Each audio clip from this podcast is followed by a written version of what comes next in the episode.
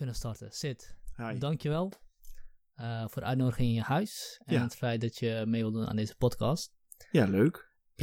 Ik heb je boek met, eh, met plezier en met, niet onplezier, maar met verbazing gelezen. Dus ik heb, ben echt door heel veel emoties gegaan terwijl ik aan het las. Ja, Omdat het dingen zijn waarvan ik denk, daar sla je de spijker echt op zijn kop. ja. Uh, je praat en je denkt over essentiële dingen na zonder naïviteit. Uh, en er zijn ook onderdelen waarvan ik denk, nou, daar heb je volgens mij te snel door de bocht gegaan, of daar ben je te hard in, of daar ben je misschien Mhm. zelfs conservatief in. Dat zijn dingen die ik dacht terwijl ik het aan het lezen was. En het gaat dan om dit. Avondland en identiteit, inderdaad. Precies. Ja. En dat het ook goed voor iedereen zichtbaar mogen zijn met Lady Godiva op de voorgrond. Ja. Ik zal, uh, ik zal hem ook uh, linken. Ja, top. dan kunnen mensen daar, daar naartoe kijken. Helemaal top. Um, dus het was, een, het was een heel interessant boek om te lezen en ook een heel goede boek om te lezen. En ik heb ook heel veel nagedacht over, oké, wat is nou de essentie van wat daar staat? Wat, Mhm. wat is nou echt belangrijk en wat is, wat is iets wat, waar, waar zonder het boek alsnog kan staan op zichzelf? Mhm. Uh, bijvoorbeeld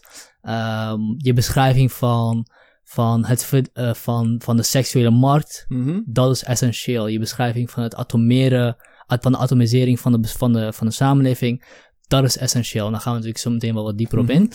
Um, minder essentiële dingen waren denk ik je beschrijving van postmodernisme en dergelijke. En ook minder sterk vond ik het terwijl ik het las. Of in ieder geval minder goed onderbouwd. Uh, dus ik heb heel lang nagedacht, oké, okay, wat is nou, waar moeten we het echt over hebben en wat kunnen we aan de zijlijn zetten? Maar dat, dat zal denk ik in het gesprek vanzelf wel naar voren komen. Dus wat me ook, wat me ook dan in, dat, zeg maar, in deze context dan het meest interessant lijkt, is om niet alleen maar, alleen maar een boek te gaan bespreken. Want dat kunnen mensen ook lezen. Maar, Dat ook eens, maar ook eens even, even het bredere context op te zoeken van waarin dit boek ge- geschreven is. Ja, heel want, goed. Want het is natuurlijk denk ik niet alleen maar geschreven om... Je schrijft sowieso niet omdat je een acad- puur alleen maar een academische interesse hebt voor deze onderwerpen. Je wilt er iets mee.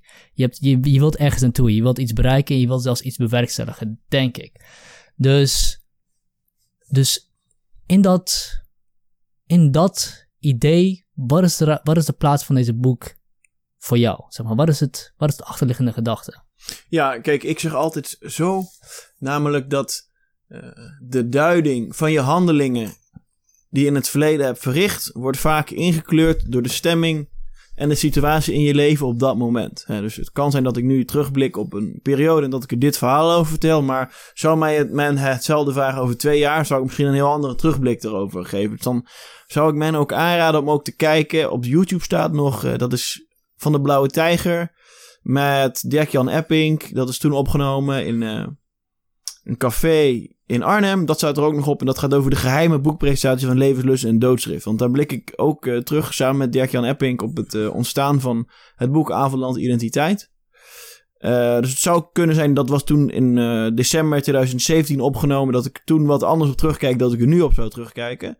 Eigenlijk is Avondland Identiteit gewoon geboren uit verschillende initiatieven die tegelijkertijd langs elkaar opliepen. Mm -hmm. Ik herinner me dat er toen een schrijfwedstrijd was, die was georganiseerd door Bolkestein en Cliteur. En dat was een, een, een soort schrijfwedstrijd om de nieuwe Rousseau te ontdekken. En dat ging ook over de ontkerkelijking en de vraag of de secularisering van Europa, of die het Europees zelfvertrouwen nu juist had uh, versterkt of had ondermijnd. Hè? Dus, uh, of de secularisering van Europa het ja. zelfvertrouwen had versterkt of ondermijnd. Exact, precies. Dus we zijn allemaal minder naar de kerk gegaan en de, de greep van het christendom op de samenleving is verzwakt. En heeft dat nu tot een groei van het Europese zelfvertrouwen geleid, tot juist tot een krimp van het Europese zelfvertrouwen. Ik kan me herinneren, ik heb er toen een, een hoofdstuk over geschreven. Uh, dat, dat is het hoofdstuk, dat heet ook in het boek Europa uh, Vertoog over vooruitgang en zelfverloochening. En daar heeft mijn promotor ook nog uh, een, een soort ja, ghost reading van gedaan destijds. Uh, dat hoofdstuk heeft eigenlijk... Ik heb er niks van gehoord. Ik heb niks gewonnen met die hele wedstrijd of zo. Nooit van gehoord. Maar ik vond het wel een heel goed stuk. Dus ik heb het gewoon... Dus ik denk, nou... Dat, moet, dat bewaar ik voor een keer voor een boek. En ja. de ironie is natuurlijk nu dat Paul Cliteur er nu helemaal idolaat van is. En het allemaal heel geweldig vindt. En ook echt in interviews heeft gezegd van... Dat is echt het boek dat mij aan het denken heeft gezet. Hè? Ook in, in, in het context van het cultuurmarxisme. In die zin dat Cliteur toen ook letterlijk zei in dat interview. En dit interview is opgenomen in de zomer van vorig jaar, 2018. Toen het boek Cultuurmarxisme uitkwam. Dat hij ook letterlijk zei, ja kijk, ik ben wel gewend dat ik de minderheid was. in het academische landschap. En dat niet veel mensen dezelfde mening waren toegedaan als het ik was toegedaan. Maar ik vroeg me nooit af hoe dat nou kan. Hoe kan het nou dat al die mensen op die sleutelposities terechtkomen? Hoe kan het nou dat al die onderzoekers elkaar aanstellen? En dat dat zo is voor de publieke omroep, dat dat zo is voor de universitaire wereld. En hij zei dat door het lezen van dat boek, dat toen pas de puzzelstukjes op zijn plek vielen. Dus in die zin is het wel ironisch dat het boek, eh, dat die hele wedstrijd eigenlijk gewoon niet zijn doel gediend heeft toen om een nieuwe vooruitstrevende gedachten uh, te ontdekken. Maar dat eigenlijk het underground boek dat wel uh, gerealiseerd heeft. Dus dat, dat vind ik sowieso heel fijn om op terug te, blik, om op terug te blikken. Dus dat, dat is één deel van het boek. Dus, mm -hmm. dus mijn, mijn filosoferen over de ontkerkelijking en het Europese zelfvertrouwen, het Europese eigenwaarde. Uh, dat is één deel van de genese van het boek. een ander deel is ook. van de ge genesis, niet genezing.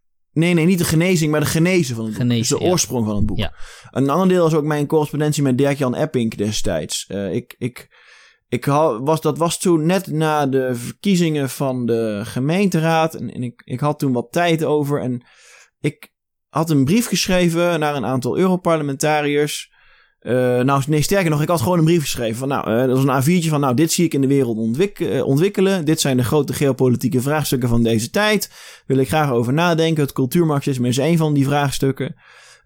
Wel, wie is hierin geïnteresseerd? En een bekende van mij, een ambtenaar op het Europarlement, die heeft toen die brief gewoon naar heel veel Europarlementariërs toegestuurd. Uiteindelijk kreeg ik een reactie van Dirk-Jan Epping. En ik wist natuurlijk niet wie hij was. Dus ik ging opzoeken wie hij was. En het bleek dat hij ook over cultuurmarxisme gepubliceerd had. Al veel eerder al. In, in de Wall Street Journal. Toen raakten we in gesprek. Dus ik ging eigenlijk een, vanuit mijn academische achtergrond. ging ik dus eigenlijk gewoon een discussie met hem aan over het cultuurmarxisme. En hij schreef ook terug. Nou, en daar gingen een hoop e-mails over en weer. Maar ik dacht van nou, als je al die e-mails naast elkaar zet, dan heb eigenlijk gewoon een boekhoofdstuk. En uh, nou, toen ging ik ook een keer bij hem op kantoor. En hij zei nou, werk het maar uit. Uh, maak er maar iets van. Dus dat heb ik ook gedaan. En dan denk ik nou, je hebt ik al een aardig boekhoofdstuk. En toen had ik nog dat, dat, dat andere essay waar niks van was vooruitgekomen. En er was er nog een, uh, een, een essay, volgens mij was dat de Banningprijs. En dat was geschreven, dat was door de, ja, stel dat je links mensen, um, van de Wiardi Beckman Stichting. Exact, ja, de Wiardi Beckman Stichting had destijds een prijsvraag en dan moest het ging over jonge mensen wat betekent Europa voor jou en wat betekent de Europese Unie voor jou? En schrijf een essay waarin jij duidelijk maakt wat de Europese Unie voor jou betekent. Nou, ik had er dus een aantal gedachten over opgeschreven. Het ging eigenlijk vooral over het soevereiniteitsvraagstuk. Dus ja, enerzijds dat er toch wel degelijk de grote lidstaten zijn die binnen de EU uh, eigenlijk de maat bepalen. Uh, ja, en wat kunnen kleinere lidstaten dan eigenlijk doen? Ja, ze kunnen zich eraan onttrekken in die zin dat ze zich erop beroepen van, nou, eigenlijk zijn we te zwak en te klein om uh, deze richt richtlijnen deze regelgeving goed uit te voeren. Dus op die manier kunnen de kleine lidstaten zich eraan, onttrek, eraan onttrekken. En ja, uh, als het over die directives gaat, hè, die richtlijnen van de Europese Commissie, ja, de grote lidstaten zijn eigenlijk te sterk. Die kunnen niet zo makkelijk worden gedwongen om zich daaraan te conformeren, juist omdat ze sterk zijn. Nou, dat is eigenlijk de hoofdgedachte van dat essay. Nou, ook niks meer van gehoord. Dus als ik nog een essay leg, denk ik, nou, dat is een belangrijk geopolitiek vraagstuk. Hè. Hoe moet het nou verder met het Europese project en de macht en de onmacht daarvan en de kwestie van de soevereiniteit en natuurlijk ook het gevaar uh, dat uh, die hemelbestormers van de EU met hun utopische projecten eigenlijk steeds verder gaan en dat centraliseren, maar de bevolking helemaal niet meekrijgen. Nou, dat is ook wel gebleken, sowieso al bij de Europese grondwet destijds het referendum daarover als het meer recente referendum over de uh, het Oekraïne-referendum. Nou, niks meer van die pipo's gehoord, weet je. En denk van, nou, weer zonde, weer een mooi essay. En uh, nou goed, dan had ik dus op zich al een aantal brokstukken al van een gedachtegang liggen. Maar eigenlijk was het sluitstuk van het verhaal eigenlijk Michel Wellebeck. Dus ik uh, leerde toen een, uh, iemand kennen vanuit het Humanistisch Verbond. En dat was ook vanwege de, de jongere bijeenkomst van het Humanistisch Verbond was dat. Waar ik toen heel actief voor was. Ik was ook bestuurslid voor het Humanistisch Verbond afdeling Arnhem. dat heb ik 3,5 jaar gedaan. En toen kwam ik dus met iemand in contact via het Jong HV. En die zei: Zit, als ik jou zo hoor, jij moet eens die boeken van Michel Wellebeck gaan lezen. En dat ging ik ook doen. Ik ging me ook verdiepen in die boeken van Michel Wellebeck. En, en ik, ik begon ook met het boek Elementaire Deeltjes. En ik ben tot op de dag van vandaag van mening dat dat misschien wel het beste boek is van de vorige eeuw. Omdat het zo ontzettend veel voorspelt. Hè. Dus zowel over culturele botsingen, als over de atomisme, als over de seksualisering. Ook het taboe van rond de seksualiteit. Uh, de postmoderne versnipperde mensen. Het, uh, Uiteraard ook uh, het transhumanisme, de science fiction kant en hoe het allemaal opgaat met onze ja, onze mogelijkheid om de menselijke soort met allemaal genetische modificatie tot een, ja, tot een hoger niveau te tillen. Waar Wellebeck het toen al over had. En dat juist afgezet tegen de seksuele atomisering van het einde van de 20e eeuw. Nou, heel interessant. Toen ik dat las, dacht ik echt van ja, hier moet ik echt over gaan schrijven. Toen ik, toen ik dat las, dacht ik, nu, is het, nu kan ik gewoon echt niet meer terug ook. Weet je, nu moet ik er echt over gaan schrijven. Dus dat, dat, dat, dat was echt het laatste zegje. Dat, dat Wellebeck-verhaal. Uh, en toen had ik dus die vier componenten. Dus de geopolitieke component, de cultuurmarxistische component, uh, de, de seculier, seculier-humanistische component. En tot slot had ik nu ook de, de seksuele atomistische kant. En toen ik dus die vier elementen, toen zag ik, toen in één keer viel alles op, op puzzelstukjes in elkaar. Mm. Ik had natuurlijk wel vaker geprobeerd om ook om iets te publiceren en om een boek uit te geven en zo. En eigenlijk nooit wat van gehoord, maar toen ik dit aan het schrijven was, ik voelde ook een soort bezieling. Ik wist gewoon, dit wordt gepubliceerd, klaar. Ik wist gewoon, dit wordt, dit, dit wordt hem. En soms, heb je, soms werk je ergens aan en denk je van, ja, dit is hem. Dat had ik ook. Ik twijfelde geen moment aan dat het gepubliceerd zou worden. En het was een debuutboek en, en kijk wat het succes het ook is geworden. Ook met uh, premier Rutte is uh, met het boek op de foto gegaan, zoals, uh, zoals, zoals men hier, hier kan zien. Dus ja. hier zie je dus ook Rutte met het boek. Uh, zal, nou, ik, zal ik je even helpen? Ja, jij weet beter hoe dit allemaal gaat dan ik. Hier zien we Mark Rutte met ja. het Boek met het boek. Ja, en toen heeft uh, Dirk-Jan Epping ook nog een nawoord geschreven. En uh, Thierry Baudet heeft een voorwoord geschreven. En uh, ja, en, nu, en, en toen in één keer kwam, uh, een jaar later kwam Forum voor Democratie als denktank. En nog een jaar later werd het politieke partij.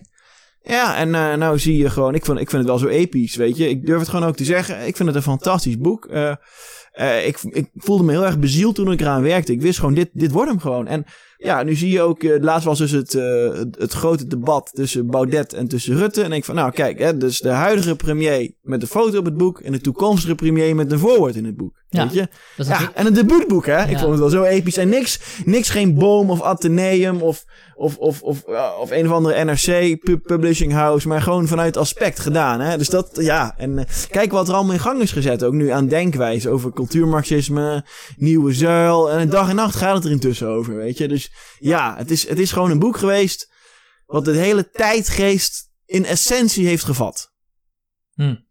Um, laten we terugkomen naar die vier, vier uh, componenten. componenten. Want dat vind ik interessant. En hoe, hoe je het zei, daar komt ook wel, dat komt ook wel terug. En misschien is dat ook uh, waarom ik het lastig vond om daar één essentie uit het boek uit te halen. Omdat er inderdaad vier componenten in zitten. De hmm. geopolitieke Europese uh, component, de seksuele component de uh, versnippering van de samenleving. En dan had je nog de humanistische seculiere component. Exact, echt heel goed onthouden. Ja, exact. Kun je, kunnen we even alle vier even wat meer gaan toelichten? Tuurlijk, tuurlijk. Ja. Laten we even beginnen met...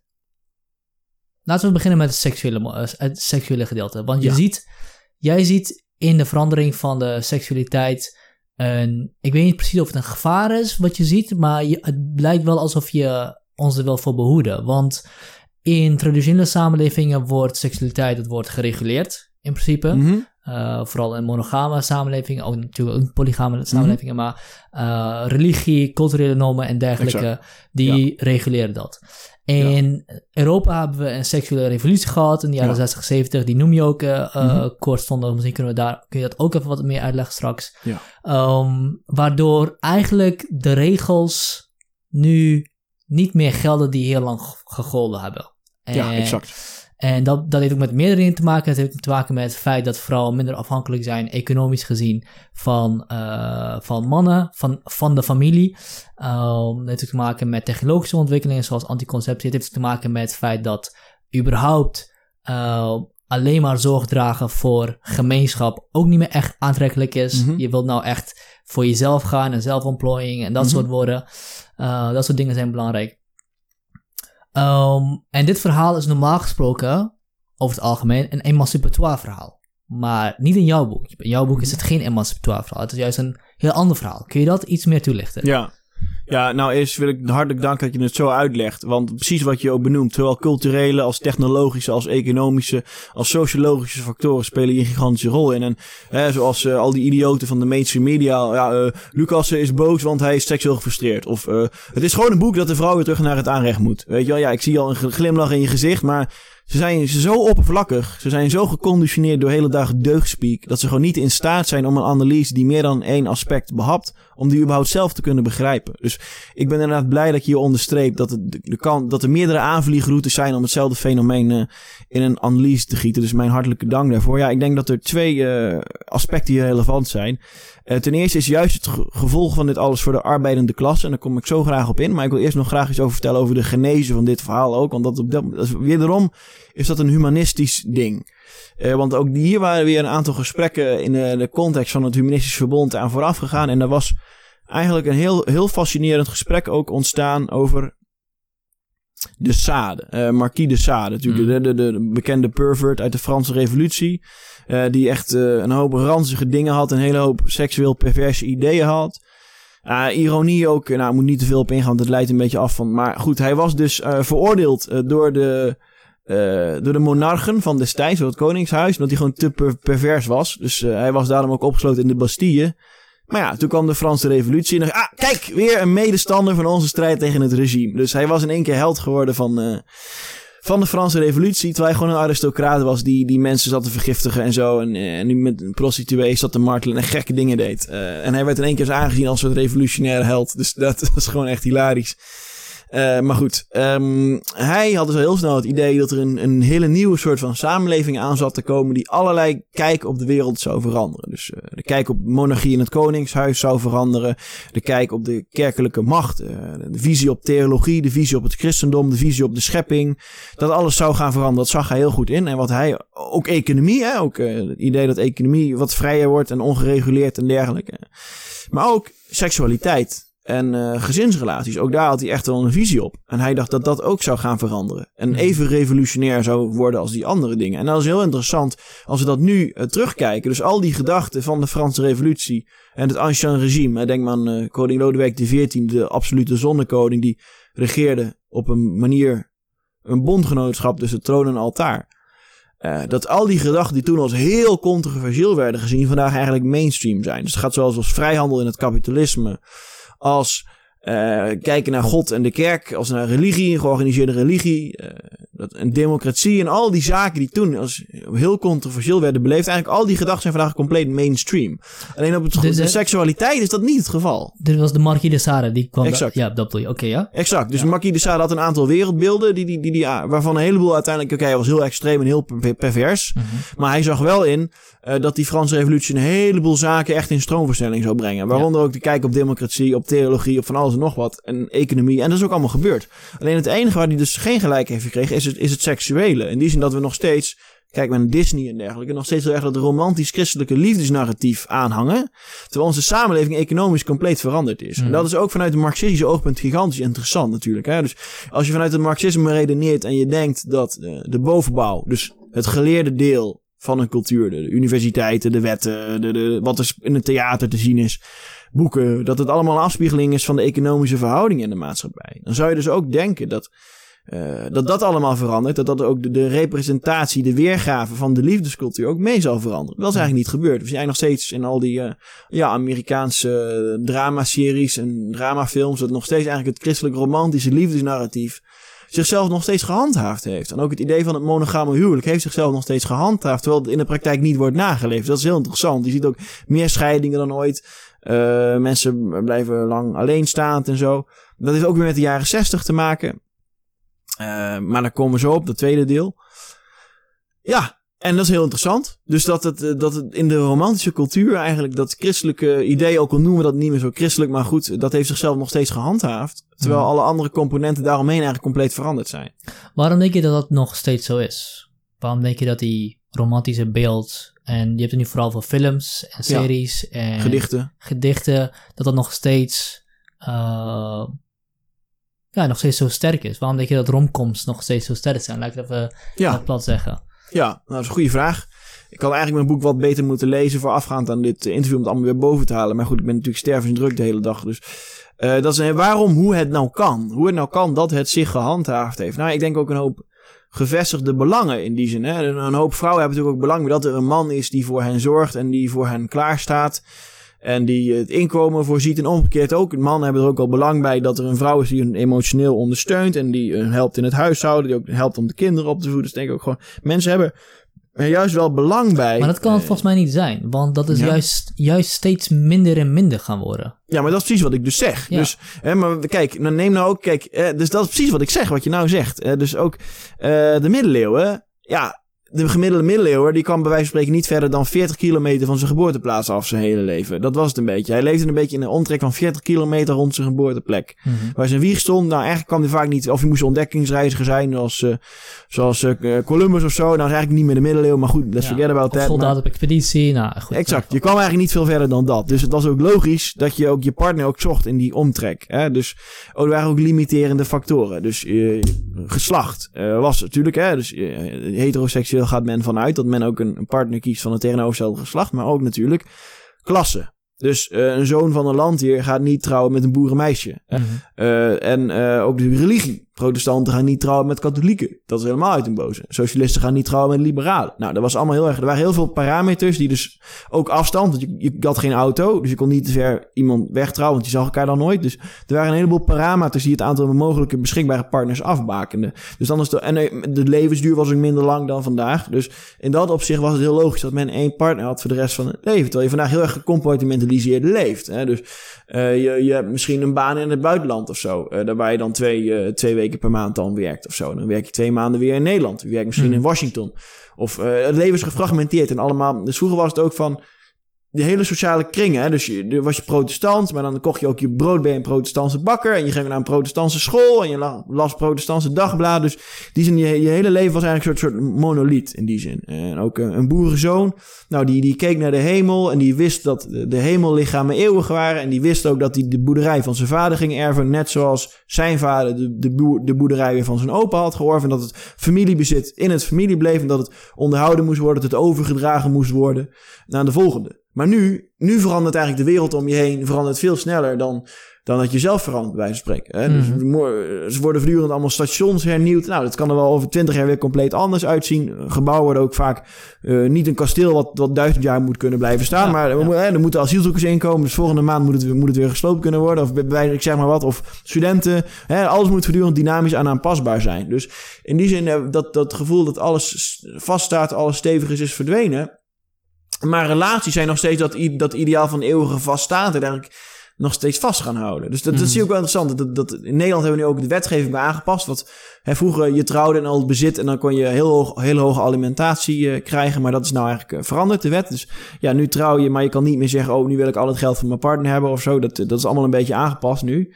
Dus in die zin is de economische werkelijkheid en de juridische werkelijkheid is, is mee veranderd. Maar het ideaalbeeld eigenlijk nog niet. Dus we hebben nog steeds het ideaalbeeld. Ik wil eigenlijk voor eeuwig bij die persoon blijven en, en, en dergelijke. Dus dat is niet helemaal, eh, niet helemaal mee eh, gewaaid. En eigenlijk is dat sowieso al ook... Eigenlijk is dat ook al een probleem. Ik had het over het marxisme. Eigenlijk is dit ook al een, een probleem geweest eh, voor het marxisme al die tijd. Omdat... Kijk, Marx kon bijvoorbeeld niet verklaren hoe zoiets als eh, de poëzie van Homerus, hè, wat 2000 jaar geleden geschreven is, of 3000 jaar geleden, heel lang geleden, eh, waarschijnlijk eh, iets van eh 2500 jaar geleden of zo, dat het ons nog steeds kon raken in zijn tijd. Want het was in een soort archaïsche samenleving gemaakt, waar mensen echt nog onder, onder de adel leefden en dergelijke.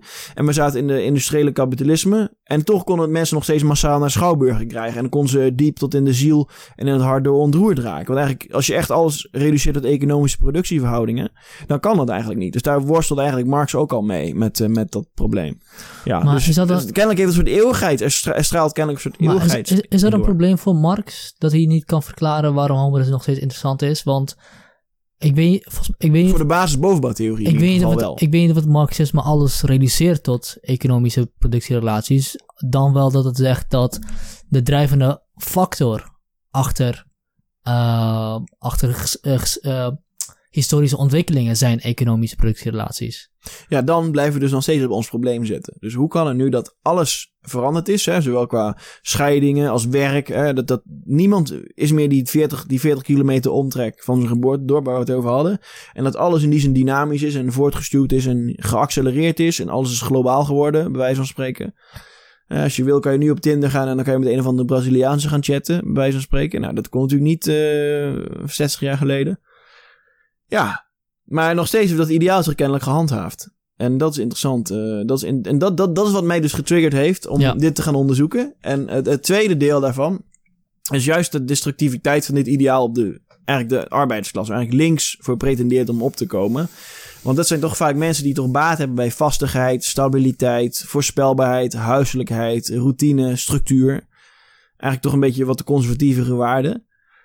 Uh, en dat is juist op de helling ook gekomen. Door eigenlijk ja, dat, dat nieuw links, hippie, flower power, vrije liefde verhaal van de jaren 60. Want kijk, als jij uh, uit een beter welgesteld milieu komt en het gaat een keer mis, dan heb je nog wel iets om op terug te vallen. In die zin dat jouw vader wel geld achter de hand heeft uh, om jouw huur een paar maanden te kunnen voortschieten. Of dat je iemand nog wel een baantje voor je kan regelen of zo als je een keer ontslagen wordt of dergelijke. Dus het is allemaal geen ramp mocht je een keer uh, ongewild zwanger worden of zo. Of mocht je een geslachtsziekte oplopen of mocht je scheiden.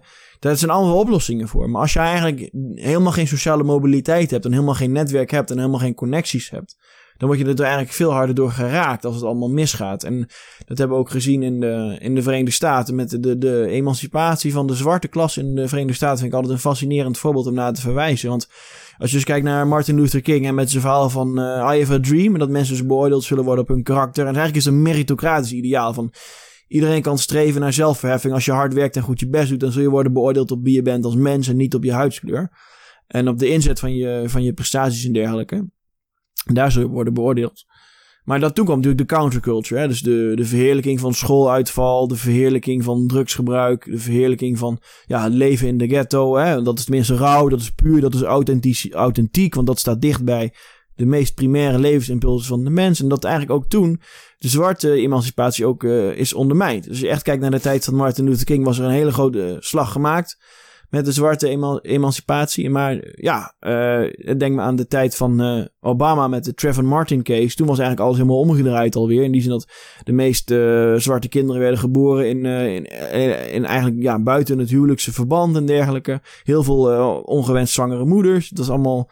Ja, dus eigenlijk al die traditionele structuren die een voorwaarde waren voor de emancipatie. In die zin wat links dan burgerlijk noemt dus de traditionele structuur die houvast biedt, uh, die je een, een, steuntje in de rug geeft als het een keer tegen zit in het leven. Ja, al die structuren waren eigenlijk in discrediet gebracht door die counterculture.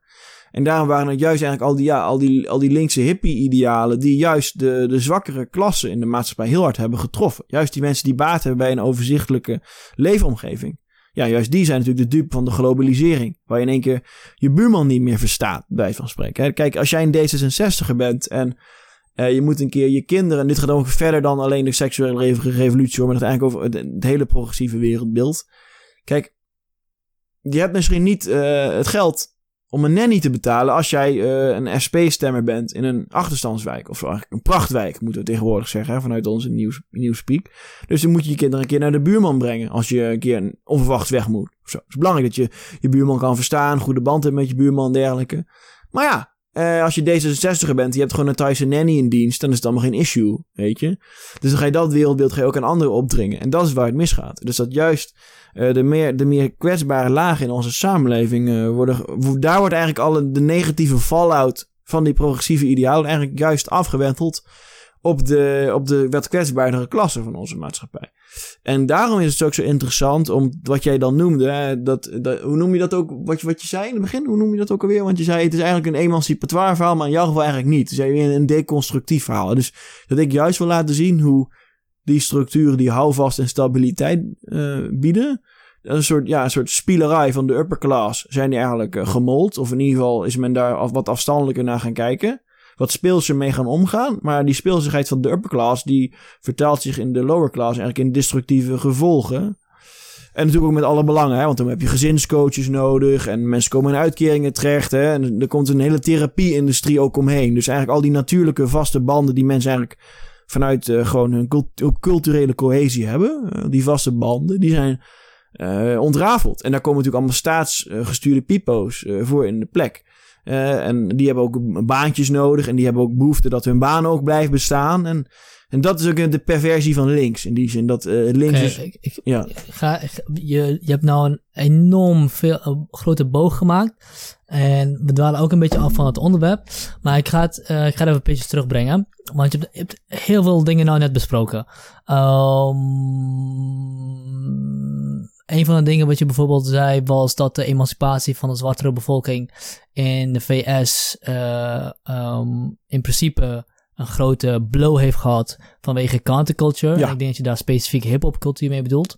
Ehm, Nou, dat is, dat is een uiting ervan. Dus dat kan erbij van- betrokken worden. ja. Het Ehm, leven in het ghetto verheerlijken. het leven in een ghetto verheerlijken. Ik weet niet, eh, ik weet niet, wat, ik weet niet wat, of daar een connectie tussen is. Ik ken in ieder geval geen, ehm, eh, geen stand, standhoudende onderzoeken die aantonen dat, dat mensen vanwege hip-hop, vanwege counterculture eh in die criminaliteit rijken, eh, raken.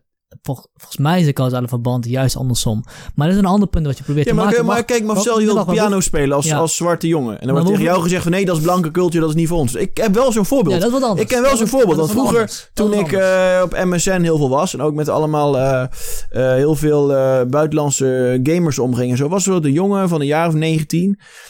En eh, zijn moeder zei letterlijk tegen hem van... Nee, jij mag niet naar heavy metal luisteren... want de blanken die luisteren ook niet naar onze muziek... dus luisteren wij ook niet naar hun muziek. Nou, hij was, hij was gewoon opgegroeid in een multicultureel Londen... dus voor hem was het helemaal geen issue. Weet je, had ook gewoon blanke vrienden en zo.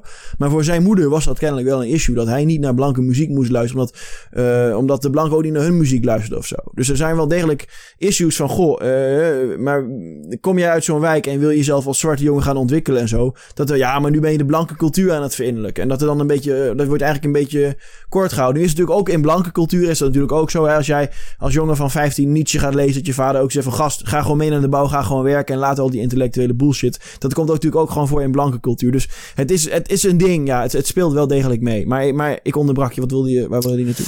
Eh, wat ik wil zeggen was dat er misschien dat, dat er een ander algeheel eh, argument was wat je, wat, je wat je aan het creëren was, is dat de progressieve idealen van meer vooruitgang, meer verandering, eh, ontwikkeling, eh, negatieve effect hebben op de onderklasse in de samenleving. De mensen Ja. die het meest kwetsbaar zijn. Ik denk dat dat de kern is van wat je wil zeggen. Ja. Eh, dus laten we daar even op concentreren. Mhm. Want eh, eh, wat we niet kunnen on- ontkennen is dat de wereld steeds sneller aan het veranderen is. En dat er regels zijn op dit moment, dat, dat heel veel regels, laten we zeggen, normen, waarden, op dit moment niet meer gelden die in vroegere tijden Ja. een regulerend effect hadden. Of dat Ieder voor zich samenleving. Dat is wel echt zo. Dat is wel echt zo. Wacht heel even, dat is echt even. waar wat je nou Wacht heel zegt. even. Ehm, of, dat, of dat negatief is of positief is, laat ik heel even in het midden voor nu. Eh, maar dat dat aan de hand is, dat is onontkenbaar. En dat dat, of dat een of dat iets specifieks voor onze tijd is, dat weet ik ook niet eigenlijk. Eh, misschien, wellicht is het zo dat, dat, dat die regels en regulerende waarden altijd onder druk staan. In welke samenleving en tijd je ook leeft. Dat dat een beetje een soort van fundamenteel iets is van, eh, van hoe samenlevingen zijn. Dat het altijd te, sprake is. Ehm, maar terugkomende op het feit dat, die progressieve idealen dus de onderklasse sterker geschaad hebben dan, eh, dan de bovenklasse. Ja, omdat die ergens op konden terugvallen. Ja. En daardoor heeft de. eh, en, en, en daardoor heeft. Hoe Daar heeft links de band met de, met de werkende klasse verloren. Ja, maar is dit, Ja. is dit, is dit een links. Links gecreëerd probleem? Ik denk dat, je, dat jij het als probleem zou beschouwen, maar is er een links gecreëerd. Is er een politiek gecreëerd probleem? Of is het wat anders? Ja, David, dat is wat ik net wilde zeggen. Eh, dus dat ga ik nou maar zeggen. Want dat is namelijk wel het grote probleem voor links. Kijk, als je ook met SP'ers gaat praten, dan merk je altijd wel een soort, soort schizofrenie op. In die zin dat ze wel heel goed aanvoelen dat juist hun belangengroep, hè, dus echt die mensen die een beetje bungelen tussen dagloner en uitkeringtrekker, dat dat juist de mensen zijn die heel erg behoefte hebben aan sociale cohesie. En een Mhm. omgeving waar ze zich in herkennen, waar ze zich veilig voelen, waar ze weten wat ze kunnen verwachten, wat hun morgen te wachten staat. Eh, dat zijn juist, dat zijn, dat zijn niet mensen met een avontuurlijk waardepatroon. Ja? Dus, dus die D66 die heeft zoiets van, ik ga morgen naar Sri Lanka of naar Bangladesh eh, of naar Qatar en dan kijken we wat daar aan de hand is. Ik vind het allemaal leuk, want het leven is één grote speeltuin en ik ben altijd op avontuur en ik ben altijd op jacht naar nieuwe ervaringen. Nou, dat wereldbeeld is politiek heel sterk vertegenwoordigd. Maar dat wereldbeeld van die ja, mensen die een beetje bungelen tussen dagloner en een uitkering trekken, Dat wereldbeeld, dat is helemaal niet politiek vertegenwoordigd. Dus dat, dat, is, dat is echt een Mhm. pijnpunt, ook voor links, hè, wat ik al zei. Ze zijn eigenlijk de contact kwijt met juist die lagen die ze pretenderen te vertegenwoordigen. Ze hebben nieuwe bondgenoten, hè, dus de multinationals, die de subsidies krijgen om aan greenwashing te doen. Die zich plots allemaal als genderneutraal en klimaatneutraal aan het profileren zijn. Wat vroeger eigenlijk de klassevijand was voor links. Dus dat is allemaal dat, dat links is helemaal aan het afdrijven van waar het eigenlijk in de kern om gaat. Maar het probleem is hier juist. Maar welke bondgenoten heeft links met multinationals gesloten? Nou, dat is toch het bekende voorbeeld van de gloeilampen. Dat heeft Boris van der Ham nog verteld op, eh, op WNL. Dat, eh, dat eh, de Wereld Natuurfonds, Greenpeace, Philips. Die hadden één keer idee, nou, we gaan de, de gloeilampen gaan we uitbannen. En dan kunnen we de spaarlamp invoeren. Want dat is milieuvriendelijk enzovoorts. Nou, kijk wat daar allemaal achter zit van belangen. Dat is toch gewoon pure, pure belang geweest. Ja, oké. dat- Maar nu, wat het ziek is van welke, Amazone. poli- welke linkse politieke partij heeft hun daarin gesteund? D66. Ja? Oké, dat ben ik niet. Ik Ja. vraag het gewoon. Ja, Boris van Ham heeft dat, heeft dat zo verteld toen destijds van WNL. Maar dat is dus één voorbeeldje van waar een multinational dat greenwashing gebruikt. Maar kijk ook naar NGO's. Bijvoorbeeld nu, dat, dit, is, dit, dit zag ik voorbij komen in, het- in het nieuws. En al, als dit echt waar is, vind ik het echt heel ziek. Maar die bosbranden van de, van de Amazone, waar iedereen ook helemaal over losging. Ja, Bolsonaro, Bolsonaro. Nou, Bolsonaro was rechts. Bolsonaro heeft aan de macht. Drie weken later is de Amazone in de brand. Ah, dat moet wel de schuld van Bolsonaro zijn. Nou, hè, Mhm. dus, eh, zo, dus ik dacht zelf, nou, er zijn gewoon een paar eh roekeloze kapitalisten die daar gewoon eh, een paar bungalows willen bouwen. Die zijn dit, of, of landbouwgrond, die zijn het gewoon aan de plat branden voor eigen gewin. En het is onzin om meteen Bolsonaro aan te wezen. Dus dat was hoe ik het begreep.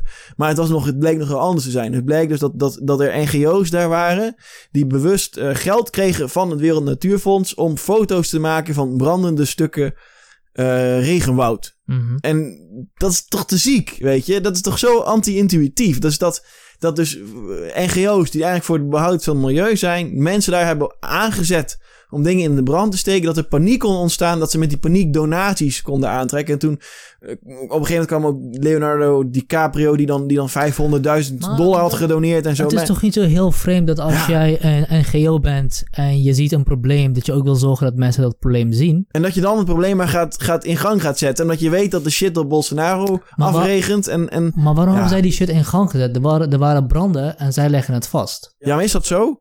Dat, Want dat zoals ik het, ik, ik, ik zag het, ja, ik, ik had dus een filmpje voorbij zien komen dat het ook aangestoken branden waren.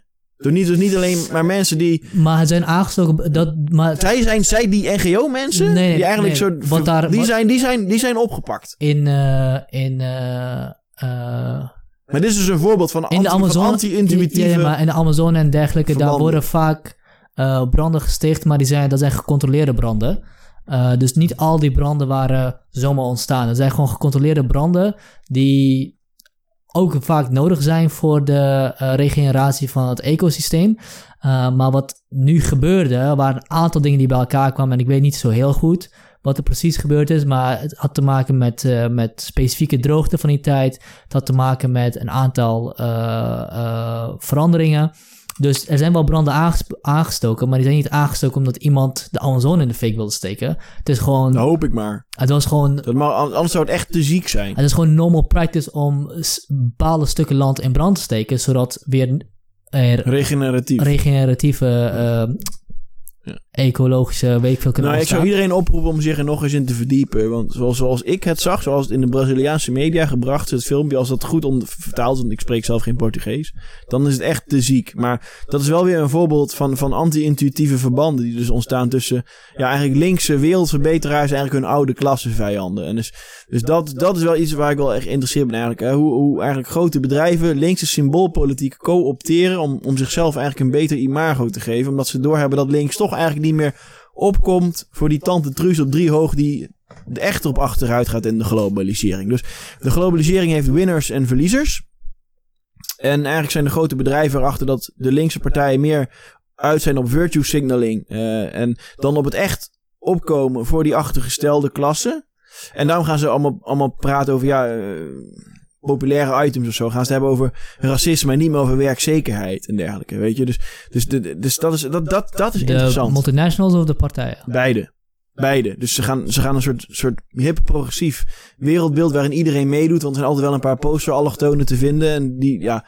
Maar dat de onderklasse niet bereikt wordt. Maar dat, dat is niet breder dan alleen links en rechts. Maar dat is ook bijvoorbeeld met projecten tegen radicalisering en zo. Wat er altijd gebeurt, dat een of andere goed presterende allochtoon wordt gevonden. En, en die wordt dan op een schild gehezen. En dan komt er een NGO en dan komt er een burgemeester. En dan iedereen klinkt de glazen. Ze maken foto's. Maar uiteindelijk die parallele samenleving waar die mensen zitten te radicaliseren. Die wordt niet bereikt. Dit het initiatieven, weet je. Dus er overal wordt een soort laag van symboolpolitiek overheen geglazuurd. Mm. Of het nou gaat om klimaat, of het nou gaat om gender, of het nou gaat om, om, om, om, om racisme. Overal wordt er een laag overheen geglazuurd van, uh, van daar zit het geld, daar zit de beeldvorming, en daar, daar zit de virtue signaling, daar zit de field good, daar zit de chakra.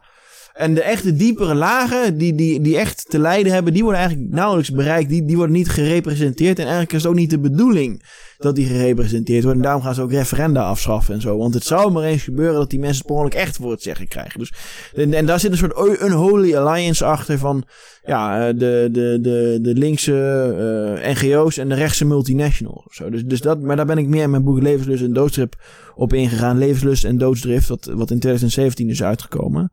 Maar om terug te gaan, als je dus echt met die SP'ers gaat praten, dan merk je dat daar een soort onbehagen zit. Want ze voelen aan dat ja, sociale samenhang, sociale cohesie, dat hun achterban daar heel erg veel behoefte aan heeft.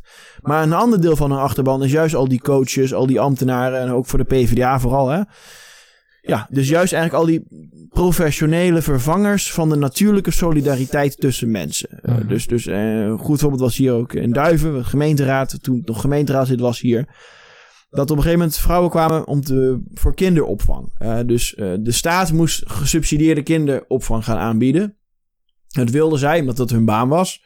Uh, ze waren dus ook, dat, dat, was, dat was hun achterban. Hè? Dus die mm mensen die dat betaald deden, kinderopvang aanbieden. Maar wat bleek in Groesen, dat is een wat kleinere dorp wat in de gemeente Duiven valt. Daar hadden ze helemaal geen behoefte daaraan. Dus er werd echt letterlijk gezegd door die mensen, ja, dit verhaal ons voorstel om gesubsidieerde kinderopvang te krijgen hebben we ook in Goes aangeboden, maar daar zijn conservatieve gemeenschappen, dus daar zit men er niet op te wachten. Daar krijgen we geen voet aan de grond met dit initiatief. Dus als jij een natuurlijke, coherente samenleving hebt, waar mensen zich verbonden voelen, ja, dan, dan komen dit soort dingen als het ware natuurlijk tot stand. Mhm. wie past op wiens kinderen enzovoorts, en wie kijkt een beetje mee met de opvoeding.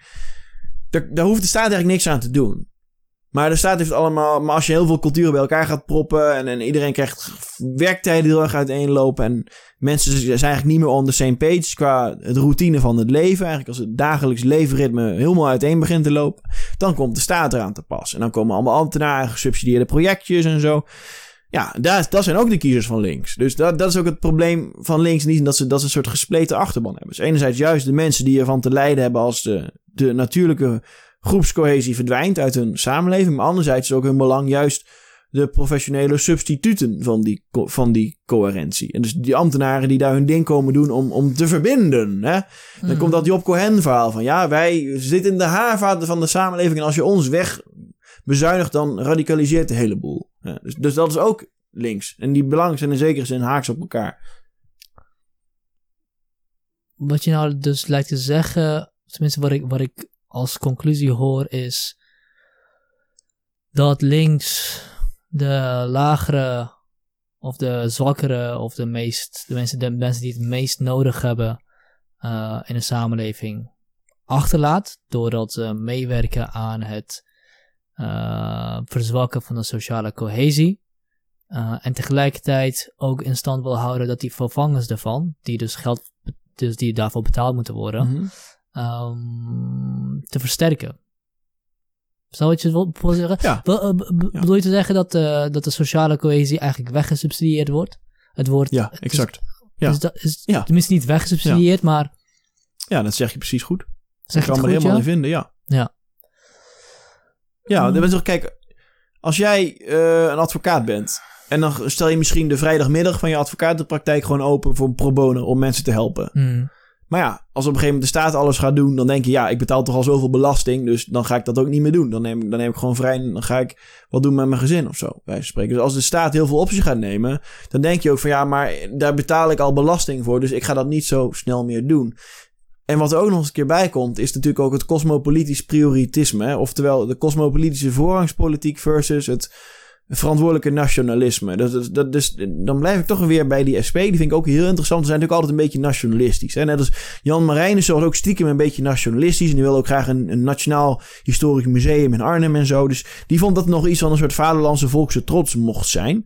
Versus uh, ja, echt het GroenLinks uh, D66 PvdA verhaal van ja, eigenlijk is het allemaal fout kolonialisme. Denk maar aan Femke Halsema. Die was heel erg boos op Balken toen Balken het had over de VOC-mentaliteit. En dat is alleen maar foute geschiedenis. Dan moeten ze allemaal onder, onder het tapijt geveegd worden. En die zien dat links eigenlijk iedereen wil verdedigen. Dus ook een, uh, een, een pinda peller in India, bij wijze van spreken. Eh, dus ook, uh, ook een... een, een, een pinda peller? Ja, weet ik veel wat. Garnalenpeller in, in Sri Lanka. Oh, pinda kan gewoon alles zijn. Ja. En dus eigenlijk elke arme overal. Dus het maakt niet uit of je Nederlander bent of Deen. Of uh, eigenlijk liefst zo min mogelijk Europees. Hè? Dus hoe, hoe verder weg het van ons is, hoe beter dat het eigenlijk is. De Rus, moet je eigenlijk, nee, dat is, nog, dat is nog een beetje te veel, lijkt nog te veel op ons. Dus beter uh, iemand uit Eritrea, laten we die eens gaan helpen. Hè? Dus hoe meer exotisch, hoe beter dat, hoe altruïstischer het eigenlijk is. Dus dat is ook weer, dan komen we dan op dat, dat christelijke idee van je moet jezelf zoveel mogelijk verlogen. En ook het, het Kantiaanse idee van als je het leuk vindt om het te doen, dan is het waarschijnlijk geen puur moreel geen pure morele impuls om het te doen. Dus je moet eigenlijk met tegenzin doen. Dus je moet eigenlijk mensen helpen die zoveel mogelijk van je wegstaan. En dan is het pas echt moreel puur wat je doet. Dat, dat idee. En dat is ook dat, dat Is dat Kantiaans? Dat ja, ja, klinkt niet ja, Kantiaans. dat is heel erg Kantiaans. Ja. Ook uh, zie je ook Zoom eeuwige vrienden van Kant, maar ook vooral het idee dat als jij zin hebt om een morele handeling te gaan verrichten, dan is het waarschijnlijk geen goede morele handeling, want dan komt het voort uit een zelfzuchtige impuls. Dus dan Ja. moet je jezelf wantrouwen. Je moet eigenlijk met tegenzin het juiste morele Ja. handelen doen, want dan spreekt het geweten pas echt. En dat is die Kantiaanse deontologische ethiek. Ja, je maakt volgens mij sterker dan het... Ik snap wat je bedoelt, maar je maakt volgens mij sterker dan het is. Als je het leuk vindt, dan moet je het, eh, dan moet je het wantrouwen. Maar dat, dat betekent niet dat je het niet, eh, iets, doen om, iets doen wat je niet leuk vindt, maar omdat je het belangrijk vindt, is, waar, is puurder dan iets doen omdat je het leuk vindt en belangrijk vindt. Maar, dat, maar wat jij dan zegt is, dus daarom moet je volgens Kant de dingen doen die je niet leuk vindt. Maar dat is niet hetzelfde. Ja, maar dat, dat, dat tweede, dat, dat, dat- Ja, maar, maar, dus- ook het christendom. maar- hè? maar, maar ook het christendom, in die ja. zin van, je moet jezelf wegcijferen. Je dat ook- is het idee. je moet jezelf wegcijferen en dan is het pas goed wat je doet. Je moet leiden. Je, Je moet leiden voor de ander. Ja, Dat da- idee. En dat is, ook het, dat is ook heel vaak een argwaan naar mensen die, die verdienen met goede dingen doen. Dat kan niet. Die heeft waarschijnlijk eh, een ulterior motief daarvoor. Exact. Maar wat je nu ook heel erg aan het doen bent, in, in het laatste stuk, ook Ja. wel in andere stukken, maar ook in dit laatste stuk, is eigenlijk doen alsof je in het hoofd van SP'ers en D66'ers kan kijken. Ja, maar dat kan ik ook. Hoe, hoezo kun je dat? Nou, ik hun teksten lees. Oké. En dan kan dus hun argumenten kan ik reconstrueren. Ik begrijp het cosmopolitisch prioritisme heel goed. Mhm. Want je zegt dan eigenlijk het volgende. Je zegt ja, eigenlijk is de nazistaat is een achterhaald verband. Mhm. Want we zijn tegenwoordig op vele globale platforms ge- georganiseerd. Dat is ook zo. Dat, dat is, in mijn eigen jeugd was dat ook zo. Dus toen ik een jaar of 19, 20 was. Ik speelde heel veel videogames. Veel minder dan, eh, of eigenlijk veel meer dan vandaag. En dan zit je op een gegeven moment ook, eh, dan kom je ook in, in, in clans terecht. En dan kom je ook in chats terecht en in Skype gesprekken. En, dan- gaat het de hele dag door. Dus dan komt iemand uit Australië binnen. Dan komt iemand uit Denemarken binnen. Dan komt iemand uit Taiwan binnen. Dan komt iemand uit Japan. Nou, en zo gaat het. En dan staat met de hele wereld in contact. En iedereen praat met iedereen. En dan is er iemand uit Zuid-Afrika. Nou, dan ga je met de hele wereld een beetje praten. En dat is heel gezellig en zo. En dan leer je dat je allemaal toch wat dingen gemeen hebt. En nou, dat, dat, dus, dat die cosmopolitische wereld, die ken ik wel. En ik ken ook die gedachtenlijn wel. Maar dat laat gewoon een heleboel mensen achter die daar gewoon niet in mee kunnen. En dan kom je dus op het onderste cosmopolitische voorrangspolitiek. Oftewel, cosmopolitisch prioritisme. Dan zeg je eigenlijk, ja, het maakt eigenlijk niet uit wie je helpt. Je, moet, je hebt de plicht om mensen in nood, behoeftige mensen overal ter wereld te helpen. Mhm. Versus de verantwoordelijke nationalist die zegt: nee, je, moet, je, je hebt als mensen altijd een soort concentrische cirkel van mensen die dichtbij je staan. Dus stel je voor, er komt morgen een eh, zombie-apocalypse. Of er komt morgen een zonnevlam. Of er komt morgen een, een, een plaag. Hè?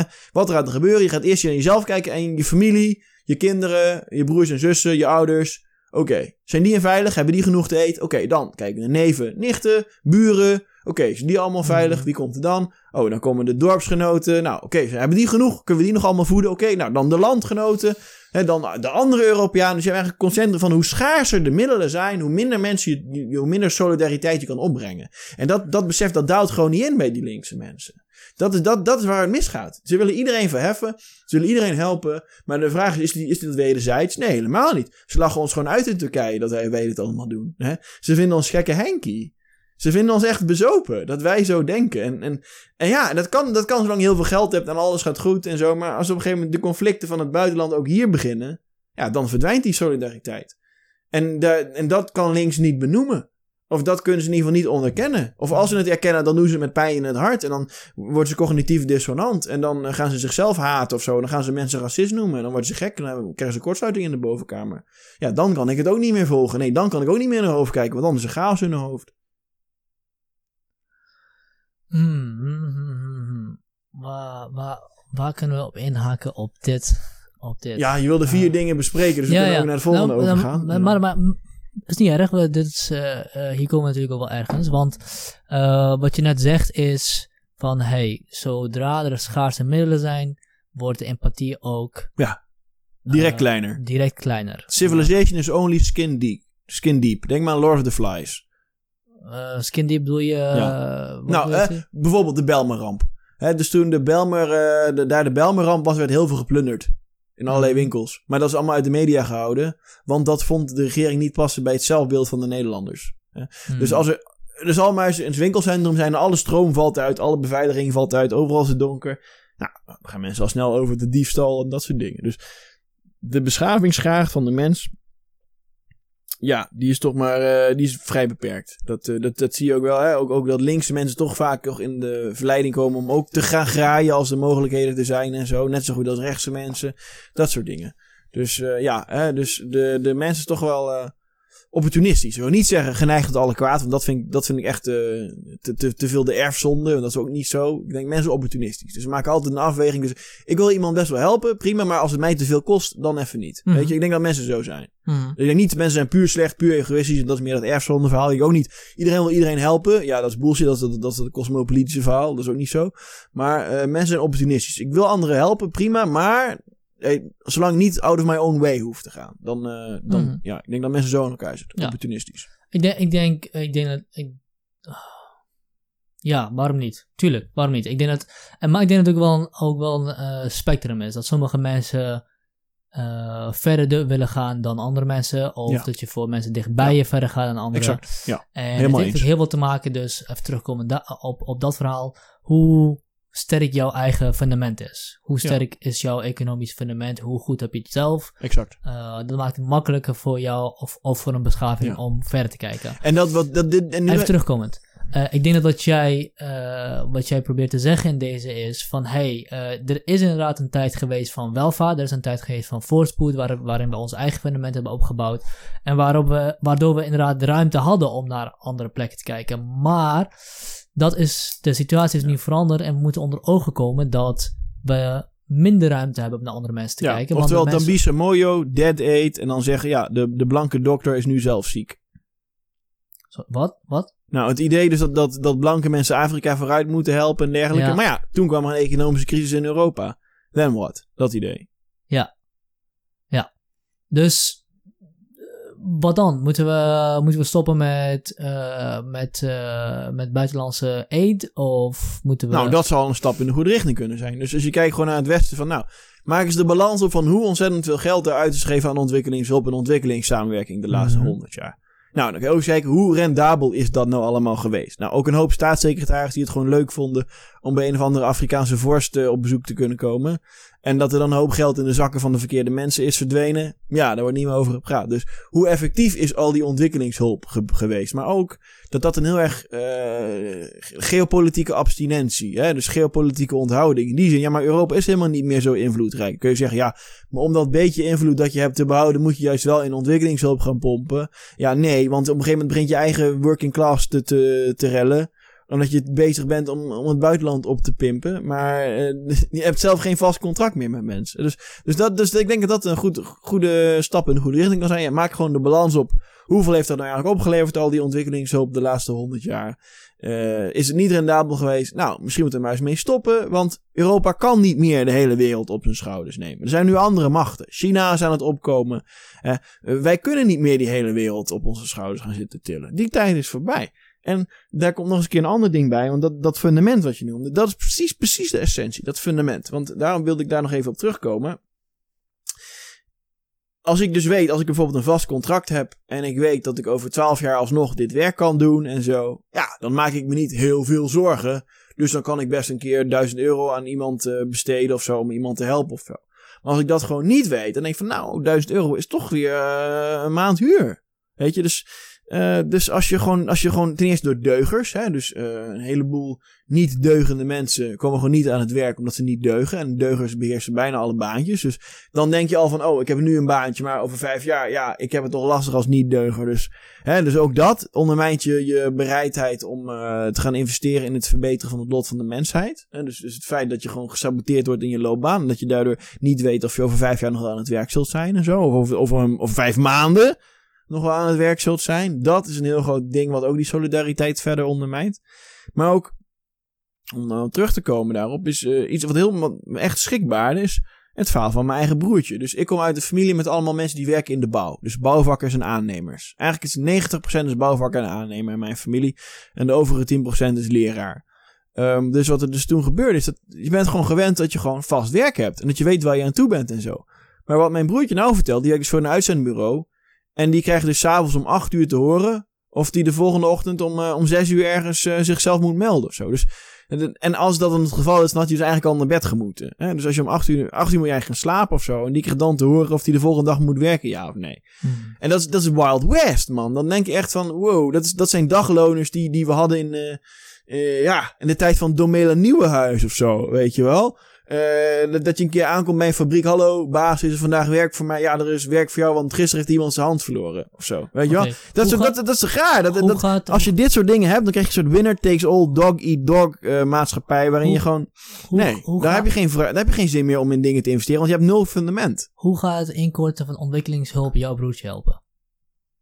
Nou, dat als ontwikkelingshulp uh, gekort wordt, dan, waar ga je het dan uitgeven? Hè? Dus als je ontwikkelingshulp gaat korten, dan kun je, weet ik wat, iets. Uh, dan zou je dus werk kunnen gaan doen in het investeren van uh, militaire technologie bijvoorbeeld. Hè? Dus als bijvoorbeeld Nederland wat meer aan, zijn defensie gaat doen. Hè? Dus weet ik wat, tanks gaat maken of dergelijke. Of, of panzervoertuigen of boten. Want we zijn natuurlijk altijd goed op het water. Dus vloten. Dat zou dat voor heel veel technisch geschoolde mensen. Zou dat weer arbeid opleveren bijvoorbeeld. Hè? Dus het, het, maken van, van nieuwe wapens en defensie en eigenlijk dat zou heel veel technisch geschoolde mensen. Uh, dus dat is ook een ding. Hè? Dus geef je je geld in gefeminiseerde industrie uit. Dus ga je het geld naar, naar, naar zorg geven. Of geef je het geld uit aan meer masculine industrieën. Zoals, zoals het ontwikkelen van defensieapparatuur en zo. Dus dat, dat is ook een afweging. Ja, ja. Ik, nee, maar ik zie niet hoe dat jouw broertje helpt. Want ze, je broertje kan ook net zo goed voor ontwikkelingshulp technologische gaan bouwen. Ik bedoel, ik zie is niet... dat zo?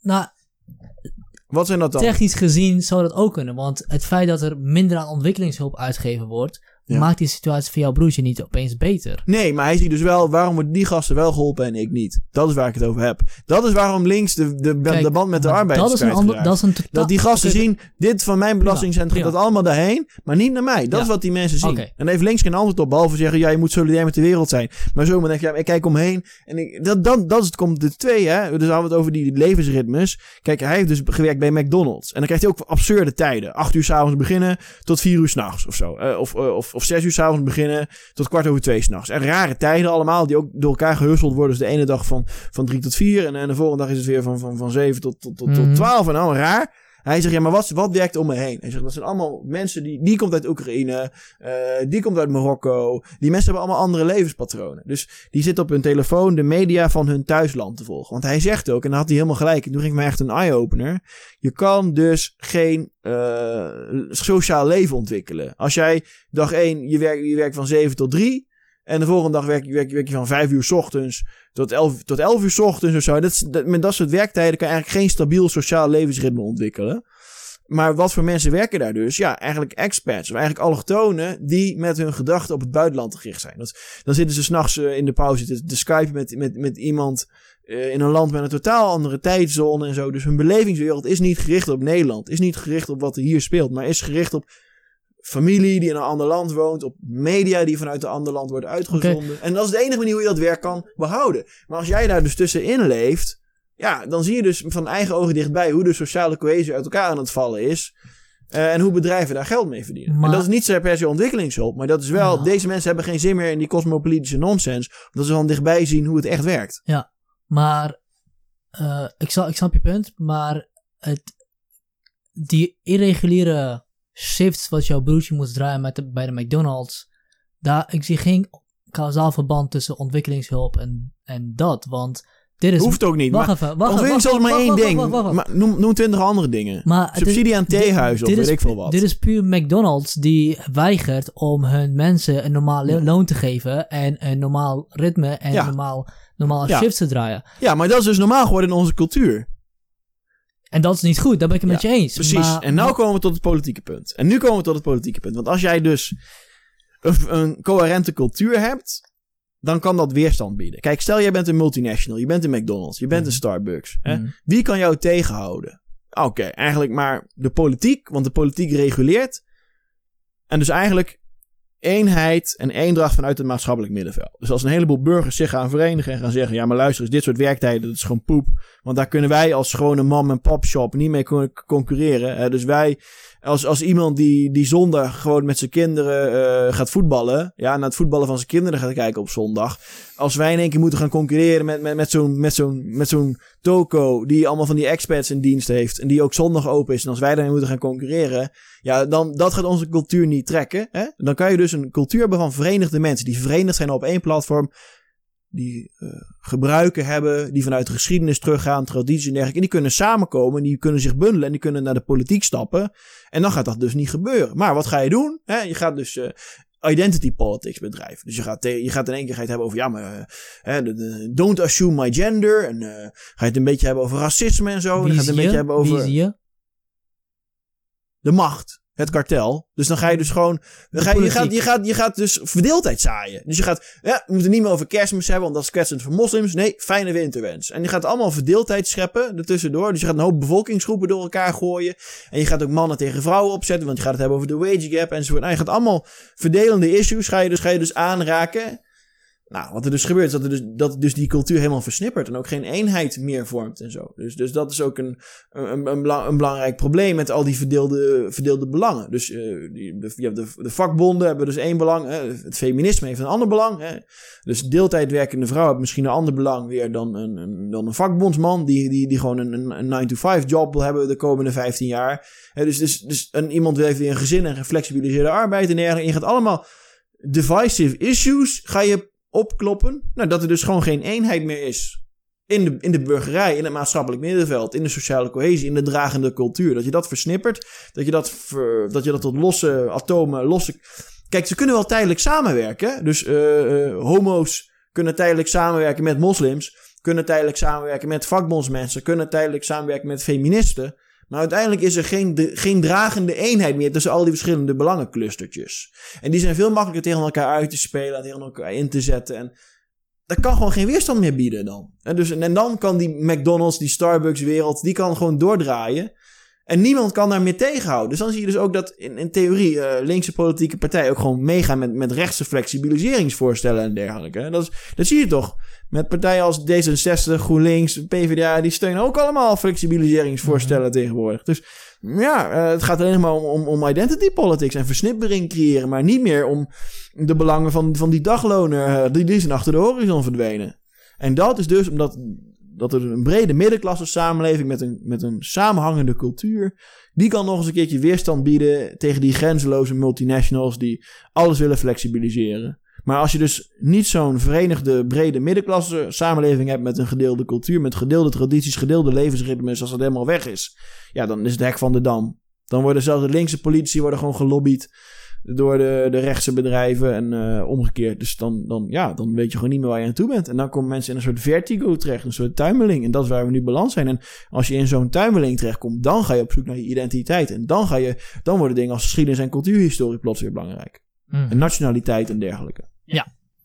Dus eh, eh, de wederopleving van het nationalisme zou je ook wijten aan het feit dat mensen een minder sterke identiteit voelen. Ja. En dus op zoek gaan naar iets anders. Net Exact. als dat sommige moslimjongeren radicaliseren op het moment dat ze gaan puberen of ouder worden, omdat ze zich niet vinden in, eh, in de samenleving waarin ze leven. En er iets anders vinden waar, oh, dat geeft me wel een purpose, dat geeft me wel een doel, dat exact. is wel sterk. Want als jij in deze in de, in een winner takes all maatschappij, hè, want dat, dat voorbeeld van mijn broertje vind ik is echt een voorbeeld van een winner takes all maatschappij. Eh, je wordt gewoon van dag tot dag uitbetaald en je krijgt een dag tevoren te horen of wel of niet moet werken, weet je. Ja, eh, dat, dat doet me echt denken aan feodale dag. Nee, niet eens feodaal, want die, die, die, die horigen... eh, en de leenheer had, had nog enige noblesse oblige aan die horigen. Maar dat is hier nog niet eens. Dus eigenlijk is het nog erger dan feodaal in die zin. En eh waar wil ik nou naartoe met dit gedachtegang? Ja, die weet gewoon niet waar hij aan toe is. Ja, en, en, en iemand die dus in de winner takes all maatschappij heel laag op de ladder staat. Die, gaat dan, die kan wel martelaar worden voor de islamitische staat of dergelijke. Weet je wel? Die kan daar dan wel prestige aan ontlenen. Want, terwijl die hier altijd een, een, een- loser zal zijn. eh, eh, ja, met eigenlijk een waardeloos baantje waar, waar op, neer wordt gekeken. Wat het dan ook is of zo. Weet je? Eh, eh, ja, Iemand die niet verder komt ooit in zijn leven magazijnmedewerking of zo. Niet dat ik daarop neerkijk, want mijn beste vrienden hebben dat werk gedaan. Maar iemand die in ieder geval niet de sociale stijgingskansen heeft. Mhm. Ja, die kan misschien wel martyr worden voor de islamitische staat of zo. Dan gaat hij daar zijn status aan ontleden. En dat zijn niet de krachten die je bereikt met linkse virtue signaling en met linkse identiteitspolitiek. Dat zijn niet de lagen die je daarmee bereikt. Nou, dat schrijf ik in mijn columns op.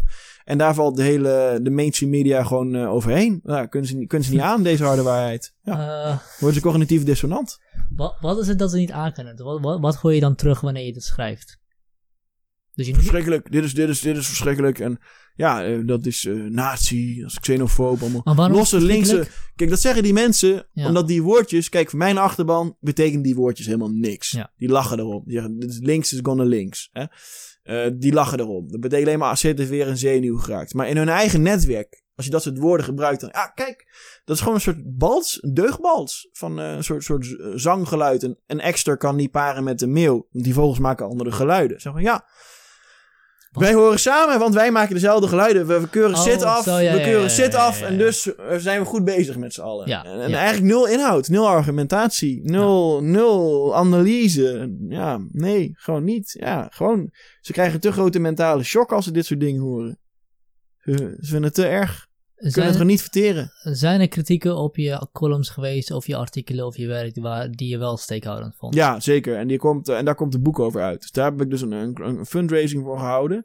Daar heb ik 10.000 euro mee opgehaald van de zomer. was keihard werken, maar het is uiteindelijk een groot succes geworden. En dat heet Links en Rechts in Dialoog. En Mhm. daar ga ik dus wel echt met linkse mensen en eh, discussies aan. eh, en ook met middenmensen. En het gaat over heel veel onderwerpen. Dus het gaat over zowel de globalisering, multinationals, maar ook islam, demografische veranderingen. Religie komt ook aan de orde. En daar, daar heb ik inderdaad wel, wel echt eh, inhoudelijke echt geschillen die ergens over gaan. Maar ja, de ironie is dat dat ook de mensen zijn die ook niet meer in de mainstream media vaak worden gehoord. Omdat, omdat ze te genuanceerd zijn. En ja, en dat, eh, dat kan niet meer. Hè. Tegenwoordig is het eh, you're with me or you're against me, weet je wel. Of je keurt eh, Wilders en Baudet af. En als je dat niet afkeurt, sorry, dan kom, je bij, kom je niet bij Pauw aan tafel of zo. En als je al aan tafel komt, dan, dan heb je één voorstander die tegenover Wacht, zeven of acht, wacht, acht maar dat, tegenstanders Maar dat lijkt, me, dat lijkt me pertinent ontwaar, want Ja? Sorry Baudet zit vaak genoeg aan tafel bij Pauw. Ja, oké. En dan wordt hij, en dan wordt maar- hij inderdaad uitgekoud, dat, dat klopt, daar Ja. heb je allemaal gelijk in. Ja. Maar hij zit maar er mag wel. niet, maar nee, want hij wordt. Maar Nee, hij zit er wel. Nee, nee, nee. Dat is net als, die, net, dat is net als Joker versus Black Panther. Hè? Maar goed, Baudet is wel echt een grappig verhaal. Want, ik, want Baudet, dat vind ik echt belangrijk om nog even aan te halen. Want Jort Kelder heeft iets gezegd en dat was zo meesterlijk. Dat was zo geniaal. Hij was een keer eh, bij Eva Jinek en toen zei Jort Kelder van luister eens mensen. Baudet die had allemaal ideeën voor een programma wat hij wilde doen over Europa en de Europese Unie. En hij had allemaal ideeën en jullie hebben dat voortdurend tegengehouden. Bij alles wat die man wilde doen hebben jullie hem gestopt. Hebben jullie hem gesaboteerd. Hij was evident getalenteerd, maar jullie hebben hem gewoon voortdurend, voortdurend, voortdurend klein gehouden. En nou is hij dan politiek, omdat hij geen andere kant meer op kon. Maar nu heeft hij wel resonantie met de maatschappij. En mensen kunnen nu duidelijk zien dat die man talent heeft. En nu zijn jullie scheiden bang voor hem. En waarom? Jullie hebben die man gecreëerd uiteindelijk. Jullie hebben dit gecreëerd. Dat zei Jort Kelder en hij had 100% gelijk. Hij had 100% gelijk. Ah, oké. Als zij Baudet gewoon eh, een, een, ook lieten scheppen, want dan komen we op Black Panther versus Joker. Dan hadden ze nooit, die hele politieke partij, die had nooit zo'n vlucht gekregen. Bedoel je de films? Ja, daar komen we nu op. Want, ehm, maar dus nogmaals, zij hadden Baudet geen enkele ruimte gegeven om zijn talent te ontplooien binnen de kanalen van de gevestigde media. Nou, hij werd daardoor steeds meer eh, een gevoel van afwijzing. En terecht ook, want hij werd gewoon heel oneerlijk behandeld. En nu heeft hij zijn eigen politieke partij. En nu zijn er mensen die wel naar hem luisteren. Nou, en dat hebben die, die linkse media hebben dat zelf gecreëerd. Hebben dat door mensen eenzijdig uit te sluiten. Oké, nee, Zo maar, hebben ze het, dit, en dat is hun schuld. Dit is hun eigen verantwoordelijkheid, dit in stand gekomen. oké, maar, En mijn, mijn achterban, wij nemen die media ook niet meer serieus. Mhm. Wij, wij vinden het gewoon pipo's. Wij vinden het gewoon clowns. Gewoon clowns zijn het gewoon. Ze zijn gewoon niet bestand tegen, tegen, de, tegen de inhoudelijke discussie. En ze komen niet verder dan, dan, dan mensen wegzetten, of mensen censureren, eh, framing, virtue signaling. En dat is, dat is het nieuwe maatschappelijk gedachtegoed. Dat is wat er nu speelt. En nu komen we op Black Panther versus eh, Joker. wacht heel even, wacht heel even, want je, er moet echt verteld worden. eh, prima. Maar wat jij zegt is, wat jij, wat jij zei, Thierry Baudet komt niet aan tafel, maar hij komt evident wel aan Ja, tafel. nu, want- omdat hij zich er doorheen gevochten heeft door die kiesdrempel te halen in de Kamer te komen en een, een grote beweging uit de grond te stampen. Als het het- niet was gelukt, hadden ze hem nog proberen om, om, Tuurlijk, om ja, nog verder fair, de grond fair. in te trappen. Prima.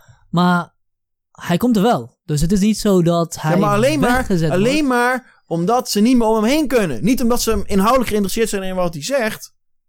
Maar... Want dat vinden ze verschrikkelijk. Maar omdat ze gewoon niet meer om hem heen kunnen. Omdat die man zo'n tractie in de maatschappij gecreëerd heeft. Oké, maar dat is, toch niet, dat is raar, toch? Dat, dat je dan wel iemand. Dat, dat... Nee, dat is niet raar. Maar het is wel jammer dat het zo moet, toch? Nou, dat je dus eerst de hele boel moet, moet, moet, moet, moet, moet, moet opschudden. En dat dan een keer iemand met, met je wil praten. En ik denk, kijk maar naar dat, maar die Wilfred Gené. Hè? Ik weet niet of een of andere RTL-people. maar Ik ben zijn naam vergeten. wacht even, Die, hij zou over zijn boek gaan iedereen- praten. Hij zou over zijn boek gaan praten. En wat er gebeurde, was dat er helemaal niet over zijn boek gepraat werd. En dat ze alleen maar politieke vragen gingen stellen om, om, om te rellen. Dat vond ik zo Ja, tekenend. maar iedereen die aan tafel komt bij Pauw of moet iets opgeschud hebben. Nee. Moet aan iets, iets gedaan hebben. Moet, of moet iemand kennen natuurlijk. Want als je mensen kent, dan komt het altijd Exact, precies. Nou, daar gaat het Maar dat is- dat daar is- gaat, maar, dat daar, niet- maar dat snijdt de essentie aan. Maar het gaat dat om is de niet maar- en de huh, ons kent Ja, ons wereld. niet- En dat is altijd grachtengordel. Maar en dat dat is is altijd niet- deugdboeken. En dat zijn van die boeken die in de NRC besproken worden, waar er niks gebeurt. Boeken die helemaal niks over het leven zeggen. Maar en dat, is- wordt daar opgevoerd als aanstormend jong talent en je hoort er nooit meer wat over. En mijn boeken, daar worden honderden, honderden, honderden exemplaren van verkocht. Honderden mensen gelezen, honderden reacties, honderden reviews verschijnen overal op het internet en wordt net gedaan of het niet bestaat. Hoe kan jij mij zeggen dat de hele NPO nog representatief is? Laat de boel affikken. Als er morgen de nieuwe Tariq op staat, prima. Nou, ik zeg niet dat het representatief is. Wat ik wilde zeggen, want dan ben ik nu al, alweer vergeten wat ik wilde zeggen. Oh, ik ben niet vergeten wat ik wilde zeggen, want ik wilde hebben over Joker en Black Panther. Ehm, wat wilde ik nou zeggen? Oh, eh, ons kent ons. Het Ja, exact. Maar dat is niks niet, met meritocratie maar dat is niet een kwestie van, van Paul of Jinek. Dat is een kwestie van Ja, overal. ook net van Nieuwkerk. Van overal. Nee, maar van elk bedrijf. Elke, Nee, ik ben niet met je eens. Ben ik niet met je, ik bedoel, niet. in meer of Absoluut mindere mate ben je helemaal gelijk in. Maar hoe beter jij iemand kent, hoe waarschijnlijk het is dat je ergens terecht gaat komen. Hoe, en ik ga niet ontkennen dat, dat er geen bias is. Maar ik met mijn briefwisseling heb ook een hoop linkse mensen gevraagd. Maar die, de meeste durfden het niet aan. Er waren er wel genoeg uiteindelijk die het wel aandurfden. Mhm. Maar de meeste durfden het gewoon niet aan. Ze zeggen, ja maar shit. Nou, alles wat Zinio zich heen heeft gekregen toen hij met jou op de foto ging. Dat durf ik niet aan. Mhm. Ja, sorry hoor. Maar dan, wat voor ballen heb je dan? Niks. Dus, dus, dus zeg mij niet, het gaat om mensen kennen. Nee, helemaal niet. Ik ben niet alleen, oh, ik ken Jesper Jansen, want ik heb met Jesper Jansen in de metropool een eh, appelsap gedronken. En nou ga ik Jesper Jansen voor mijn podcast vragen. Oh, ja, ik ken, eh, eh, ik ken Willem Cornax, want ik heb met Willem Cor Cornax een keer een aflevering van Café Weltschmerz opgenomen. Dus ga ik met hem, nee, het is ook gewoon, ik heb dan iedereen outreachen. Weet je Mhm. wel? Ik wil met iedereen. Ik wil, ik wil best wel een keer met, eh, met, met, met, met, met linkse mensen, met Jesper Klaver, een keer debatteren. Of, of, of dat, dat, dat iemand als Bas Eickhout een keer een brief schrijft. Dat vind ik ook allemaal prima, weet je wel? Maar de meeste linkse mensen, die durven het gewoon niet aan. Die, die, die, willen, die zijn alleen maar bezig met imago-cultivatie. En, maar wat zou mijn imago kunnen besmetten als ik met hem inhoudelijk van de gedachten ga wisselen? En zo. Dat, dat, dat dus is helemaal niet van, het is, iedereen. Nee, het is eenzijdig, weet je. Het is niet dat ik alleen maar mensen kies die ik ken, die ik veilig vind, die ik bij me hou. Maar ik wil ook best wel met mensen die best wel ver van me afstaan. Ook wel een keer in, inhoudelijk debat voeren. Dat vind ik ook op zich wel prima, weet je. Maar dat, merk ik gewoon niet. Ik merk gewoon echt dat er gewoon een, een, een links-liberaal, postmoderne in-crowd is in het medialandschap. En er zijn gelukkig wel mensen als Ibeltje Bergmoezen, Arnold Karskens die er nou tegen staan. Heel terecht, heel goed, steun het allemaal. Ik roep ook iedereen op om lid te worden van Ongehoord Nederland. Ik vind het helemaal perfect dat het gaat ontstaan. Maar nu nog één keer over Joker versus Black Panther. Dus eh, Joker is eigenlijk een film over de, de geestelijke problemen van, van een blanke man. Eh, die helemaal ontspoort en ook moorden gaat plegen op het einde. En hij is cloud, maar ja, hij wordt in elkaar geslagen door straatkinderen. Hij wordt ontslagen, wordt belachelijk gemaakt. Hij worstelt met psychische problemen, maar de geestelijke gezondheidszorg wordt wegbezuinigd.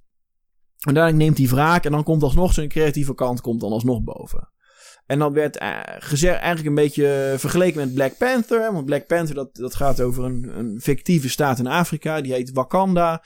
En daar, dat is natuurlijk een, een, Afrikaans volk. En die hebben een koning. En die koning is heel trots op zijn Afrikaanse identiteit. En dat is een heel strijdlustig volk. En ook heel technologisch innovatief. Dus ze hebben eigenlijk technologieën die nog verder ontwikkeld zijn dan Europa. En dat we eigenlijk gezien als een soort black power. Dus er was eigenlijk van, ja, eindelijk is Joker voor de blanke man. Wat, uh, wat um, Black Panther is voor de zwarte man. Maar dat klopt niet. Dat klopt niet, want... Wie heeft het gezegd? Dat, het dat we, op, op, op 4chan of zo. Of, of Lex Cornelis. Lex Cornelis zei de specifiek om maar specifiek te zijn. Maar ik zei van nee, dat, uh, dat klopt niet, want Joker mag alleen reactief slopen en Black Panther mag proactief bouwen.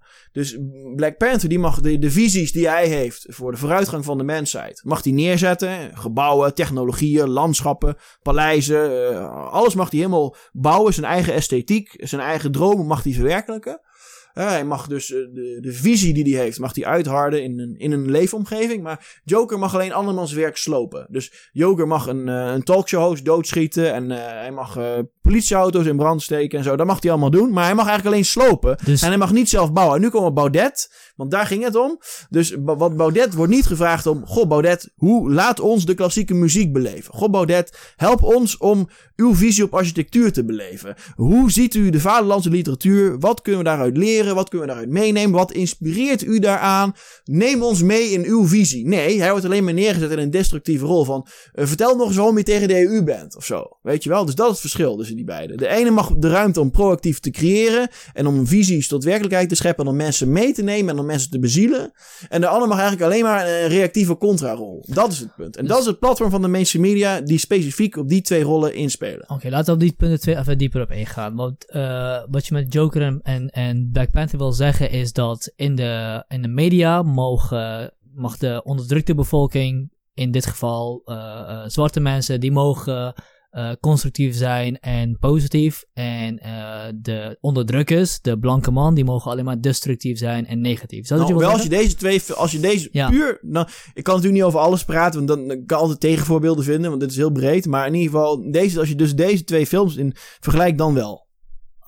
Maar dat is heel raar om te zeggen als je deze twee vergelijkt, dan wel. Want je, hoe kun je over, over, door twee, over twee films iets zeggen over de hele medialandschap? Omdat het alle twee ontzettend spraakmakende films geweest zijn. Die heel veel geld hebben verdiend. Waar heel veel over geschreven is door alle okay. recensenten. En, en, die echt beeld, beeldbepalend geweest en zijn. En Captain America dan?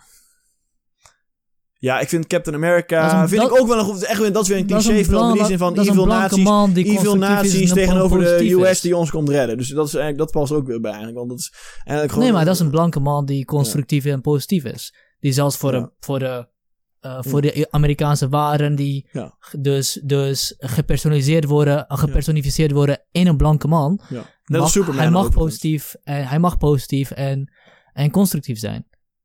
Ja, maar dat gaat natuurlijk niet over... De, maar, maar Captain America is gewoon eigenlijk een, polycore film. Dat gaat niet over die thema's waar Joker over gaat natuurlijk. Hè. Dus Captain America eindigt gewoon met uh, de, glory van de United States. En, uh, en, en uiteindelijk het kapitalistische democratische Westen zegeviert over de evil natie. En, en dat eigenlijk kun je het gewoon allemaal... Je kan het gewoon allemaal... Het is eigenlijk niet interessant. De actie is interessant, maar niet het verhaal. Het verhaal is poep. Het verhaal veeg je kont mee af, toch? Net als John Wick. En waarom gingen mensen bitchen over het geweld in Joker en niet in het geweld in John Wick? Ja, simpel. John Wick heeft geen verhaal. Het is gewoon iemand gaat moorden omdat hij boos is. Het is gewoon een wraakfilm. Maar Joker is allemaal, is allemaal John, verhaal achter. John Wick had een heel mooi gestileerde vorm van geweld. En Joker had een heel gory vorm van geweld. Wat te echt was en wat heel lastig is om naar te kijken. Dat is waarom mensen of ja? het ene wel gingen zeuren. Ah, voor mij niet met je eens. Ik vond John Wick, John Wick maakt duizend faceless bad guys af. Niet interessant. Als, het, als, als, als er drie gasten waren geweest die interessantere bad guys waren geweest in uh, John Wick, dan was het een interessantere film geweest. Hij maakt duizenden faceless bad guys af. Ik dat zeg niet dat, dat de film interessant is. Ik zeg niet dat de film ja. interessant is. Ik heb er wel van genoten. Ja. Wat ik zeg is, wat jij zegt is, waarom zeuren mensen wel omdat, over het geweld in Joker en niet het geweld in, in John Wick? Wat ik zeg is, omdat het geweld in John Wick gestileerd en heel mooi in elkaar zit als een bijna een dans. En in Joker zie je gewoon bloed en spetters en gezichten kapot gaan. Daar worden mensen onwel van. Ja, maar ook Joker, wat ook hierbij meespeelt, is, want als je goed naar John Wick kijkt, is ook wel gruwelijkheid in te vinden. Maar als je kijkt naar Joker, want dit is echt, dit, dit snijdt echt de diepe maatschappelijke thema's aan. Die heel erg pijnlijk zijn om te benoemen. Bijvoorbeeld Joker zit in de tram. En er zit een jochie tegenover hem en hij trekt een gek clownsgezicht en het jochie begint te lachen. En meteen zegt zijn moeder, ho, laat mijn kind met rust. Laat mijn kind met rust. Nou, dat is echt typisch voor een maatschappij. Typisch voor een maatschappij waarin eigenlijk uh, contract, contact tussen vreemden en, uh, wordt gewantrouwd. En contact tussen mannen en kinderen wordt gewantrouwd. Dus dat is eigenlijk de, de diepere boodschap. En er zijn in Joker zijn honderden van dat soort subtiele verwijzingen naar naar maatschappelijke problemen. Dus ook de, de sociale apathie en het uit, uiteenvallen van de cohesie waar we het net over gehad hebben. Maar ook de afwezigheid van enige positieve rol om zich aan op te trekken. Of van enige positieve identiteit om zich mee te identificeren. Dat dat er voor Joker allemaal niet is. En dat hij eigenlijk zijn menselijkheid niet meer kan ontplooien in de publieke ruimte.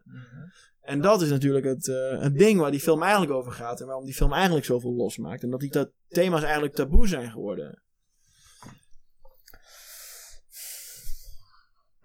Dat ja. daarom. En, en, tegen deze achtergrond een alternatief present te kunnen stellen, dat zal de elite niet laten gebeuren. Dus, dus de achtergrond van al die subtiele sociale problemen die in Joker meespelen, om tegen die achtergrond een, een, een nieuw bezielend elan te kunnen neerzetten, dat zal de gevestigde elite niet laten passeren omdat de gevestigde elite ons voorhoudt dat dit allemaal de way to go is. Dat we allemaal autonoom zijn. Dat onze autonomie ons gelukkig maakt. En, enzovoorts. Uh, Oké, dan laten we even over autonomie hebben. Ja. Uh, wat is dan het probleem met autonomie? Nou, dat het heel absoluut in het absolute wordt getrokken. Mm -hmm. Kijk, ik maak. Kijk, graag. Kijk, Aristoteles vind ik altijd, vind ik altijd toch de go-to als het hierop aankomt. En dan komen we uit bij het klassieke polismodel. Mm -hmm. In die zin dat die polissen die waren redelijk uh, behapbaar. Daar wonen dus uh, een beperkt aantal mensen. In die zin, je kon de meeste mensen nog wel kennen waarmee je samen en dus zag je ook je individuele belangen, eh, dus echt de privébelangen van het individu, daar, daar waren de belangen van de medemens in geïntegreerd. Dus er was niet een hele scherpe tegenstelling tussen mijn en dijn. Het was niet een zero-sum game. Het was niet zo alles is voor Bassie, alles is winner takes all. Uh, dat is een heel absoluut idee van een heel absoluut individu. Dat eigenlijk losstaat van geschiedenis, losstaat van uh, politiek engagement uh, losstaat van alles omheen. Of dat nou, nou kerken zijn of maaltijdgenootschappen of wat dan ook. En er was een ingebed individu dat ingebed was binnen een welbepaalde plek binnen de kosmos. Dus in, en die tegen die achtergrond van zo'n ingebedde, welbepaalde plek binnen de kosmos sloeg het nergens op om zo heel absoluut te gaan praten tussen het individualisme en collectivisme. Dat was gewoon daar niet aan de orde. Dat is iets wat gekomen is met de industriële revolutie. Uh, toen heel veel mensenmassas op één werden gehoopt en je was tot arbeider teruggebracht. En als je je armen kwijt was, dan was je niet van waarde meer. Dus, uh, hoppakee. En je, dat, ja, nou, dus tegen die achtergrond, daar is dat collectief versus individu achtergrond opgekomen. Maar in de antieke polis context sloeg het nergens op om die vraag zo uh, radicaal op tafel te leggen. En dat is wat ik, wat ik graag wat meer onder de aandacht wil brengen. Dus als jij op een gegeven moment bent ingebed binnen een welbepaalde gemeenschap dat je autonomie kunt hebben en je kunt individualisme hebben. Maar niet op zo'n manier dat je uh, je gang kunt gaan en je zonder van, van wie dan ook maar wat aan te trekken. En dat is, dat is toch waar we een beetje op, op uitgekomen zijn. Hè? Toch wel in, in, in het Westen nu. Hè? Dus als ik over straat naar mijn werk ga. Ja, ik kom 500 mensen tegen. Maar ik ken niemand van hen. Dus uh, het maakt me eigenlijk ook niet uit wat er met die mensen gebeurt. Want ik heb niks met ze. Of zo. Mm. Het is eerder nog juist een belasting voor mij om ook met die mensen een band aan te gaan, omdat ik maar met zo'n beperkt aantal mensen een band kan aangaan. Je kan maar met een beperkt aantal mensen een, uh, een, uh, een, een, sociale relatie aangaan. He, je, je kan maar met zoveel mensen uh, iets, iets onderhouden. Je hebt een beperkte draagkracht van de sociale ruimte die je hebt. Je kan een eindig aantal betekenisvolle banden aangaan met mensen. 150 is het ongeveer. Exact. En dan komen we dus uit op Robin Dunbar en al de neocortex en al dat. Maar ja, je wordt dus overladen met mensen waar je eigenlijk niks mee hebt en zo. En uh, je, moet dan, je wordt dan geacht om sociaal te blijven of zo, wat we allemaal toch niet blijven. Of je wordt een soort red race, een soort dog-eat-dog maatschappij. En, uh, en, en, en dat de, waar, ik, waar ik dus, dat, dat versnipperde atomisme. Dat is eigenlijk waar ik daarmee de, de, de, de waar ik dus eigenlijk de, de vinger op de zere plek mee wil leggen. Ja. Laten we daar sowieso even wat meer over hebben, maar waarom wil de elite niet dat wij hier vragen bij gaan stellen? Bij voortdurende auto nou, komt, autonomie, komt, autonomie. Komt er dichtbij natuurlijk. Want uh, ze, ze zijn, kijk. Als je dus ook kijkt. Definieer even goed wie ze zijn, wie de, wie de elite precies zijn. Want Is het, Ja. is het, zijn het de multinationals? Ja, dat hoort er het, eh, zeker bij. De mediabasis? Hoort er ook zeker bij. Politiek? Hoort er ook bij. Zijn het de, de gezichtloze miljardairs die lobbyen? Zijn Ja, het de zeker. Zeker. Maar Ja, dit absoluut. Is een, eh, zijn, Ja, zijn, Topjuristen. Zijn deze groepen allemaal eh, bezig met hetzelfde, met hetzelfde doel? Nou, ze zijn zin, eh, ze zijn dus verenigd op hetzelfde platform en op hetzelfde wereldbeeld. En, eh, in die zin zijn allemaal, worden allemaal aangezogen tot, tot metropolen. Hè, dat, dat sowieso. Dus ze zijn allemaal grootstedelijk vaak van leefpatroon. Dat, Mhm. dat hebben ze meestal wel gemeen. Maar ze, ze delen ook min of meer hetzelfde wereldbeeld. En daar kunnen eigenlijk de sociaaldemocraten en de socialisten en de liberalen en de groenen eigenlijk allemaal, ze delen eigenlijk fundamenteel hetzelfde wereldbeeld. Eigenlijk het Fukuyama wereldbeeld van ja, hè, eigenlijk nou de grote conflicten rond religie, etniciteit, nationaliteit, eh, spiritualiteit, filosofie. Eigenlijk zijn die grote conflicten eigenlijk allemaal al wel beslecht. Eh, we komen eigenlijk langzaam in één groot juridisch systeem terecht met z'n allen. Denk het internationaal strafhof in Den Haag, de EU, maar meer nog de Verenigde Naties. Dus langzamerhand in de, in de vaart der volkeren stromen we eigenlijk allemaal toe naar, naar één groot metropolitisch eh, wereldverband. Oké, er zijn nog wel eens wat, wat kleine conflictjes hier en daar, maar dat is allemaal wel eh, niet, niet afgrondelijk, het is niet existentieel. Het is wel een welvaartsverdelingsvraagstuk van, goh, hoe verdelen die welvaart een beetje gelijk en hoe, eh, hoe nivelleren we ook klimaatproblemen. Dus niet dat alle arme mensen in één keer verbranden of verzuipen, maar dat we daar een beetje solidair mee zijn. Dan komt het eigenlijk wel goed. Dus dat is hun, fundamentalistisch, hun fundamentele wereldbeeld. Hè? Dat is hoe zij naar de wereld kijken. En niet van, goh, er zijn gewoon, er zijn gewoon krachten op de wereldpolitiek actief die existentieel nooit, eh, nooit overeen zullen komen. Hè? Dus, dus, dus het is eigenlijk ten diepste... Is, wacht even, ja. wacht. Dat is een goed punt, wat je, of uh, sterk punt wat je gaat maken. Dus wat je wil zeggen is niet dat er een groep mensen zijn die samen in een kamertje komen en een bepaalde lijn uitzetten, maar het is ja, dat is wat je bij Buitenhof, word je bij Buitenhof geframed. Maar de wat intelligentere mensen die doorzien dat Wat je, wat je aan het zeggen bent, is dat er een eh, groep mensen is die een wereldbeeld delen. ja, fundamentele vaak- consensus. ja, die fundamentele consensus hebben over, iets. En daar, daar, daar vloeien een bepaalde ideeën, paar, een aantal ideeën uit. Ja, en wat belangenclusters. En belangenclusters. Oké. Oké. En wat ze dus niet kunnen inzien, dat is dat er fundamentele verschillen zijn op het wereldtoneel. Exact. Dat is wat je wilde zeggen. Ja. Precies, sterker nog, ze zijn ehm, China. Daar komt, uiteindelijk komt alles daarop neer. Kijk, de, de, de nieuwe opkomst van China als wereldmacht op het, op het wereldtoneel, dat is uiteindelijk het grote geopolitieke punt. Eh, en dan is een beetje de vraag, wat wil je dan nog? Eh, ja, kijk, op, als we op een gegeven moment, dat noemen we men wel prosperity without freedom. Dus dat er welvaartssystemen zijn die dus eh, welvaart kunnen brengen, zonder daadwerkelijk ook vrijheid kunnen brengen. Kijk, we hadden altijd het, het Fukuyama-idee, eigenlijk ook het, ide het ideaal van de Tweede Wereldoorlog en ook van de Koude Oorlog, die beide door liberale, kapitalistische, sociaal-democratische regimes allemaal zijn gewonnen. Hè? Dus eh, het consensusmodel toch eigenlijk wel van, van, van de Europeanen en ook deels ook de Amerikanen, die nog wat harder kapitalistisch zijn, is ook het idee, je moet een vrije geest hebben. En als je dat niet hebt, zul je ook niet kunnen innoveren. Kun je ook niks kunnen ontwikkelen. Dat idee heeft uiteindelijk die hele slagenserie gewonnen. Dus je moet een, een democratie hebben, je moet een, een, een vrijheid van geest hebben en pas dan kun je economisch en militair en cultureel leidend zijn op aarde. Maar nu ontstaat eigenlijk een soort as van nieuwe machten, à la Turkije, à la Rusland, à la Iran, à la China, die eigenlijk een hele andere weg zijn ingeslagen. En die zoiets hebben van, nou, dat, uh, dat hele democratie, dat vrijheid van geest, dat, dat, uh, dat seculiere, dat liberale, dat hebben we eigenlijk niet nodig. We nemen gewoon de technologie en dat, daar kunnen we al ver genoeg mee komen. Dus ook China werkt ook aan genetische supermensen en dergelijke. Nou, uh, dat gaat nu een fundamenteel andere, andere uitdaging present stellen natuurlijk. Zeker als die machten elkaar vinden. Kijk, dan zitten wij gewoon als een klein Europees eilandje aan al die lui vastgeplakt. Kijk, de VS die zit nog aan de andere kant van de wereld. Die heeft zijn eigen wereldeiland. Maar Europa zijn gewoon een klein plakje land wat tussen allemaal van dat soort half despotische machten zit. Uh, wat gaan wij dan nog doen eigenlijk met onze vergrijzende bevolking? Terwijl de VS ondertussen zijn aandacht steeds meer gaat richten op Zuidoost-Azië als interessante nieuwe markt. Terwijl wij hier aan het vergrijzen zijn in Europa. Dus eigenlijk langzamerhand minder interessant worden als markt. En ook nog eens een keer de culturele heroriëntatie binnen de VS. Dat de VS met demografische verschuivingen te maken heeft. Waardoor de Europese bevolkingsgroep binnen de VS niet meer de meerderheid is. Waardoor ook de cultuurband met Europa nog eens verzwakt in de VS. En dergelijke. Het interessant wordt om zich op Afrika te gaan richten met zijn groeiende bevolking. Op Zuidoost-Azië en dergelijke. Uh, heel veel Latino's, ook uh, Zuid-Amerika en dergelijke. Dus dat, ja, wat gaan wij nog doen als, als, als dus zo'n nieuwe, als China eigenlijk de dominante macht gaat worden op, op, op ons deel van de aarde. Ja.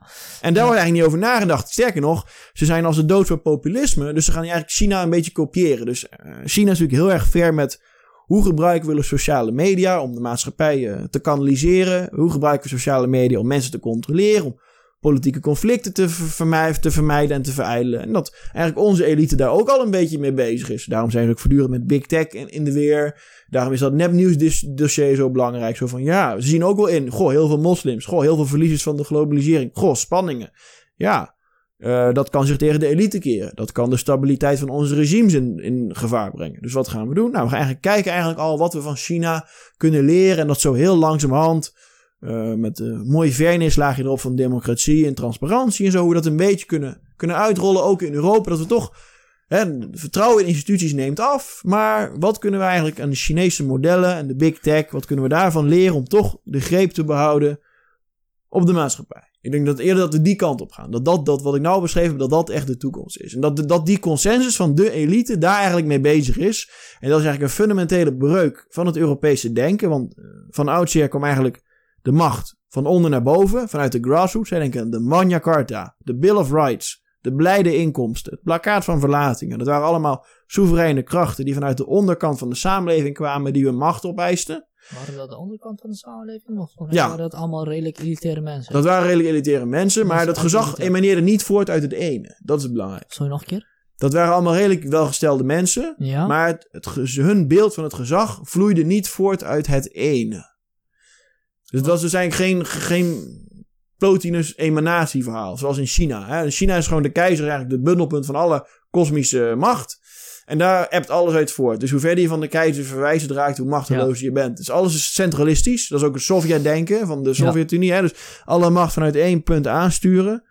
En eh, dat is ook het denken van Erdogan met zijn presidentiële systeem. Eh, ook eigenlijk het denken ook wel een beetje van, van de islam natuurlijk. Hè. Met, met één voorman die tegelijkertijd profeet is en opperrechter is en legerleider is. En dat al het andere, de cultuur zijn versnipperd geraakt ook door de Shiiten en de Soenieten en zo. En eh, de Alefieten. Ja, dit, maar was, dit was misschien relevant. Ja, dit, dit, dit klopt misschien al wanneer Mohammed nog leefde, maar ik denk dat dat nu niet meer per se het geval is. Aangezien je ook geen centrale, eh, centrale punt van macht hebt, zoals ja, je bij de de, paus hebt kalifaat. bijvoorbeeld. Daarom wilden ze ook precies. maar Daarom het wilden kalifaat opgestart ja. worden, maar Dan wilden ze ook het kalifaat herstarten, precies vanwege die reden. Ja, alleen eh, binnen het kalifaat wordt het dan dus wel gedacht, maar er is dus geen centraal islamitisch punt waar alle moslims zich onder uh, of onderschikken. Dat die is er niet, want de Soenieten en de Shiiten zijn totaal verschillend van elkaar. En dan, Ja, maar dat is een anders- conflict natuurlijk. goed, hè? Dat is natuurlijk een dynastieck ja. conflict. En niet een conflict van, oh, eh, we moeten de Koran anders interpreteren. Maar dat is gewoon een conflict van wie, wie heeft het morele recht om de nieuwe kalif te zijn. Dat is natuurlijk een dynastieck conflict. en Niet zozeer een ideologisch, theologisch conflict. Maar, maar goed, maar het Midden-Oosterse, dat Oosterse denken van alle Ja. macht vloeit voort uit het denken. Maar Foucault terug- biopolitiek, er Ja, kwam ook op Foucault biopolitiek. China. Wa- wa- wa- Ja. wat, is het, eh, wat is het gevaar dat je ziet voor Europa?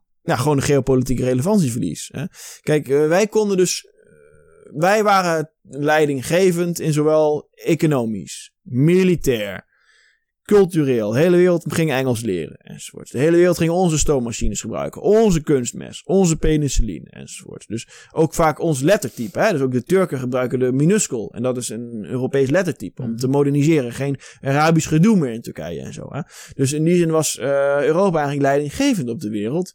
En men kon ook wachten op onze politieke systemen. Dus uh, wij hadden dus de neiging om groepjes te delegeren. Dus die komen uit Overijssel, die komen uit Gelderland, die komen uit Utrecht. Nou, dan kom je allemaal samen en dan maak je een besluit. Dan heb je een parlement en een, Tweede Kamer en dergelijke. Dus een heel erg idee, je gaat vanuit de grassroots, ga je polsen wat er leeft en dan kom je tot de consensus. En dat ga je dan uitventen.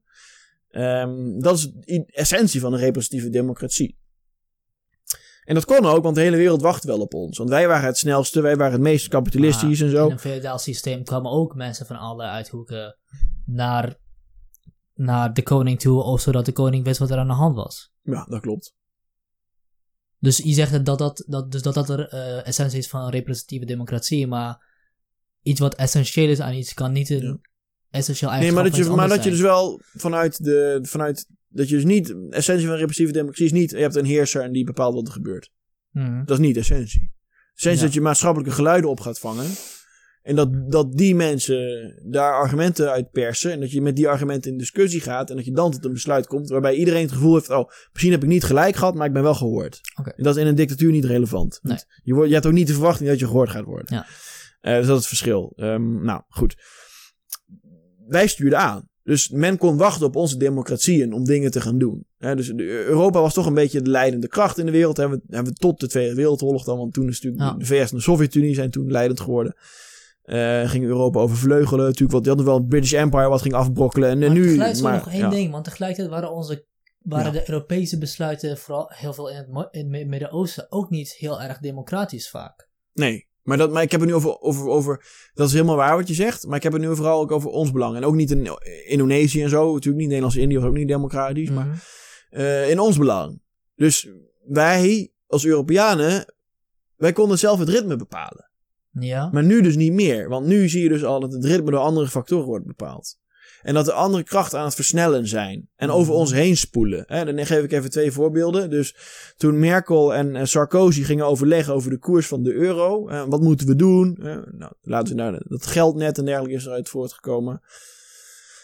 Ehm, nou, European Stability Mechanism is daaruit voortgekomen. Maar ze konden eigenlijk niet heel veel doen. Want op het moment dat het gerucht naar buiten kwam dat zij in conclaaf gingen, dat zij gingen overleggen van wat kunnen we doen met die euro, wat moeten we doen met die schommelingen.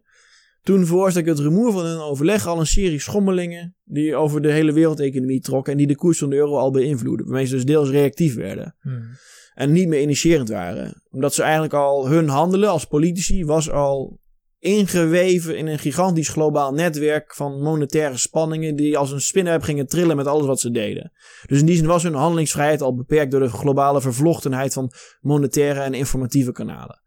Ja. Eh, en, en, dat, en dat is een heel groot ding voor een democratie. Want je geeft mensen de pretentie dat ze inspraak hebben. Je geeft mensen de, de- je spiegelt ze voor dat ze wat te zeggen hebben. Maar in de praktijk is dat heel erg ingeperkt. En dat is, dat is, en dat is ook eigenlijk al zo met, eh, je- met zaken als eh, stock change. Hè? Dus als je gaat naar handel op de aandelenbeurs. Het, het loon. ja, Oh. Je zegt net dat wij dus representati- eh, representatieve de- democratie hebben, dat dat Ja. van, van, de, van de Europeanen afstamt. Ja. Eh, en maar nu worden je- we inge- inge- ingewikkeld in grote geopolitieke verbanden.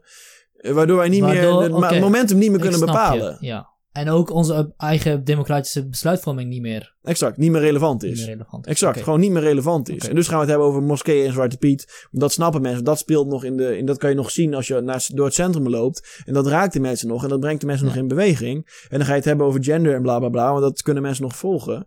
Maar die grote dingen als de ECB die zijn eigen mandaat herschrijft. En die ons spaargeld aan het nivelleren is. Ja, daar heeft de politiek eigenlijk geen greep meer op. Dus daar gaan we het maar niet meer over hebben. Want daar kunnen we alleen maar. Dan staan we te kijken. Want dan hebben we Ja, dan staan we in onze onderbroek. Want daar hebben we niks meer over te zeggen. Dus dan kunnen we het er beter zo min mogelijk over hebben. Maar de renteverlagingen zijn toch constant in het nieuws geweest? Ja, maar wat gaat de politiek erover doen dan? Wat gaan ze dan doen Oké, dat, ze geen, dat ze geen macht erover hebben, dat is wat anders. Ja. Dat het heel moeilijk is om daar invloed op uit te oefenen, Exact. anders. Maar Dus zegt gaan ze het er niet meer over hebben. Dus gaan politici het hebben over identiteitspolitiek. Toch? Volgens mij niet. Volgens Oh. mij zien we in het nieuws zien we het gewoon vaak genoeg gebeuren. Eén.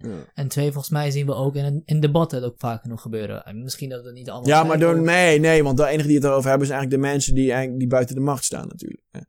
Kijk, eh, D66 gaat niet zeggen van, goh, die ECB is eigenlijk niet zo goed bezig. Want dit betekent eigenlijk dat de spaargeld van de middenklasse niks meer waard wordt. En als we geen stabiele middenklasse samenleving hebben, ja, dan zouden we wel eens een hele gepolariseerde, gefragmenteerde samenleving kunnen krijgen. Die eigenlijk niet goed is voor de waarde van het progressieve, tolerante Nederland dat wij als D66 voorstaan. Nee, dat is niet wat ze gaan zeggen.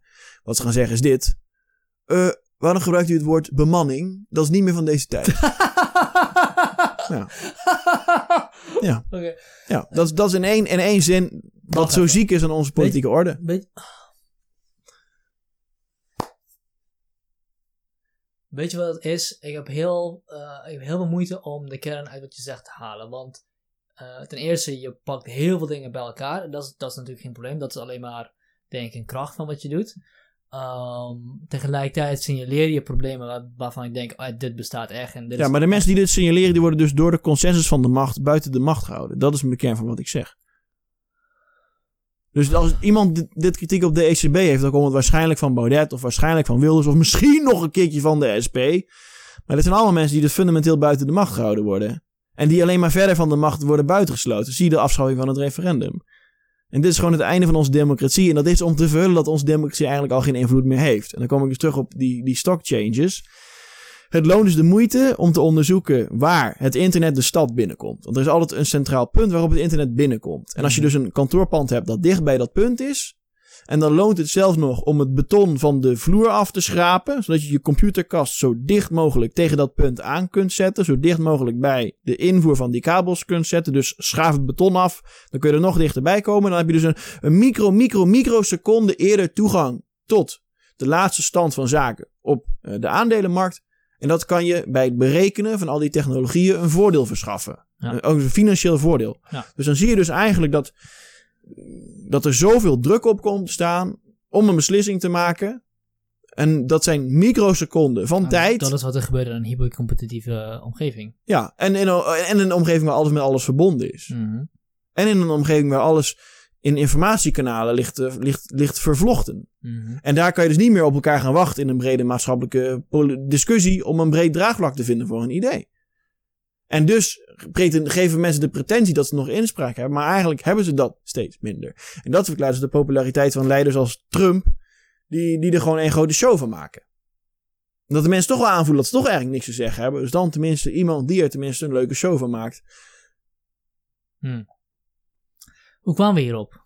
Ben ervan aan het denken. Ja, omdat we het hadden over geopolitiek. En dat ik dus dat ik over ja. China. Het gevaar van, het en gevaar dat, dus dat wat je de ziet voor Europa. De geopolitieke Het gevaar voor overvleugeling. Europa wat je ziet is Ja. dus dat we veel minder macht krijgen. Exact. Of veel minder überhaupt kunnen beslissen over onze eigen... Exact. En dus ons, ons gemoedelijke levensritme, wat we hier hebben, eh, niet meer kunnen handhaven. Omdat er allemaal andere krachten eh, overheen komen. Of het nou massamigratie is of, of, of monetaire vervlechting of, of, of, of, of acceleratie van alle leefverbanden. Daar gaat het Mhm. eigenlijk over.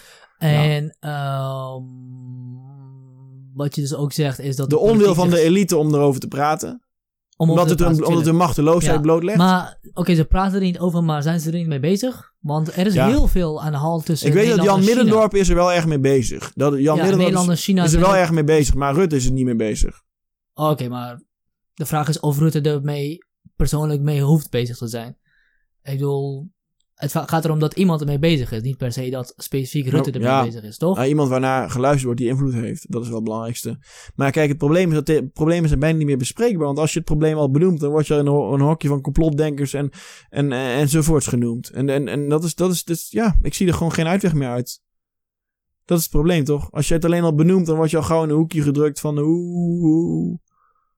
Hmm. En dus buiten de macht gehouden. En dus buiten, dus, dus totaal onvermogen om vanuit jouw visie en jouw zicht wat je hebt, om daar iets mee te doen. En dan is op een gegeven moment geen uitweg meer dan om, om, om, om ja, om Ja. dingen te gaan doen die niet, niet goed passen bij in het kader van onze rechtsstaat. En dat dat dan nog de enige mogelijkheid gaat worden. Ja, maar dit, pessimi- dit, dit pessimisme wat je nu zegt is misplaatst. Want we hebben het net over Thierry Baudet gehad, Ja. die dus inderdaad volgens jou buiten de macht werd gehouden. Ik zeg niet dat, dat niet, eh, eh, misschien wel, ik weet niet, daar durf ik niet, niet over te zeggen. Ik heb dat niet goed, goed, goed gevolgd toen de tijd. Maar in ieder geval, eh, het verhaal is dat hij buiten, buiten de macht gehouden is. Maar het is hem toch gelukt om op het nee, nationaal toneel toch te komen.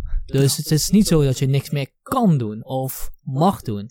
Het is alleen dat ja, bepaalde krachten werken je tegen. Maar dat is ook niet heel vreemd als je tegen de consensus gaat dat krachten je tegenwerken. Want ook al, Nee, ook al nee. word je niet weggezet, Nee, nee, dus, nee, want die is een belangrijk verschil. in. Maar, maar maak af wat je wilde zeggen. ook al, ook al zetten mensen jou niet weg als eh, een eh, doemdenker of een complottheorist of whatever. Ze kunnen alsnog wel met je oneens zijn. Ook al ben je met iemand oneens, dan wil je niet inderdaad dat hij... Als, als ik denk dat jij een totaal verkeerd beleid voor Eu- Europa voor ogen hebt, dan wil ik inderdaad niet dat je op een positie komt waar ik denk dat jij veel over Europa te zeggen hebt. Ja, maar, maar hier ben ik dus fundamenteel met je oneens. En het gaat over velddiversiteit. En dat is een eh, belangrijk concept van de zeer welgeleerde Erik C. Hendricks. Ook een eh, groot expert op het gebied van China. En dat gaat dus om velddiversiteit. En, en nogmaals, het gaat dus niet zozeer om eh, Baudet die buiten de macht gehouden wordt. Daar heb ik het nog niet zo over gehad. Maar hij werd hem niet, Nou, ge- niet gegund. Het werd hem niet gegund om in de media eh, zijn programma's te maken. En om zijn visie op cultuur eh, te belichten binnen de mainstream media. En daar werd hij actief in tegengewerkt. En toen is hij in een politieke partij begonnen. Dus dat is wat ik gezegd heb. Eh, maar nu wil ik graag een punt maken over dat velddiversiteit. Immers de pretentie van een inclusieve, uh, tolerante democratie. Hè, dat, dat zelfbeeld van het gemoedelijke Nederland, waar alles rustig voortkabbelt. En iedereen met iedereen in gesprek wil, want iedereen naar elkaar open-minded en tolerant is. Dus dat Nederland, dat drijft op het idee van constructieve kritiek kunnen geven. Mhm. Ja, dus uh, je hebt velddiversiteit, dus uh, verschillende velden. Kijk, in China is het zo, als je de beste, dat is het Confuciaanse idee van de perfecte mens. Hè? Dus als jij de perfecte kunstenaar bent, dan ben je ook de perfecte politicus. Ben je ook de beste rekenkundige, ook de beste accountant, ook de beste toneelspeler. Dus één mens moet in alles goed zijn. Er is maar één piramide. Er is maar één maatschappelijke piramide. Mhm. Dus iemand die hoog in die piramide staat, die is in alles goed. Dus is goed in dieren verzorgen. Is ook goed in, uh, in, in, in wonden genezen. Is ook goed in uh, Formule 1 coureur zijn. Ook goed in paardrijden. Dus je moet overal goed in zijn en, enzovoorts. De koningburger. Exact, precies. Juist. Ja, dat is precies dat idee, Confuciaanse idee. Maar dat, dat, dat bestaat in Europa niet. In Europa kan heel goed zijn in kunst, maar je weet geen drol van uh, rekenen. Ja. Uh, je kan een heel goede accountant zijn, je kan helemaal niet paardrijden. Nou, dat is voor ons heel goed begrijpelijk. Want we hebben verschillende velden met verschillende autonome competenties. En dat gaat Ja. weer over dat grassroots model terug. Hè? Dat je eigenlijk, dat de macht eigenlijk vanuit de grassroots opstijgt naar de top. Uh, Mhm. Dus dat er verschillende autonome competenties zijn. Dus de kerk is een eigen ding. Mhm. De overheidsbureaucratie is een eigen ding. De kunstwereld is een eigen ding. De sportwereld is een eigen ding. Nou, ga ze maar door. Dus Ja. je kan heel hoog opklimmen in, uh, in een bepaald uh, hiërarchie. Maar dat is niet per definitie transferable of overzetbaar naar een andere hiërarchie. Ja. Dus als je een heel goede advocaat bent en je gaat in één keer een geschiedenisboek schrijven, wil niet zeggen dat iedereen dat geschiedenisboek episch vindt. Want ze denken, ja, je kunt wel goed als advocaat zijn, maar dit boek dat slaat nergens op. Dat kan. Hè? Dat, wij bekijken dingen per veld. Nou, dus zou het ook zo moeten kunnen zijn dat als jij een, eh, een kritische visie hebt over de EU. en je komt in één keer met jouw visie op architectuur. dat men dat toch serieus neemt. Uh, uh, zo van, nou, wat heb je gestudeerd? Oké, je hebt rechtsfilosofie gestudeerd. dus nou, willen we wel graag naar luisteren of zo. Of, of je hebt kunsthistorie gestudeerd. Maar dat is dan niet meer zo. Dus het maakt niet meer uit in welke van die verschillende piramides je aankomt. Als jij tot de niet-deugers wordt gerekend, eigenlijk de postprogressieve, de soevereine re realisten, de humanistische realisten, en eigenlijk de vierde zuil. Dat je in geen van die velden eigenlijk al serieus wordt genomen. Dus, dus eigenlijk is de pretentie van onze open, inclusieve, op kunde en expertise oordelende maatschappij klopt eigenlijk al niet meer. Nou, we, we hebben het al eerder over gehad dat uh, als je niet de basistaal van een groep kan spreken, dat Ja. je er ook niet toe, toe kan treden. Ja. En, uh, Oh, maar dit is zo geniaal. Wacht even, wacht Ja. even. Ja. Maar um, natuurlijk is een bepaalde vorm van diversiteit nodig in elk veld. En daar zouden we ook naar moeten streven. Velddiversiteit, zoals je, het- zoals je, zoals Mhm. je het noemt. Dus ik heb het niet over uh, etnische diversiteit of iets dergelijks. Um, maar er is een grens aan hoeveel diversiteit je wil en kan toelaten aan een bepaald veld. Want um, Mhm. Dat, dit, dit is het demarcatieprobleem van Karl een Popper. er is een demarcatieprobleem. Want ik denk dat zelfs uh, hoe divers je ook wil denken. Als jij een architect bent die zegt, uh, die zegt nou, volgens mij hoeven we al niet, alles van tevoren niet te berekenen. En dat ga ik laten zien. Dan ga je niet toegelaten worden. Ja. Totdat je bewezen hebt dat het niet nodig is. Ja. Net als je bij, uh, bij een wellicht een, uh, een linkse omroep, als je zegt, nou, diversiteit vind ik helemaal niet belangrijk, niet toege, toege, uh, toe, toegelaten gaat worden. Ja. Net als je bij waarschijnlijk FVD, als je zegt, uh, diversiteit moet boven alles gaan, Ja. ook waarschijnlijk niet toegelaten gaat worden. Dus er is een bepaald grens aan diversiteit. Um, dus um, wanneer dat, dat, dat Baudet of wie dan ook echt niet toegelaten wordt, dan moet je ook gaan afvragen is, oké, dat is gewoon niet waar wat je nou zegt. Kijk maar naar Wilders. Wilders zou de, NPO was op een dag een epiphany, een apotheose. Waar ze, ze hadden iets, hey, maar weet je wat we moeten doen? We moeten Wilders uitnodigen voor een toespraak. Want dan krijgen we eindelijk eens te horen wat onze blinde vlek nu precies is. Nou, Wilders uitgenodigd om een toespraak te komen geven bij de NPO. Nou, wat fantastisch. Maar die NPO die werkt dus samen in een Europees verband waar ook subsidies worden uitgekeerd. En dan zei iemand, ja maar wacht eens eventjes. Als jullie Wilders een verhaaltje laten houden, dan krijgen jullie geen subsidie meer. En toen was de uitnodiging ingetrokken. Maar dit spreekt mijn punt niet tegen, volgens mij. Als iemand. Als het wij- bewijst wel dat het allemaal kartel is. anekdotaal bewijs. Het anekdotaal bewijs. Dat, is niet, dat bewijst niet dat alles een kartel is. Dat bewijst. Ja, maar mijn Dat er achterban maakt dat zijn- toch al niet uit, want die zien dat overal al om zich heen. Dat, dat, er, dat er gewoon... Kijk, op een gegeven moment maakt het mij ook niet meer uit wat bewijs is of niet. Uiteindelijk is het een Nietzscheaanse kwestie en geen, geen empirische kwestie meer. Dan moet je even uitleggen. Ja, nou dan herhaal ik gewoon wat ik zei. Uh, toen ik uh, bij de Tweede Kamer op uh, bezoek kwam. Nee, nee, wat je bedoelt met een Nietzscheaanse kwestie en wat je bedoelt met een empirische kwestie. Ja, dat ga ik nu uitleggen. Ja. Dat was het debat met Zini Usdeel. Het beruchte Mhm. debat met Zini Usdeel wat vooraf ging aan onze foto. Met de beruchte foto. Ja, Ja. de epische foto. En vooral ook het epische relaas wat op de foto volgde. Ja. Ehm, maar wat er dus toen gebeurde is dat ik gaf dus het voorbeeld. En dat is het voorbeeld dat ik eh, van Jesper Jansen ook heel goed ken. eh, dat er dus op een gegeven moment, ik kreeg dus een jaarcontract aangeboden door de universiteit. En dat had ik getekend en al, maar ik moest terugkomen als ze hadden het omgezet in een halfjaarcontract. Wat ik op zich vreemd vond, dat de begroting die ik had ingediend was geschaald op een jaar. Nou, eh, achteraf hoorde ik dat iemand die dat beoordeeld had, had gezegd: Ja, Sint-Lucas, ja, zijn voorstel vo- voldoet aan alle punten. Ik moet het inhoudelijk gewoon goedkeuren, want academisch is het gedegen. Maar ethisch wil ik het helemaal niet goedkeuren, omdat het mijn politiek niet goed ligt. Nou ja, dat had ik dus gehoord. En dan zeg, maar dan zegt, en dan kom je met dat verhaal bij zo'n kamer. En dan zegt dus iemand die gepokt en gemazeld is in de, in de kartelwereld en zo. En die ook eh, elite-achtergrond heeft. Die in zijn hele leven eigenlijk alleen maar mensen heeft gekend die op de goede positie zitten. Die zegt, nou, dat is anekdotisch. Dat is allemaal complot. Maar ik zeg, ja, sorry, maar eh, mm, ik spreek dus nu voor de mensen die allemaal met dit soort ervaringen in aanraking gekomen zijn. En het worden er steeds meer. Mhm. Er worden er steeds meer met die mensen die in, in aanraking zijn gekomen. En nu komen we op het Nietzscheaanse empirische punt. Want, kijk, ik kan het ook heel goed verdedigen. Kijk, ik kan ook heel goed zeggen, ja, we hebben een bepaald beperkt budget. En dan kunnen we voor kiezen om of eh, een jaar studie aan een proefschrift van te bekostigen. Maar wat we ook kunnen doen, is een heleboel nieuwe artikelen kopen die we in de bibliotheek kunnen neerzetten en eh, kunnen uploaden. En dat is ook goed voor ons. Dus laten we anders een half jaar eh, onderzoek voor die onderzoeker doen en dan gebruiken we het geld voor iets anders. Hè? Eh, nieuwe airco aanleggen of zo. Eh, ik zeg wel, er is van alles nuttigs te bedenken wat je met dat geld kan doen. En dan zit er een commissie en die maakt een afweging.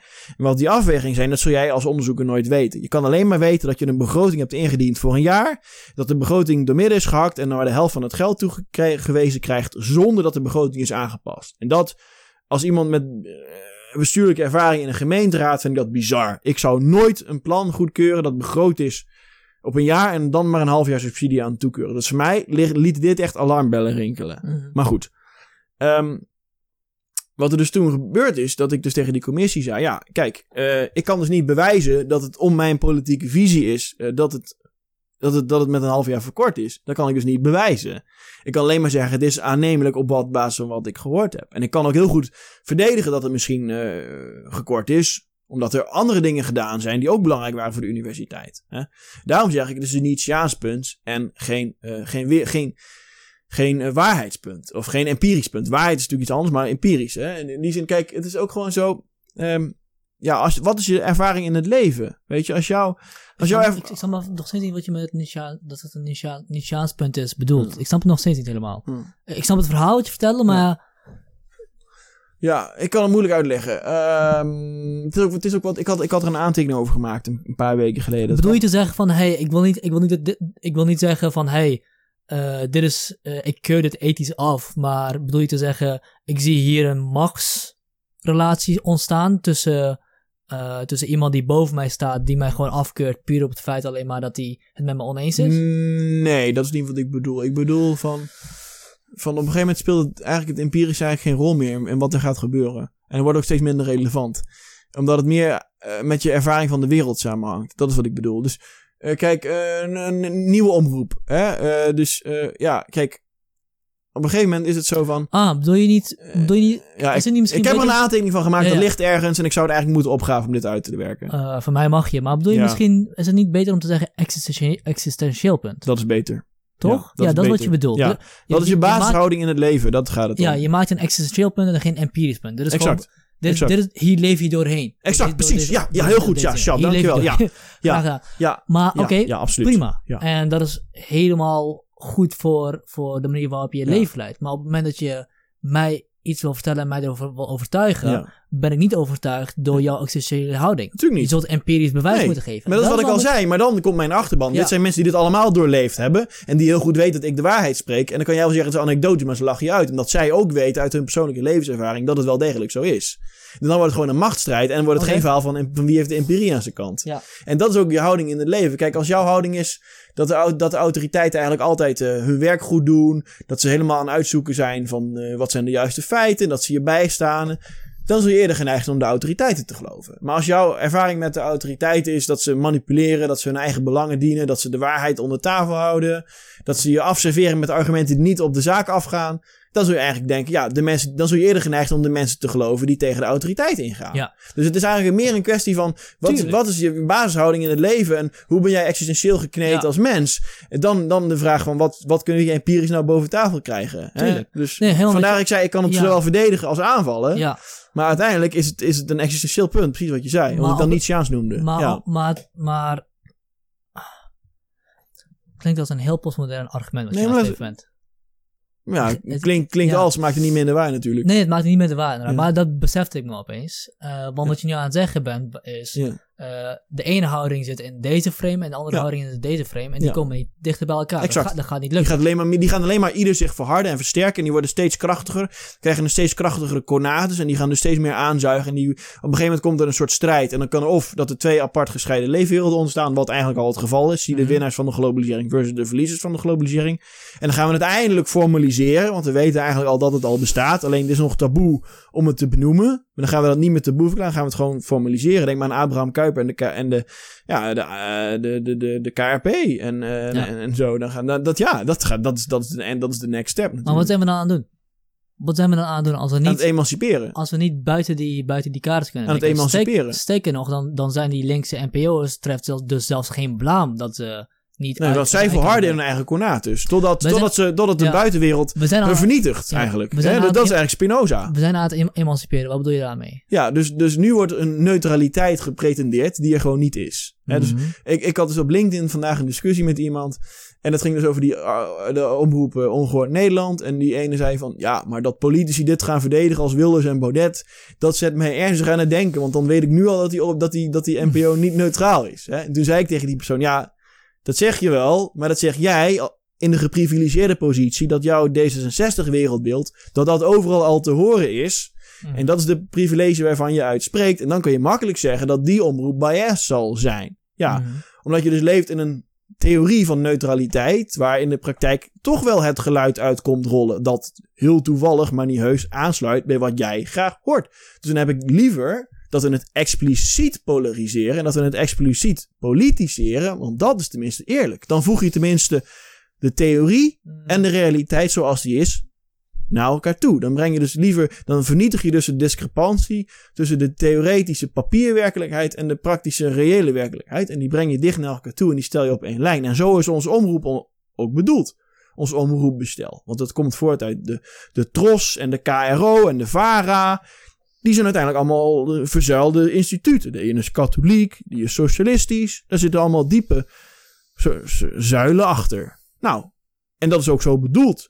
Dat er dus ook een geluid uitkomt uit die NPO's wat bij een zuil aansluit. Mhm. Dat is wat we nu gaan doen. Dus het enige wat we aan het doen zijn is het herstellen van de originele gedachte achter de omroep. Maar ik wil nog één, één- graag als het even kan nog terugkomen op dat academische puntje van die Ja. Tweede Kamerdebatten. En dit is echt wat me echt heel erg tegen de borst stuit. En wat er dus toen gebeurd is. Is dat op een gegeven moment, eh, ik schreef een artikel en dat ging over, de- dat noemde de continentale traditie van de filosofie. En Baudet die schreef, een keer- die zei iets over Hegel en eh, de uil van Minerva. En toen kwamen dus allemaal tweets, zowel Ja. in mijn artikel, niet, was niet dezelfde, niet dezelfde draad, maar wel in dezelfde periode.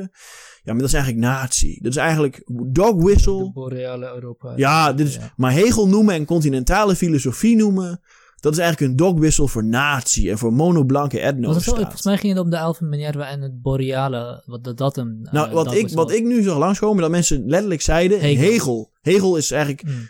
een, een, een, verborgen sluier, dat je eigenlijk een nationaal-socialistische monoblanke eh sluimernatie, precies, etnostaat wil. Maar, maar ik wist dat dit allemaal werd gelezen door mensen die academische filosofie doseren.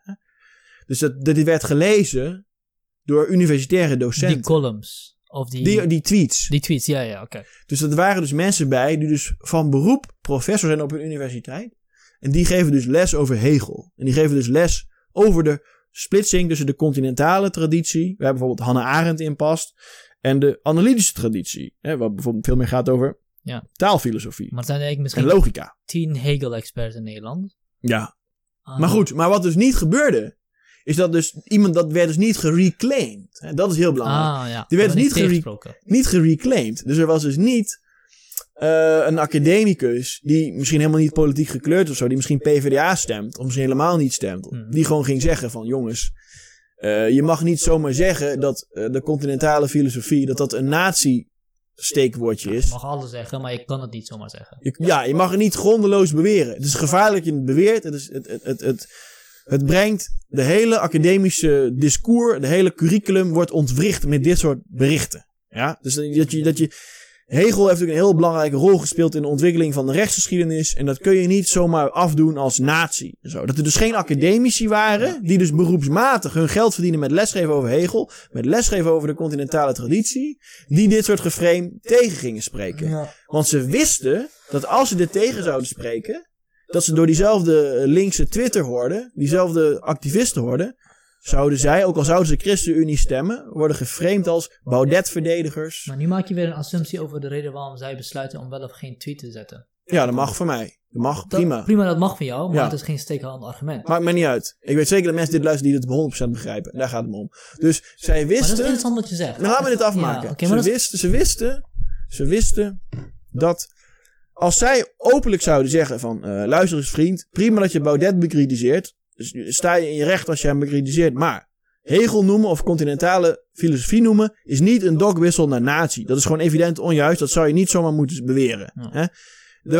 Dat, dat er dus geen academici waren die dat gingen zeggen. Was er dus eigenlijk in feite hun eigen vakgebied mee laten overwoekeren door. Hè? Ja. Dat dat dus niet gebeurde. Dat vind ik teken. Dat het, ik, ik herleid nu iets uit wat niet gebeurde. Dus Ja. ik ben contrafactisch aan het Probeer in de analyseren. microfoon te praten. Ja, eh, dus ik ben contrafactisch aan het analyseren. Want ik verklaar nu iets uit wat niet gebeurde. En dat is altijd een beetje wankel. Dat, Maar de enige reden die ik daarvoor kan bedenken is dit. Omdat ze wisten dat ze dan zouden worden geframed. Hè? Dus let wel, niet oh, hoe kan je het bewijzen, hoe steekhoudend is het. Nee, de enige reden die je kan bedenken waarom dat niet is gebeurd. Is omdat ze dan zouden worden geframed als Baudet-verdediger. hè, en eigenlijk zelf als stiekem nazi enzovoorts. Mhm. Waarmee in feite werd aangetoond dat de politiek boven de academische wereld staat. En dat de academische wereld in feite geen zelfstandig huis van kennis meer is.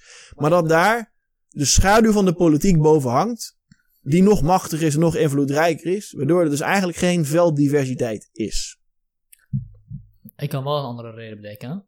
En dat het je gewoon als academicus niet zoveel uitmaakt wat iemand in een tweet over Hegel zegt.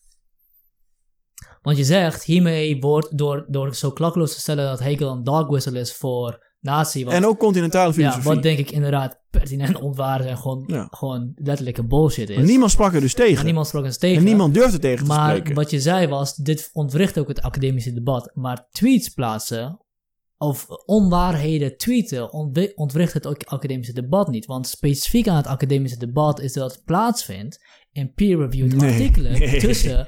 Nee. Dat, dat is het academische debat. Alles nee. daarbuiten is opinie en mening en dergelijke. Nee, nee, nee. vindt. Nee, want die mensen die weten dus heel goed dat al die social justice warriors die super actief zijn, die alles volgen en die voortdurend er bovenop zitten op de sociale media, dat die alles volgen. En dat die daar ook mee te maken krijgen in hun werk als ze wat publiceren. Sterker nog, al die mensen zoals eh, Marijn Oudenamse, Gloria Wekker, die doen niet anders dan dat. Dat zijn eigenlijk gewoon activisten vermomd als academici. Die weten dat te goed. En dan kom ik weer bij een voorbeeld van Erik C. Hendricks. Hij ging dus naar Duitsland, naar een universiteit toe, een academische conferentie, die wel degelijk eh, bekend stond als academisch rigide. Dus als strenge Duitse methodologen. En dan kwam Mhm. een vrouw over haar onderzoek vertellen. En die had een onderzoek over racisme. En dat had ze gedaan door een hotel te huren in Hawaii. En daar in een hangmat te hangen. En dat ze iets van tien willekeurige mensen die ze daar tegenkwam eh, geïnterviewd over racisme. Dat had ze opgeschreven. En die antwoordden dat was eigenlijk haar onderzoek. En hij dacht als onderzoeker van nou, eh, je hebt hier dus de rigide Duitse academici. Die mensen zijn echt heel zuiver op de inhoud. Op de metho- methode. Welke mo- methodes hier nou gehanteerd. En er kwam niet één, één kritische vraag. Er werd alleen maar blindeling gejuicht. Het waren echt puur... Die rigide Duitse academici die werden eigenlijk tot juichaapjes. Nou, dan, dan zie je gewoon ja... Er zijn dus bepaalde politieke thema's. Die ook niet in wetenschappelijke zin bekritiseerd mogen worden. Omdat het te gevoelig ligt. Ja, dat, dat herken ik wel. Dat zie ik wel gebeuren, inderdaad. Ehm is er wel iets anders wat me oprecht wel waarvan ik denk, oh, oei.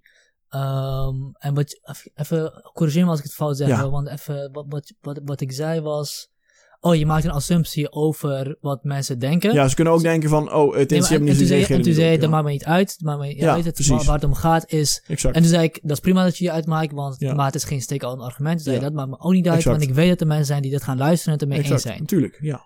Exact.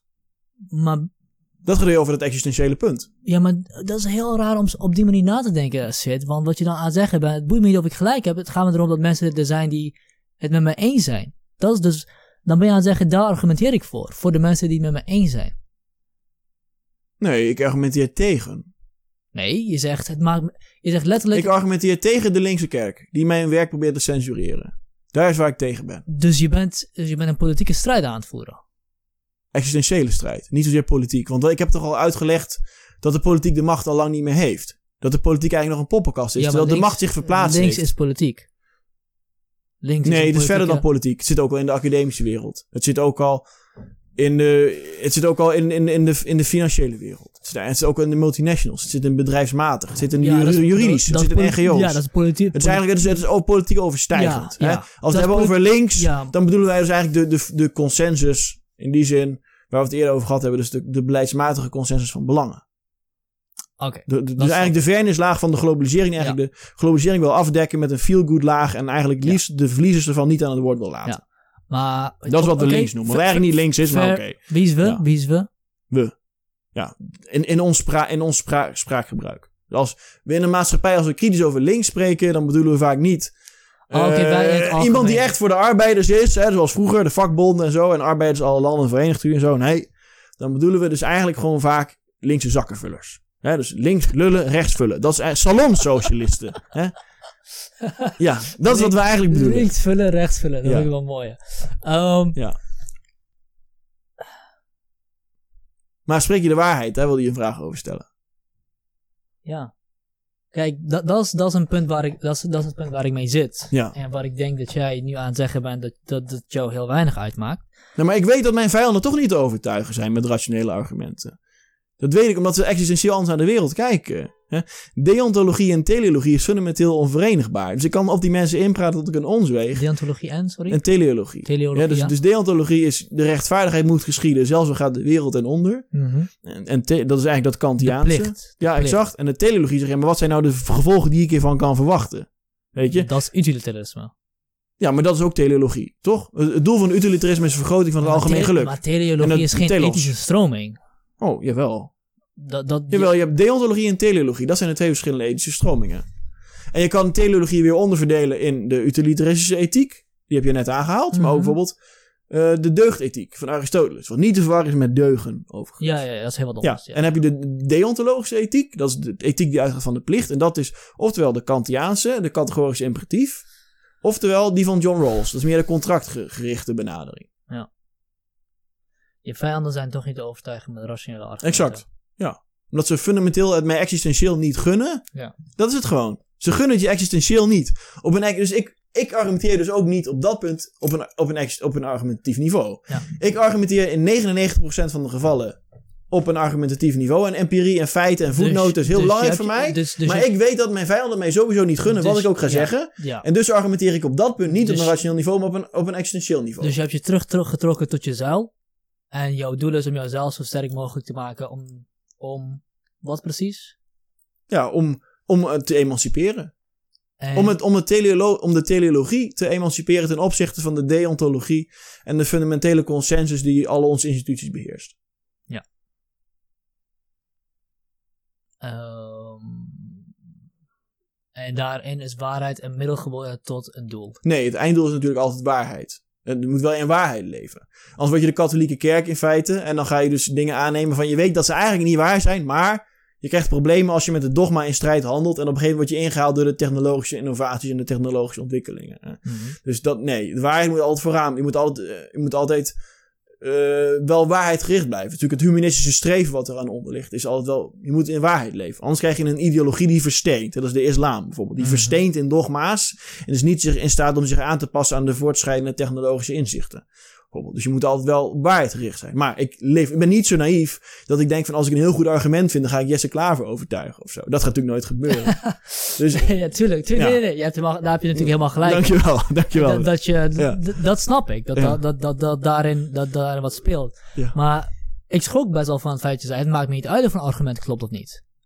Dat, dat is wat je letterlijk zei. Het maakt me niet uit het Nou, de redenering lijkt me 100% te kloppen, toch? Dus gaan we even terug naar die specifieke redenering. Dat, me dus, dat, ik, dat ik, ik, ik schrik ervan dat er dus academici zijn die hun brood verdienen met doseren over Hegel. Die zien op allemaal threads dat er, dat er, dat er tientallen activisten zijn. Die zeggen, ja, maar Baudet praat over Hegel, maar Lucas praat over continentale filosofie. En eigenlijk zijn die mensen bezig om een soort nazi-wegbereiders te zijn.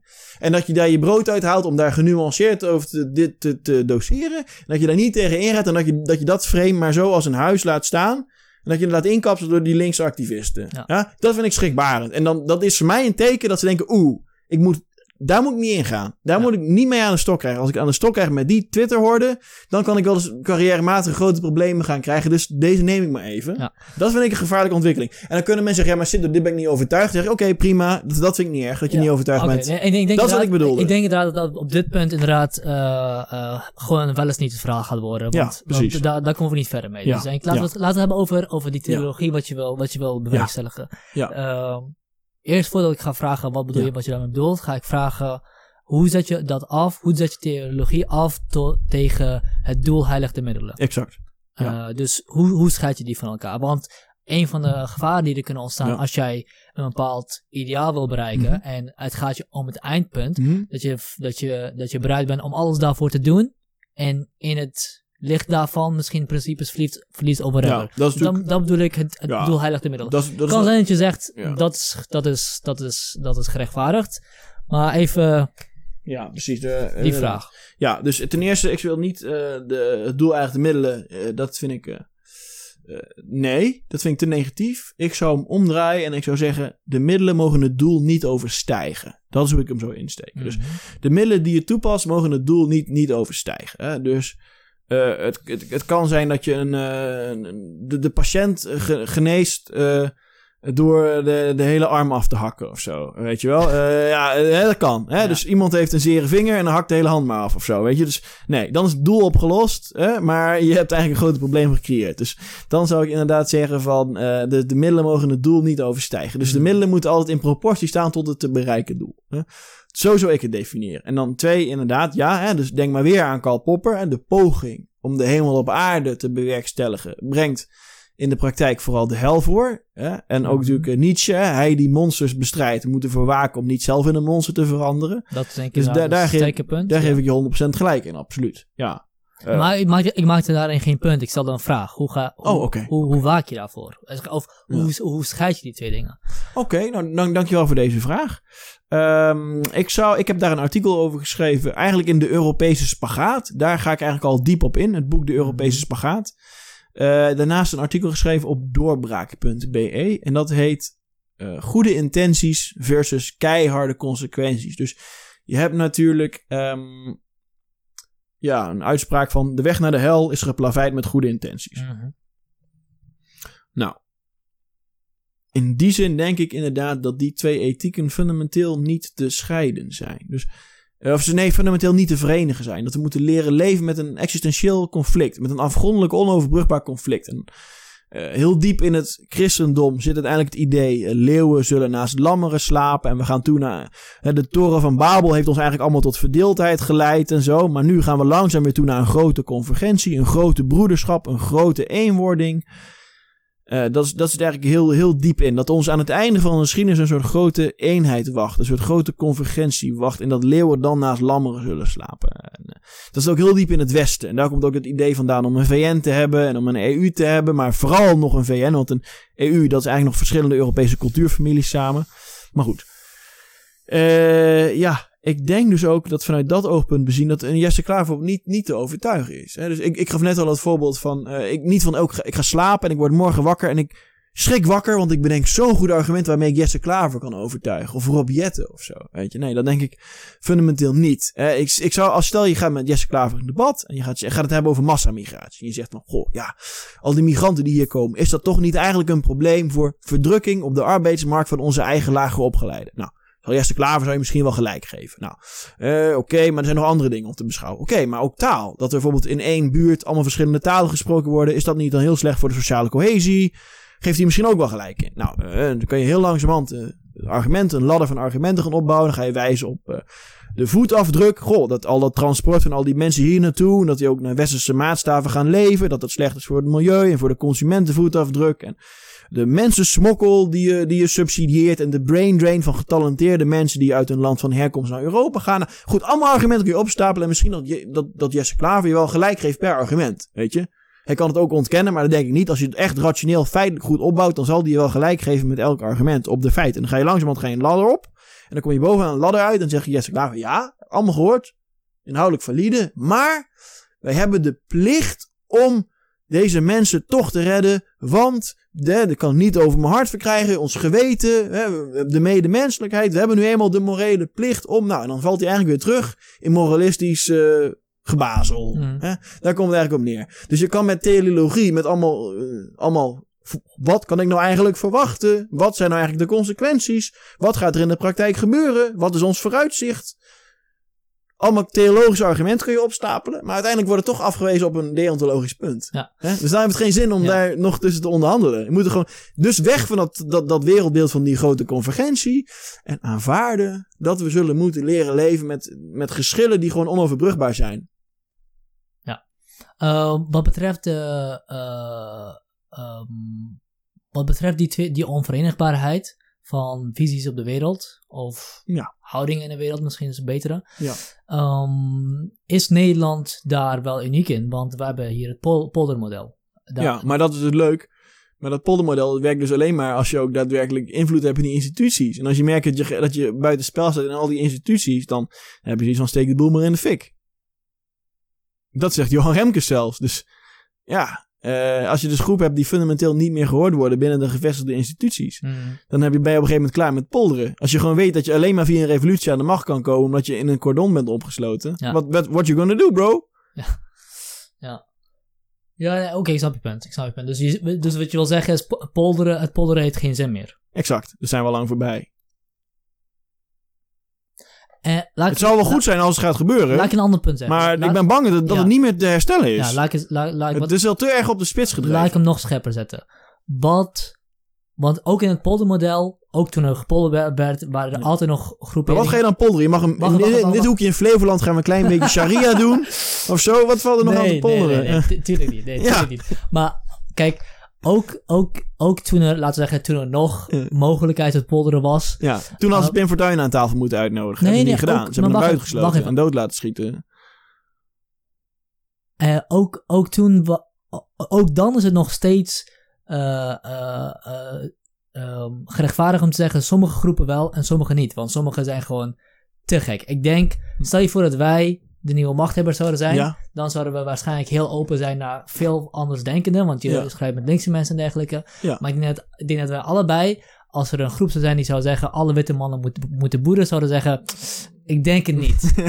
Ik denk niet dat jij met ons moet gaan polderen, toch? Ik zou, ik zou denken, nou, dit, is, dit is te gek voor ja, maar dan wordt het weer Is een Nietzscheaanse strijd. Van wie is het meeste? Dan wordt het en dan wordt het demografie. Gewoon wie plant zich het vaakste voor, Precies, die krijgt de maar macht. in die. Nietzscheaanse strijd Eh, is het ook aan degene die buiten de polder staat om Ja. het recht te verwerven om te mogen polderen. ja, maar dan moet je gegund worden. En, dan kom je weer uit bij, bij die man die niet wilde dat Baudet een, een tv-programma ging maken. Nou, Daar kom je dan weer bij uit. Maar de, de vraag die ik dus moest, de, die, of het punt dat ik wil maken is dat op, op, op, op, het, op het punt dat je buitengesloten wordt van het polderen, dat is niet gelijk, gelijkgesteld met het feit dat dat aan degene zit, ligt die de macht hebben. Het kan ook zijn dat jij nog niet het recht verworven hebt om te mogen polderen. Maar wanneer heb je dat dan? Maar met Pim Fortuyn kunnen we toch wel stellen dat een half land in beweging kwam. Dat tienduizenden mensen op, naast de straat gingen staan toen zijn lijkwagen voorbij ging rijden. Dat er, dat er, dat er tienduizenden mensen zijn die het condo- condoleanceregister getekend hebben. Dat, dat, er, dat er miljoenen mensen zijn die op een partij gestemd hebben die nog niet eens bestond. Dat er toen wel Nederland toch wel een beetje klaar was om een signaal af te geven dat er nieuwe geluiden moesten worden toegelaten binnen de maatschappelijke discussie. Dat het tegenovergestelde gebeurde dat de Haagse kaasstolf al binnen een maand weer was gelijmd. Nou oké, niet binnen een maand, maar in ieder geval wel toen, toen Bomhof en uh, Heinsbroek de tent uit hadden gevochten, toen was het wel klaar. En toen hebben ze eigenlijk gewoon alles, gewoon alles dichtgegooid en is er, dat, dat hele geluid is eigenlijk nooit meer serieus genomen. Is alleen maar verder gemarginaliseerd. Verder in een complotgekkie hoek gedrukt en gedreven. Dus ja, en die mensen... Ja, Dus het geluid van Pim Fortuyn. ja, exact. Maar ja. na, na Pim Fortuyn had je nog steeds het LPF. ja. Die gewoon in de kamer zat. Ja, maar dat zeg ik. Dus toen, toen Bomhoff en Heinsbroek elkaar eenmaal de tent hadden uitgevochten, was het ook wel klaar, toch? Maar dat Toen hebben we er helemaal niks meer van gehoord. maar dat is niet zo heel vreemd, toch? Als, als, als de, Jawel. de partijen... Als de, Jawel, want Wa- toen had de zeg. elite dus moeten denken van... Ah, kennelijk leeft dit wel in de maatschappij. Dus wij moeten nu op zoek naar stemmen die dit geluid vertegenwoordigen. En we moeten die naar voren schuiven. We moeten die een platform geven. Maar- we, moeten, we moeten- zorgen dat die ook gehoord worden. maar het is Om te voorkomen Mm. dat er dus een onderstroom in de maatschappij Mm. ontstaat... die fundamenteel buiten alle instituties staat... en die op een gegeven moment geen andere kans meer heeft dan om een revolutie te beginnen. maar, En daarom had eh, Rutte... En Rutte is ook zo'n voorbeeld van zo'n decadent Wacht, wacht even, wacht even, voordat, voordat je met, Ru- over, over, met Rutte over, over, over Rutte verder gaat.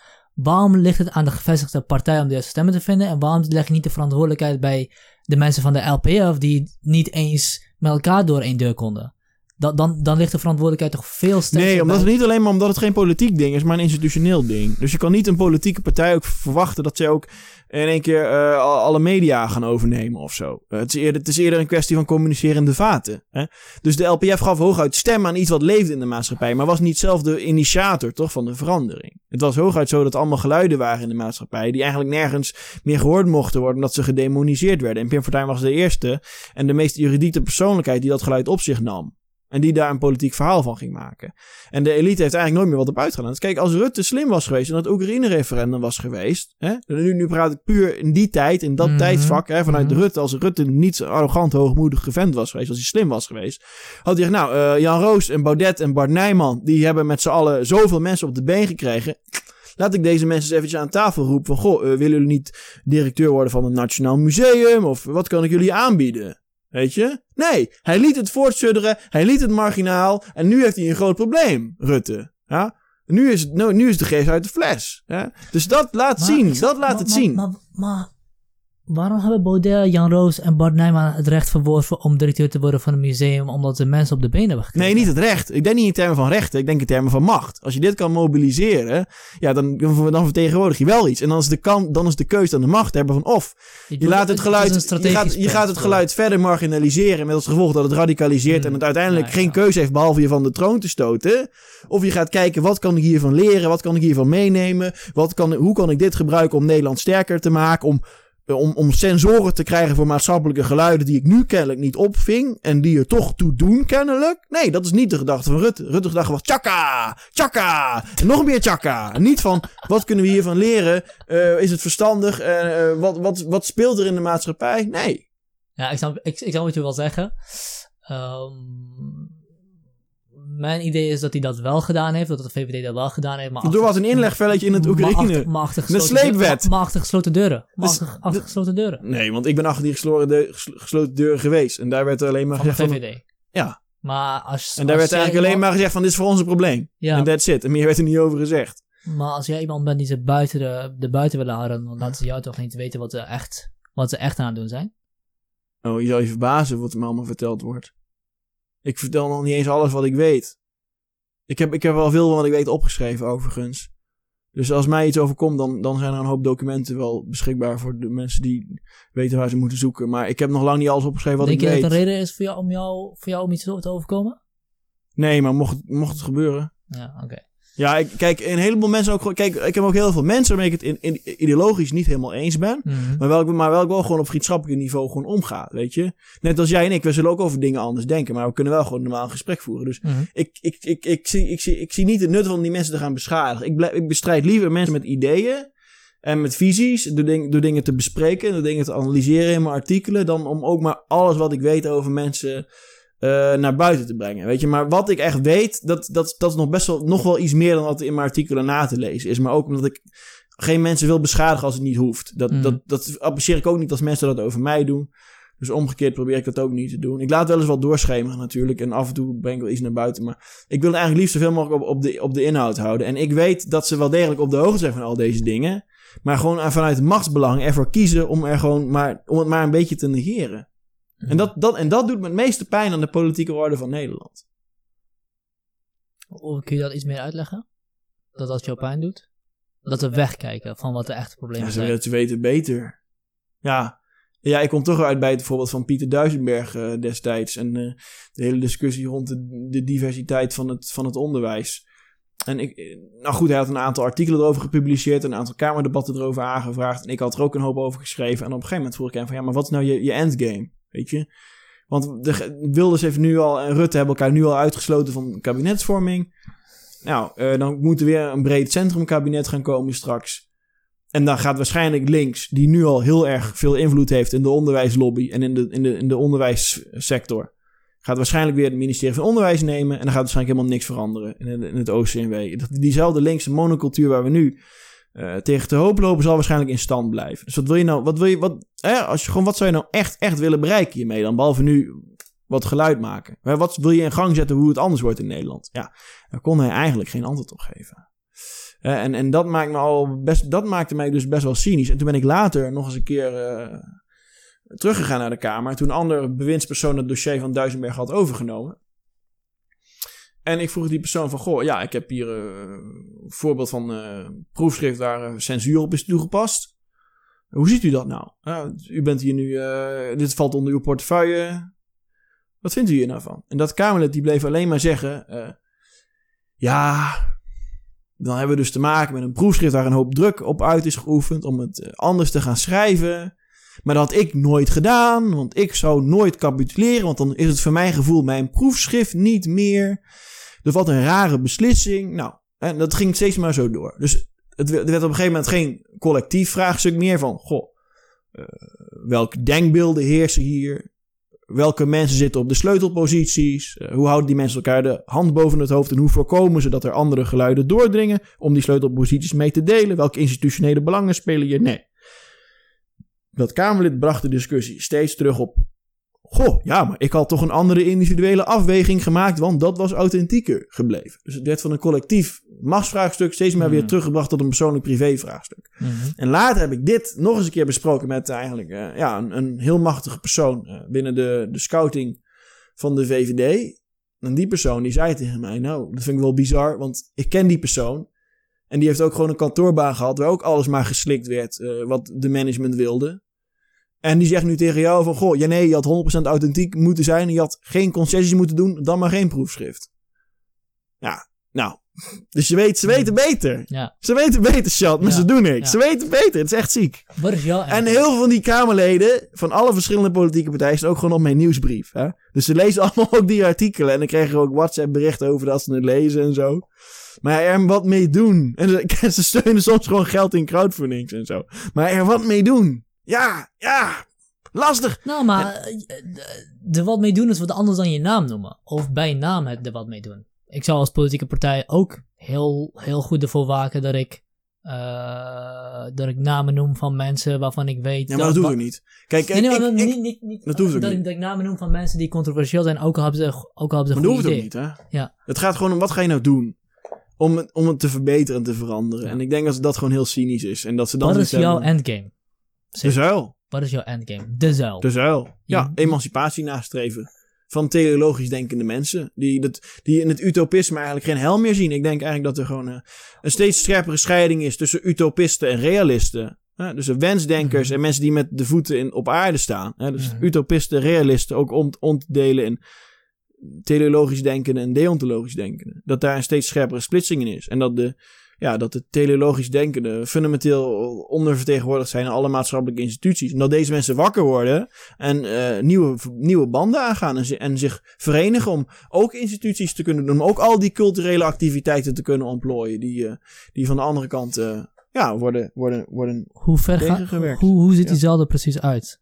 Hoe, hoe, hoe ver gaat? Wat- Hij ligt achter de horizon. Het verlangen naar de zuil. ja, het verlangen naar de zuil is zoals het verlangen Nee, nee, van nee, Walter Benjamin. Nee, wat, wat ik bedoel Toen, is... toen, hij, toen hij schreef over de door hen gedroomde. Wat ik bedoel is, als je over vijf jaar je zuil hebt, Ja, wat, wat, wat heb je dan precies? dan heb ik eigen scholen, eigen universiteiten, eigen dagbladen, eigen media en alles wat erbij hoort. Alles wat, je- alle instituties ja, ja, die je helpen om de culturele kant van, en de economische kant van het mens zijn te, te ontplooien. Maar ben je dan niet eh wederom jezelf aan het aan het onttrekken van je fysieke locatie. Want je wil dus de mensen die. Je wil dus de, re- de realisten van Nederland. Of wil je de, re- de Ook Vlaanderen hoort er ook of bij. Europa helemaal zelfs. Het liefst Europa. Oké, laten we zeggen de realisten van, van, van, van de Ja, Benelux. uiteindelijk is het... Ja, nou, oké. Oké, laten we zeggen de realisten Ja. van Benelux, Benelux wil, je, wil je verenigen in een, Zo. in een zuil. Ja. Maar die mensen gaan niet allemaal bij elkaar wonen. Nee, dat klopt. Maar de zuil bestaat al op het internet. Dus, dus er zijn heel veel mensen met deze ideeën. Alleen ja, eh, je gaat niet op een partijcongres van de PvdA zeggen dat je zo denkt. Hè? Dus je houdt het een beetje bij jezelf. Mhm. Nou, eh, maar door het internet zijn de mensen hebben elkaar gevonden. Ze hebben eigen websites, ze hebben eigen artikelen en zo. En dan zijn ze langzamerhand bij elkaar gekomen. Dus een nieuwe zuil bestaat eigenlijk al. Alleen het was meer een soort intellectual dark web, eh, om maar een foute term te gebruiken. Maar ze moeten zich dus ook in de fysieke wereld gaan manifesteren. En Dus het is eerder zo dat de emancipatie zich al in de digisfeer al heeft vertrokken. Natuurlijk worden daar ook wel gecensureerd en tegengewerkt door big tech.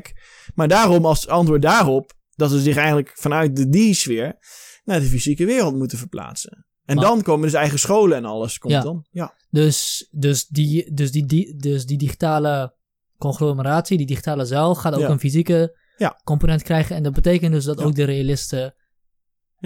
Bij elkaar gaan trekken in principe. ja, dat denk ik wel. Ik, ik Ja. zie dat, dat, kijk, dat is ook het cynisme van deze tijd. Met hun je- eigen werknemers, met hun eigen ja, exact. Die, alles. die dus niet gaan ontslaan omdat je een keer hebt getwitterd van ik geloof niet in, in, in, in klimaatdingen of zo. En, en dat je dan dat je werkgever dan getwitterd worden 50 activisten en dat je morgen op straat ligt bij wijze van spreken. Van eh, wij gaan uw producten niet meer afnemen. Want uw werknemer heeft dit getwitterd. Nou, dat, daar leven we dus in. Dat is ook het cynisme van kijk, ik had het al een beetje over die, die mooie, toch waar ik toch heel erg met heel veel warmte aan terugdenk.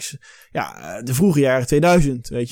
Ik had net 5 HAVO en eh, eind, ik had mijn examen en ik ging voor het eerst op het internet en zo. En ik ging games spelen en ik kwam met allemaal jongeren uit de hele wereld in contact. En iedereen zat in clans en het ging de hele dag door. En, ieder, en iedereen was eigenlijk verbonden. Hè? Dus er- was een, een een jochie van 15 uit, eh, uit, uit Schotland daarbij. Maar er waren ook eh, mensen uit India bij. Iedereen was met elkaar voortdurend games aan het spelen. En dat was ook het idee van dat internet, in die tijd ook door sociologen die over de komst van het internet schreven, had het een sterk topisch ideaal. hè. dus mensen worden verbonden, los van ras, los van leeftijd, los van natie. Eh, maakt allemaal niet meer uit. Mensen gaan gewoon nieuwe banden aan op het internet. En zo werd ook door al die literatuur ook geschreven op het internet. Dat is een nieuwe verbindende kracht. Maar wat zien we nu? Google en Facebook bouwen eigen steden. Google en Facebook bouwen eigen steden. Moet je nagaan. Dus nu gaan we weer kennelijk met alle cosmopolieten. Dus de mensen die gezegend zijn met het vermogen om goed te kunnen navigeren. Goed de weg te kunnen vinden in de digitale samenleving. Gaan we weer allemaal op een kluitje zitten. En de rest die kan er maar uitkijken. Die kan, die kan er maar uitzoeken. Ja, dus, dus, dus en de, de media, denk maar aan Ollongren en Kagen en zo, die dan beweren: nee, maar het internet dat moet heel erg stevig gereguleerd worden, want eh, dat brengt de onderbuik naar boven. Hè? Dus het internet dat zorgt ervoor dat eh, xenofobie en vrouwenhaat maar zo de vrije loop kunnen blijven lopen. Dus dat moeten ze even streng reguleren. Want er zouden wel eens anti-establishment geluiden in kunnen omhoog komen. Dus dat hele topische ideaal is eigenlijk helemaal verraden. Eh, we worden eigenlijk wel gedwongen om zo'n nieuwe zaal te bouwen. Je wordt gedwongen. Oké, prima. Ik begin, ik begin, het begint een beetje vorm te krijgen in, in mijn hoofd waar je naartoe wil en waar je heen wil. En ik heb het ook wel in, eh in eh Baudet's toespraken terug zien komen. De FVD moet niet alleen maar een politieke partij worden, maar ook echt een... eh, Wordt ze ook toe gedwongen. eh, wordt, wordt het daartoe gedwongen of is dat ook echt een inherent of is dat ook echt een intern doel wat ze willen nastreven? Nou, dat weet ik niet. Dat zou je, dat zou, dan zou je Baudet ook voor het, voor het Ja. gesprek moeten uitnodigen. Maar ik denk dat ze ertoe gedwongen worden. Kijk, ik denk, dat heb ik ook geschreven in mijn boek Cultuurmarxisme. Wat, eh, wat, wat vorig jaar uitgekomen is.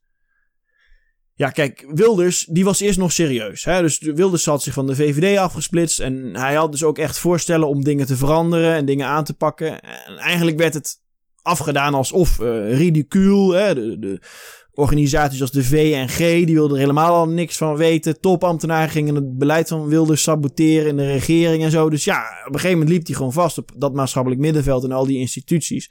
En toen ging hij wat lomper doen. Toen ging hij het hebben over dingen als eh kop voor de tax en zo. De gloves came off, om maar zo te zeggen. Dan, dan maar geen eh serieus, om maar zo te zeggen, uitvoerbare dingen. Maar dan gaan we gewoon echt gewoon met de botte bel erin. Hè? Dus, dus, dus dat, dat, ja, kijk, eh, dat is Wilders zijn leven geworden uiteindelijk. Eh, ja, gewoon oppositie voeren. met eigenlijk weinig buiten dan politieke. Ehm, dat is geen PVV-vakbond of zo, om iets te noemen. Of zo. Eh, geen, eh, geen PVV-literair eh, genootschap of zo. Ja, ehm, dus het is eigenlijk gebaseerd op de politieke oppositie van de PVV tegen het parlement. Nu, Baudet is net nieuw in de politiek. Hij is sinds 2017 is hij in de politiek. En die ziet het ook allemaal. En die zegt, ja, wil ik diezelfde 15 jaar het zo gaan doen zoals Wilders het ook gaan doen? Maar ik, ik speculeer nu, hè. Dus als je Ja, dit echt wil weten, dan moet je hem vragen. maar hoe ik denk, hij komt net nieuw in de politiek en hij ziet die 15 jaar die Wilders heeft afgelegd en hij denkt, ja, wil ik dit ook? Wil ik mijn leven, wil ik mijn energie ook zo besteden? En alsnog met, met centrumregeringen die alsnog links tot extreem links beleid aan het uitvoeren zijn. Eh, en daar wil ik mijn leven zo inrichten. Wil ik mijn energie hier nu de rest van mijn leven aan besteden? En ik denk dat hij daar een andere afweging in maakt. En dat hij denkt, nee, dat gaat dus niet werken. Dus we moeten het over een andere boeg gooien. Hè? We moeten eh, instituties opbouwen. En hij heeft ook in die speech in Zweden heeft hij ook gezegd, hij heeft de vergelijking gemaakt met een zandkasteel. Hij zegt, ja, kijk, verkiezingen komen en gaan. Denk maar heel lang geleden, Wilders had beloofd, de, de leeftijd van, van 65 jaar AOW is voor mij een breekpunt. Nou, eh, toen kreeg hij heel veel stemmen, ging hij overleggen met de coalitie, kwam hij als gedoogpartner, liet hij dat, dat 65 plus punt liet hij los, maar dat maakte niet uit, want hij ging eh, meege- meegedogen en uiteindelijk eh, de regering voerde alsnog nauwelijks wat uit wat Wilders wilde. Het CDA wilde niet met de PVV, een heleboel flikkerde in elkaar en alsnog, bottom line, weinig bereikt. Eh, ja, dus de, de grillen van de kiezers die komen en gaan, die zijn als de app en de vloed van de strand. Hè. Dan is er weer een populistische wave, dan wint Timmermans weer een keer de verkiezingen. Het kan verkeren. Ja, maar zo ga je het uiteindelijk niet doen. Hè. Dus als je echt iets wil bereiken, moet je iets blijvends bouwen dat meer stand houdt dan een zandkasteel op het strand. Hè. Dus, eh, en dan kom je dus uit op inderdaad eigen instituties bouwen en Mhm. Hoe eh, verhoudt dat zich tot eh, je kritiek op onze democratie, waarbij je zegt de gewone persoon heeft steeds minder, eh, minder te zeggen en steeds minder invloed en, wat, en ze worden steeds meer achtergelaten. Ja, Dus enerzijds zeg je dat is een probleem en anderzijds zeg je de grillen van de kiezer komen en gaan. Als je Is ook iets zo. Ja. standvastigs wil bouwen, dan moet je... Ja, maar de je- van de kiezers, de gillen van de media. Je schotelt ze dit voor en, en Nee, dan maar- stemmen nee, ze die kant op. Maar, nee, ja, maar die ga je ergens anders heen. Ik, Ja. Wat ik zeg is, Ja. wat ik zeg is ik, ik, ik zie een conflict in twee dingen die je noemt. ja, ik en niet. hoe, en hoe, Ja. hoe breng je die samen? Want je Ja. zegt, oké, het conflict dus wat ik zie Ja, is... maar, maar met de politiek is eigenlijk, gaat eigenlijk over steeds minder. Want de macht... Kijk, onze mediabubbel is nog steeds op Den Haag gericht... omdat dat bekende koppen zijn... en die zorgen voor veel kijkcijfers en zo. Maar eigenlijk zit de macht steeds meer in Brussel en Straatsburg. Mhm. Nou, dat is al een discrepantie van hier tot Tokio. Dus onze controlerende mediamacht is eigenlijk niet meer controlerend. Want ze controleren iets waar eigenlijk de soevereiniteit zich steeds minder bevindt. Dus dat is punt één. Eh, ik noemde ook al die globale ontwikkelingen. Sociale media heeft misschien wel meer macht al dan sommige nazistaten om te, te beïnvloeden en te sturen wat wij wel of niet te zien krijgen en Mhm. dergelijke. Eh, Facebook heeft meer te zeggen over wat wij, wat wij denken dan een telegraaf, om maar zoiets te noemen. Eh, Mhm. nou, eh, allemaal dat soort dingen. De, de, de, de, de, Ja. currency en zo. de- De opkomst van cryptocurrency. Dus alles wordt alles veranderd. Alles Mhm. wordt in een soort accelererend model gebracht. En de regering verliest de greep daarop. Want je kan niet meer oneindig lang geld gaan bijdrukken. als mensen hun geld in cryptocurrency gaan steken. Om maar iets te zeggen. Nou.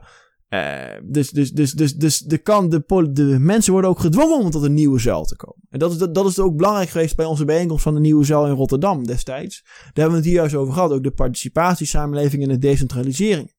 Dwingen mensen om nieuwe sociale banden aan te gaan buiten de staat om. Als de staat niet meer voor je kan zorgen omdat die overvraagd raakt. Hè, door toenemende bureaucratie, toenemende massamigratie en dergelijke. Volgens mij- bezuinigingen. Volgens mij ben je nou niet antwoorden op mijn vraag. Jawel, ja, natuurlijk wel. Want de, de, dezelfde, dezelfde ontwikkelingen die de macht weghalen bij de democratie, dwingen de mensen om zich te gaan verenigen buiten de politieke orde. Om gewoon in, in maatschappelijke hoedanigheid weer nieuwe verbanden aan te gaan. Dus diezelfde machten die de politiek uithollen en irrelevant maken, zijn de machten die mensen dwingen om op lokaal niveau opnieuw vereniging en verbinding te zoeken. Oké, dat, dat snap ik, maar het punt dat ik wilde maken, denk ik, of de vraag die ik wilde stellen was, dat je in, de, in het ene zegt dat het slecht is, of dat het negatief is in ieder geval, wanneer, eh, wanneer de bottom-up, dus de bevolking, minder te zeggen heeft en onze democratie uitgehold wordt. En in de andere... Als je pretendeert een democratie te zijn, is dat een probleem, ja. Ja, dus je wil ook, oké, dus wat je wil zeggen is dat de zeil die je wil maken niet pretendeert een democratie te zijn. Of niet wilt, of, of hoe bedoel je dat dan precies? Nee, de- nee, nee, nee. Want de democratie dat, dat is natuurlijk de waan van de dag. En een zuil is een bestendig uh, verhaal. Hè? Dus uh, wat een taak van een zuil is, is om ervoor te zorgen dat de politieke partijen die er zijn en die actief zijn, dat die representatief zijn voor een zuil. Mhm. Dat is de taak van de zuil. De zuil is het levensbeschouwelijke huis achter de vergankelijkheid van de politieke partijen. En dat, zie je toch ook vaak in politieke partijen. Dan uh, wordt er een verkiezingsnederlaag geleden. Nou, dan, dan trekken ze een paar bekende personen aan. En die worden op uh, hoge plekken gezet en dan gaat het allemaal weer goed. Maar dat doet niks voor de ideologie van een partij. Hè? De PvdA is een goed voorbeeld natuurlijk. Uh, nou, er wordt wel eens gezegd, de Partij van de A is niet de Partij van de Arbeid. De PvdA is de Partij van de ambtenaren en van de allochtonen. Nou, uh, dan wordt er een bekend iemand naar voren geschoven. Of een Job, Job Cohen of een Wouter Bos. En hopen dat het weer even goed gaat. En dan blijkt dat die hele ideologie verdampt is. Dus dat eigenlijk, ja, wie heeft een, alleen echt mensen die met hardcore belangen, echt, echt hardcore belangen zitten nog in die PvdA. Maar ja, die zijn niet meer in de haarvaten van de samenleving, om maar zo te zeggen. Het zijn niet meer de, de tramconducteurs en de bakkers die, die, die bij de PvdA actief zijn. Hè? Het zijn allemaal mensen die zorgnetwerkjes zitten, in de cultuurkartels en dergelijke. Ja, dat wordt dan opgevangen door mensen naar voren te schoven die publiekstrekkers zijn of door de horse race hè, van Samson tegen Rutte. U moet op Rutte stemmen, want anders komt Samson aan de macht. Ja, u moet op Samson stemmen, want anders komt Rutte aan de macht. En uiteindelijk kreeg je ze allebei. Hè? Dus, dus dat, soort, dat soort trucjes worden natuurlijk wel gebruikt.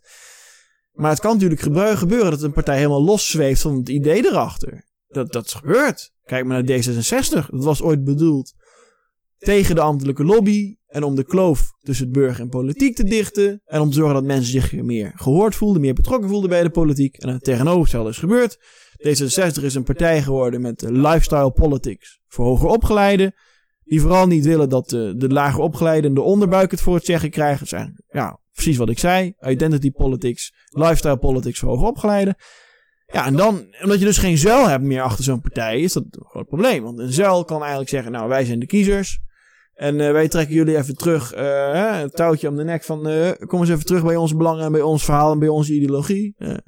Maar ja, als al die partijen min of meer oplossen in elkaar, dan kan dat niet meer. Hoe gaat, jou, hoe gaat, hoe gaat, hoe gaat de zaal die je wil creëren zich bestendigen tegen alle geopolitieke invloeden? Waar zelfs in Nederland en Europa blijkbaar al moeite mee hebben. Ja. Uh, en waarschijnlijk gaat jouw zaal dus dan wel veel kleiner zijn dan Europa en, en Nederland. Ja, weet niet, misschien wel, misschien niet. Ja, maar in, in ieder geval, hoe gaat, hoe gaat dan een nog kleinere macht zich. Ja, dat mensen toch wel. Kijk, je, je, je kan je, je, je baby niet naar een peuk de speelzaal brengen in, uh, in Volendam als je zelf in Limburg woont. Toch? Je, als jij in. Uh, als jij in Friesland woont. Ja, dan kan je dochter uh, niet een Sittard naar school sturen, toch? Nee. Dus je krijgt altijd hoe dan ook een aangewezenheid op een lokaal netwerk, Mhm. toch? Je, ja, je kan niet alles. Je kan heel veel digitaal doen, maar niet alles. Mhm. Uh, dus niet alles is, is, is geopolitisch uh, gedetermineerd. Natuurlijk ook, als China macht krijgt, kan China in theorie ook mee gaan schrijven aan het curriculum. En kan China ook invloed gaan uitoefenen op, als, als China maar genoeg Europese fabrieken opkoopt, wat dus ook gebeurt, kan China ook inderdaad invloed gaan krijgen op zaken als workers' rights, Mhm. uh, vrije dagen, doorbetalen van, van ziekteuren. En dat is allemaal waar. Dus dat is allemaal niet alleen een juridisch verhaal, maar ook vooral een geopolitiek verhaal. Mhm. Maar ja, je, je blijft toch aangewezen op een leefomgeving, toch? Als je, als je je been breekt, ja, dan kan je niet meer zelf je boodschappen doen. Oké, je kan bestellen, dan kan iemand met een busje het komen brengen. Maar misschien wil je ergens in een klein dorp en willen ze niet komen, wat niet, niet rendabel is voor hem. Nou, je blijft altijd behoefte hebben aan mensen in je leefomgeving om iets te doen. En om samen op te trekken. En Ja. ik denk ook dat de islam hier ook weer een factor van belang is. Want als je dus ziet dat daar, eh, daar drie wijken verderop, dat er allemaal eh, gesluierde vrouwen rondlopen. En eh, dat daar in de barren geen, geen biertjes meer worden verkocht en zo. Dat je denkt van, oh, wacht eens eventjes.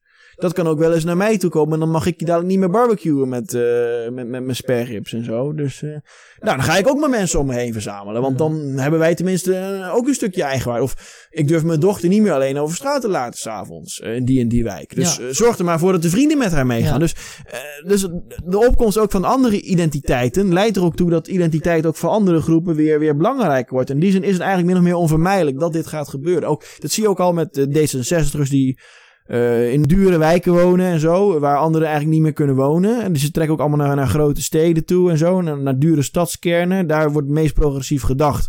Maar is tegelijkertijd de diversiteit ver te kennen. Er zijn vaak ook eh, heel veel monoblanke mensen die zich aansluiten bij GroenLinks en zo. Dus dating voor hoger opgeleiden. Meer segregatie tussen laag en hoog opgeleiden dan ooit. Dus het is eigenlijk al aan de gang allemaal.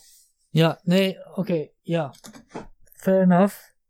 Maar als, als Nederland en Europa al moeite hebben met zelf goede beslissingen of vergaande beslissingen te maken. Mhm. Sorry, wacht even.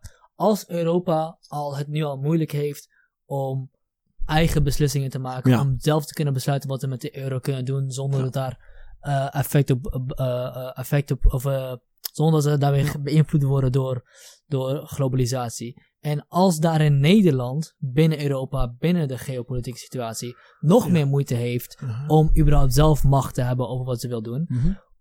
hoe gaat dat überhaupt een kleinere zuil binnen Nederland, binnen Europa, binnen de geopolitieke situatie vergaan om zinvolle beslissingen te kunnen maken? Omdat het eh, samenhangt met groepsolidariteit.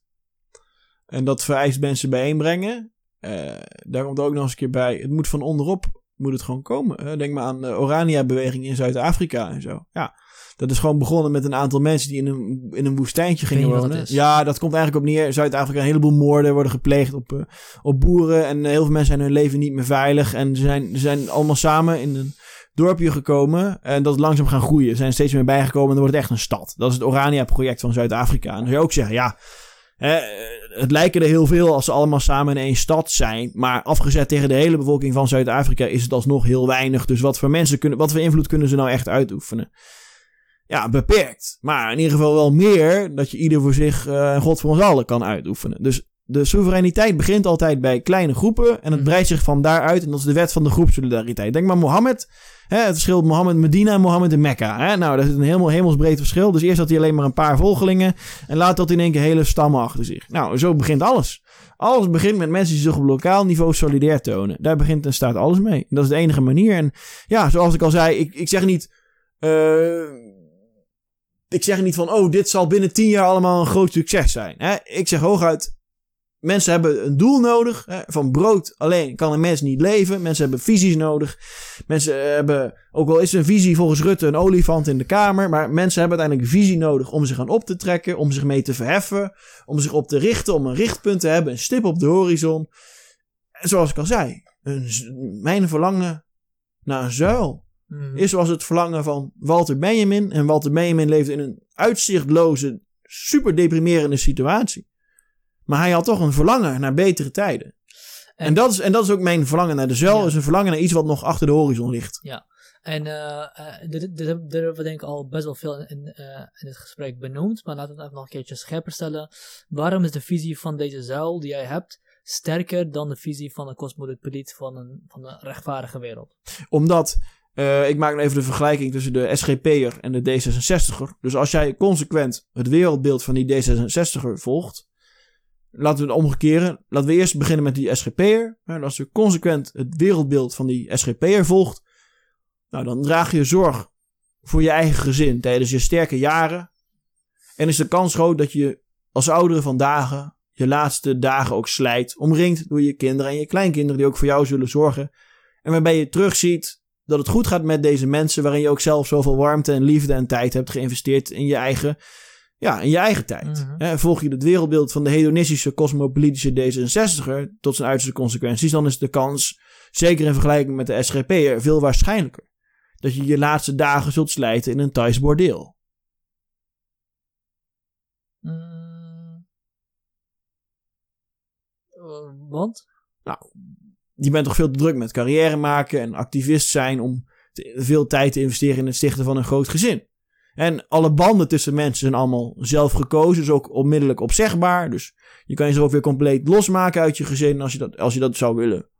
Want je bent gecompartimentaliseerd en je bent wereldburger, dus je bent nergens aan gebonden. En uiteindelijk leef je voor je eigen plezier en je eigen genot. Mhm. Dus je En- bent niet zo geworteld en ingebed binnen, binnen, ja, prima, maar in deze binnen dan... vervullende In structuren. deze dan zal die eh D66er die jij beschrijft dan eh, waarschijnlijk er geen problemen mee hebben dat hij een tight bordeel Ja, klopt. Maar daarom, wordt, maar daarom is het dus ook... Dat is helemaal waar wat je zegt. Dat is helemaal waar wat je zegt. En daarom is het dus eigenlijk ook... Het eindspel eh, om Europa is ook een eindspel tussen wat we dan noemen het nationaal conservatisme Mhm. en de islam. En, en, al, en al die cosmopolitische... Oh, waarom de islam? Omdat de islam kennelijk die globalisering kan weerstaan en nog steeds het traditionele kerngezin hoog in het vaandel houdt.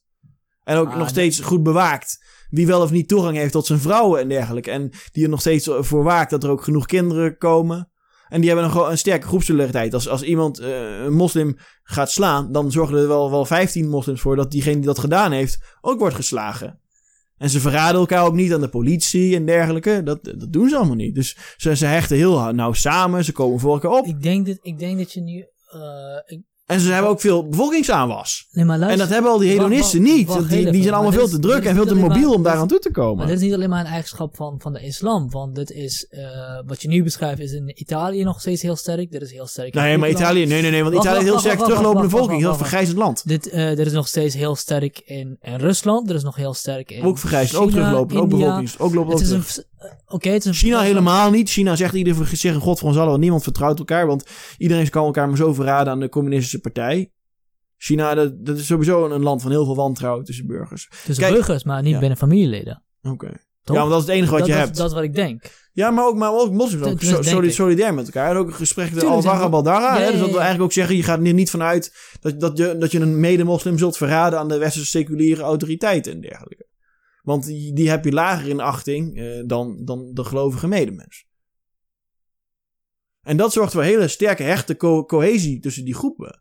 En dat hebben die cosmopolieten allemaal niet. Want ze zijn allemaal bezig om internationaal eh, de wereld... Ze zijn, die, hun aan, ze zijn cosmopolitische voorrangspolitiek, cosmopolitisch prioritarisme. Dus ze zijn hun Ja. aandacht over de hele wereld versnipperd. Ze willen iedereen tegelijkertijd helpen. En morgen zitten ze weer in Kopenhagen om, om, om over climate change een congres te hebben. En overmorgen zijn ze weer aan het, aan het, aan het opstaan voor de, voor de, voor de pindapeller in, in India en dergelijke. Die komen nauwelijks toe aan het, aan het stichten van een hecht gezin in een ingebedde gemeenschap.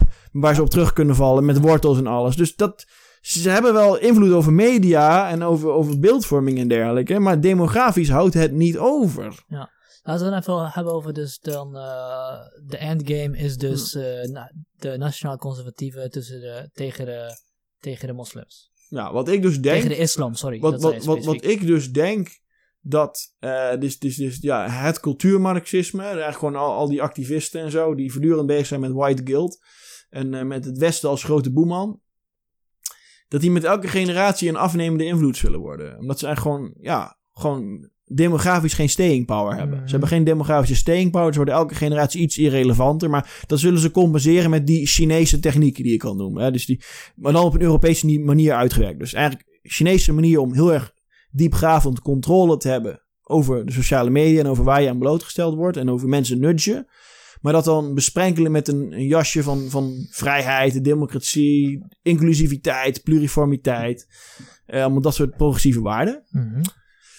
En dat, eh, ja, die conservatieve zuil eigenlijk eh, machtiger zal worden. En denk maar aan de SGP. Hè. Ik, ik, ik noemde dus al eerder dat, ehm, dat voorbeeld waarin eigenlijk iedereen verdeeld wordt. Dus een kleine clusterbelang. Dus een klein clustertje arbeidsrechten, een klein clustertje moslims, een klein clustertje LGBTQ-lobby. En dan heb je nog het feminisme en allemaal kleine belangenclusters die allemaal in wisselende kleine allianties samenwerken om dingen te bereiken. Eh, daar, daar had ik het al een uur geleden over. Eh, ja, maar eh, als dat allemaal chaos wordt, dat het allemaal uiteenvalt. En ieder, ieder voor zich een god voor ons allen. En er is ruzie en zo. En, en, en er is oneenigheid. Want er is in links ook heel vaak oneenigheid. Want die, die dat is purity spiraling. Hè? Want eh, iemand vond Jesse Klaver al racistisch laatst of zo. Het wordt allemaal.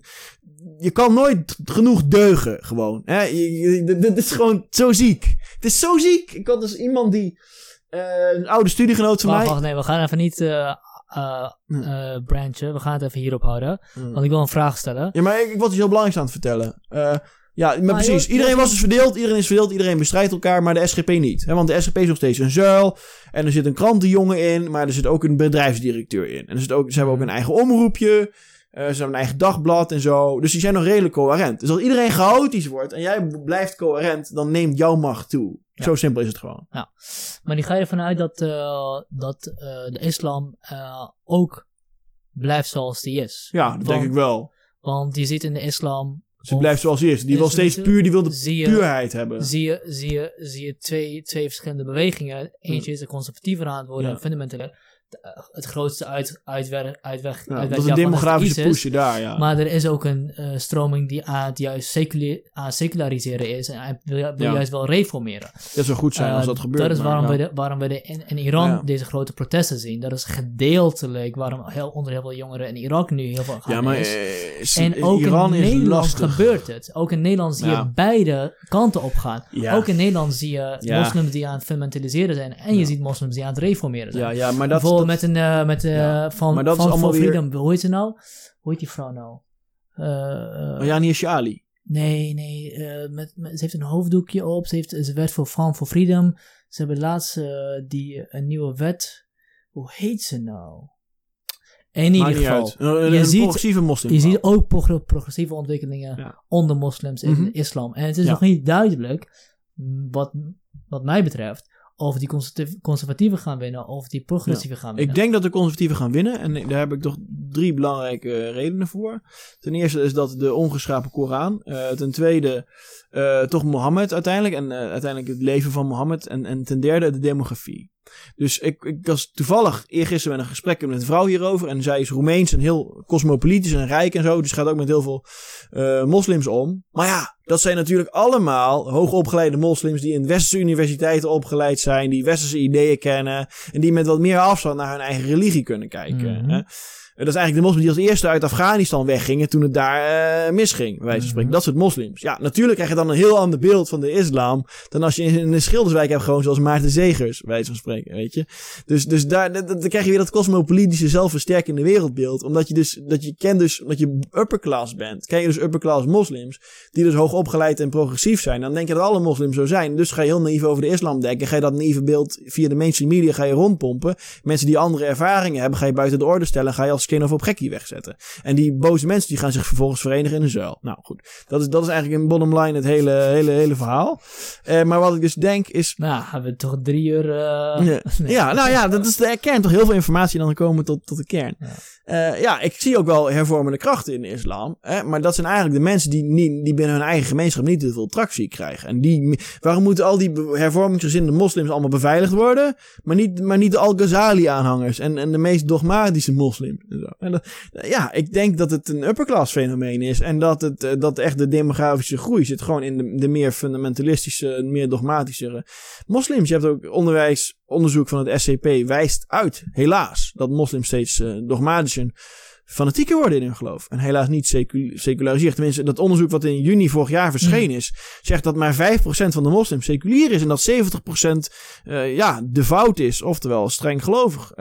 streng praktiserend en streng gelovig. Dus mm, lastig, ja. En, en ook, de- uiteindelijk gaat het toch terug op het leven van Mohammed. En alles wat Mohammed gedaan heeft. En dat als richtsnoer nemen hè, als de perfecte mens voor de tijd van vandaag. Ja, en als je zegt, als je een ongeschapen Koran zou hebben, zou het nog een ander verhaal zijn. Want dan kan je nog zeggen van, eh, joh, dat, is, dat gold voor die tijd. En dat is een heel gewelddadige woestijnsamenleving. Ja. En daar ging alles anders. Een geschapen Koran, wil je. Eh, Juist. Ja, precies. Ja, inderdaad. Ja, als, ja, maar als je zegt de Koran is dus ongeschapen, dat is letterlijk het woord van Allah. Dat staat buiten de, de, de tijd. Mm. Dat staat buiten de ruimte. Dat is voor eeuwig en altijd geldig. Dus je mag het eigenlijk niet interpreteren. Want dan ga je de menselijke ver- vernuft ga je verheffen boven het goddelijk woord. Ja, Dan moet je dus nu ook een, ja, in die woestijnsamenleving hier in Europa opnieuw na gaan doen. Ja, ja. dan kan je niet, dan houdt het allemaal een beetje op. Het is interessant eigenlijk in, eh, in, de geschiedenis van de islam eh, daar eh, juist heel veel debat over geweest is tussen Ja. geschapen en ongeschapen Koran. Veel vrijer en veel, veel interessanter dan wat er Ja. eigenlijk dan discussies die nu, dus dan, die nu gevoerd worden. Omdat het nu al een beetje gestold is van eh, de Koran is ongeschapen en dat is eigenlijk nu een beetje een dogma geworden. Ja.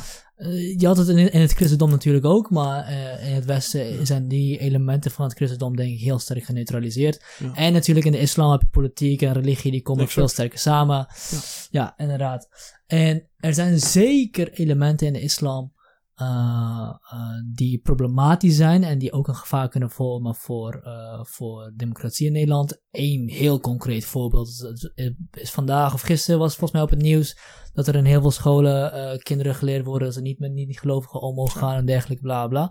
Ja, maar dat is wel Oh. demografie. Als je maar met genoeg bent, dan hoef je niet meer met anderen om te gaan. Ja, ehm, maar de stap om vervolgens te maken naar het feit, het idee, de, of het, eh, de, Nee, om de conclusie te trekken dat de, de conservatieve- kant op in, het, in de toekomst gaat winnen. Daar ben ik nog niet helemaal over uit. Maar ook dat is, een, dat is ook een speculatie die we alleen maar kunnen doen over Ja, de toekomst. dat Dat, is waar. zeg maar waar we, het, waar we het mee oneens zijn. Ik zie in ieder geval steeds meer eh, in mijn eh, omgeving dat jongeren steeds meer seculier zijn en steeds meer progressief zijn eh, wat betreft hun islam. En dat ik denk dat dat uiteindelijk het gaat overwinnen, mits, mits we in Nederland, zeker als regering, heel bedacht zijn en heel eh, duidelijk zijn in wat wel, wel kan en wat niet kan. Kinderen met een hoofddoek, dat kan niet. Punt. Eh vrouwen besnijden ze, dat kan niet. Punt. Gevangen, dat kan niet. Punt. En als we gaan doen alsof, nou ja, weet je, zij zijn Maar ze zijn er al- zoveel. Zijn Hoe ga je ze nog corrigeren? Dat is een beetje het punt. Nou, toch? er is, er Ze is zijn er al zoveel van. Nou, ik denk dat, dat de politiek in de aflo in, in de afgelopen tien jaar, eh afgelopen vijf jaar, eh een draai aan het maken is en daar wel meer bedachtzaam op is. Dat er Ja, wel, dat hoop ik wel, wel. meer, wel meer bewustzijn voor is. Mm. Dat, er, dat er steeds meer beter geluisterd wordt naar het feit dat er, dat Ja. er inderdaad, dat die naïviteit in ieder geval, in ieder geval minder aan het worden is. Dat mag ik hopen. In Zweden is het juist omgekeerd. Daar wordt het allemaal, in Duitsland en Zweden wordt het juist erger, die naïviteit. Terwijl de, dan zie je ook met, de beperkte ontvankelijkheid van mensen voor de werkelijkheid en zo. Dus in, in Zweden en Duitsland wordt het allemaal erger. En je ziet dat mensen ook tegelijkertijd nog politiek correcter worden. Dus je ziet dat de, beeldvormingswereld en het rapport uit de haarvaten van de samenleving kennelijk twee kanten opdrijven. En dat, dat, dat doet me wel het ergste vermoeden voor, het, voor de toekomst van Europa. En, en nog eventjes op, op terug te komen op die studievriend van mij. Dat is een super genuanceerde man. Die ken ik uit mijn studietijd. Echt, echt niet rechts te noemen, helemaal niet. Maar die schrijft mij nu al. eh, die, die, heeft dus na, na tien jaar niks van me gehoord. Daar weer contact opgenomen. Zegt, zit weet je. In mijn kringen, ja. Ik kan niet eens meer heel mild genuanceerd ook maar enige kritische opmerking maken over migratie. Of het leidt al tot een escalerende schakels aan verwijten. En voordat Ja. je het weet, word je zo uitgestoten. Ja, ik kan dus niet eens meer één kleine opmerking maken. Of het leidt tot meerdere opmerkingen. En ik ben gewoon uitgesloten. En dus kom ik hoe dan ook terug. Terecht, zegt hij, bij wat jij noemt jouw zuil. En ik zeg, ja, maar ik vind jou dus helemaal geen, geen rechtse man of zo, weet je. Dus links is al zo erg verhard in, in maar het... je, je, wilt toch ook geen zeil maken voor rechtse mensen, maar voor realisten? Ja, Dat, dat kunnen klopt. ook linkse mensen Dat klopt, maar dat, maar dat is precies... Ja, dankjewel dat je dat zegt. want Dat is, dat is precies wat ik wilde zeggen. Dus dat is een super genuanceerde man. Maar hij kan in zijn eigen kringen niet eens meer iets laten doorschrijven van... Goh, het is toch wel vervelend dat ik al zo lang wacht op een huurhuis. Maar in één keer komen mensen uit Syrië... en die krijgen binnen een maand een huurhuis. Hoe, weet je wel? Nee, dat, dat, is al heel, dat is al veel te ver. Dat is al tien, dat is al tien stappen doorgelopen. Weet, Weet je wat de schaduwzijde van dit is wat je nu zegt? Want Ja. ik- dit, dit gebeurt. Ik ben het met je eens. Dit gebeurt. Mensen worden, worden- weggestopt en, omdat ze niet deugen. Dat klopt. De schaduwzijde is wel dat wanneer, wanneer iemand een goed tegenargument op zoiets heeft, Ja. wat jou, jouw vriend nu beschrijft. Ik, ik zeg niet dat ik Ja. die heb of whatever. ja, Dat dan ook heel makkelijk gezegd is, oh, nu word ik, omdat ik niet aan het deugen ben. Snap je wat ik bedoel? ja. Dus, Ja, ja, chips will fall as they may. In denk ik. En eh waar gehakt wordt vallen Spaners. Kijk, kijk wat, wat we dan eventjes links noemen. Hoewel we, eh, hoewel we dus genuanceerde kabinetten hebben, wordt er dus links tot radicaal links. En zeker op identitair vlak beleid gevoerd. Economisch af en toe nog wat rechts. Hoewel de rol van de overheid ook steeds meer groeit in de economie. Eh, ja, wordt er gewoon een links beleid gevoerd wat dat betreft. En tegelijkertijd radicaliseert links ook verder naar links toe nog. Met het uitsluiten zijn van we meningen. linksbeleid aan het voeren? Op welke gronden? de klimaat, om maar iets te noemen. Waarom moet al ons besteedbaar inkomen van de middenklasse op, op aan die klimaatprojecten? Eh, waarom kunnen we niet in thorium investeren in plaats van wat we nu aan het doen zijn allemaal? Waar 100 kilometer op de snelweg, terwijl in Duitsland nog wat? Eh, ja, sorry, maar dat raakt dus ook weer de mensen die met de auto naar het werk moeten Ja, en hoe dergelijke. bedoel je dat? Ja, nou ja, Ja. van 130 naar 100, dat scheelt eigenlijk niet zo heel veel. Eh, zeker omdat je op de meeste plekken niet 130 kan rijden. Dus qua Maar het wordt door de VVD ook doorgevoerd. Dus je- dat is- ligt- Maar hoezo is, het dan een, hoezo is het dan een linksbeleid wanneer je... Omdat, omdat je de wereld wil verbeteren, omdat je utopisch bent. Je denkt dat wat je hier in Nederland doet ook maar enige invloed heeft op de wereld, wat het niet heeft. Want het enige wat er gaat gebeuren is, één, industriële productie zit al in India, zit al in China. En wat we nu doen, is nog meer industriële Maar productie nou uit zeggen, Europa pushen. Dus dat er gaat rechts, niks. rechts niet de wereld wil verbeteren? Nee, inderdaad. En dat vind ik heel opluchtende gedachte. Dus... eh, wacht even. Ja, Die moet ik Zo over fijn, niet de wereld willen Nee, verbeteren. nee, hier moet ik over Zo nadenken. fijn. Eh, want ik weet niet of, het- of wat je zegt klopt. Maar ze willen vanuit de intenties de wereld verbeteren, niet vanuit waarneembare gevolgen. Want de waarneembare gevolgen van natuurlijk is toch nul natuurlijk. Hè? Ze willen vanuit hun intentie de wereld verbeteren. Dat, dat is waarom ze deontologen zijn. Je bedoelt links of rechts? Links. Links, ja. Ja. Dus het laatste beetje besteedbaar inkomen van de middenklasse, wat we nog een keer kunnen uitgeven aan een middenklasse slager of een middenklasse groenteboer. Ja, eh, dat wordt nu opgevreten door klimaatheffingen, waardoor we ook daar naar de supermarkten moeten gaan. Die met schaalvoordelen concurreren en waar we dus nooit. Ja, dus het gaat allemaal weer ten koste van de middenklasse. Dus eigenlijk besteedbaar inkomen wat je hebt. Een deel van je inkomen kan je niet uitgeven. Hè? Wat, je, wat opgaat aan huur, Mhm. Wat opgaat aan hypotheek, wat opgaat aan medicijnen en, brandstof om op je werk te komen.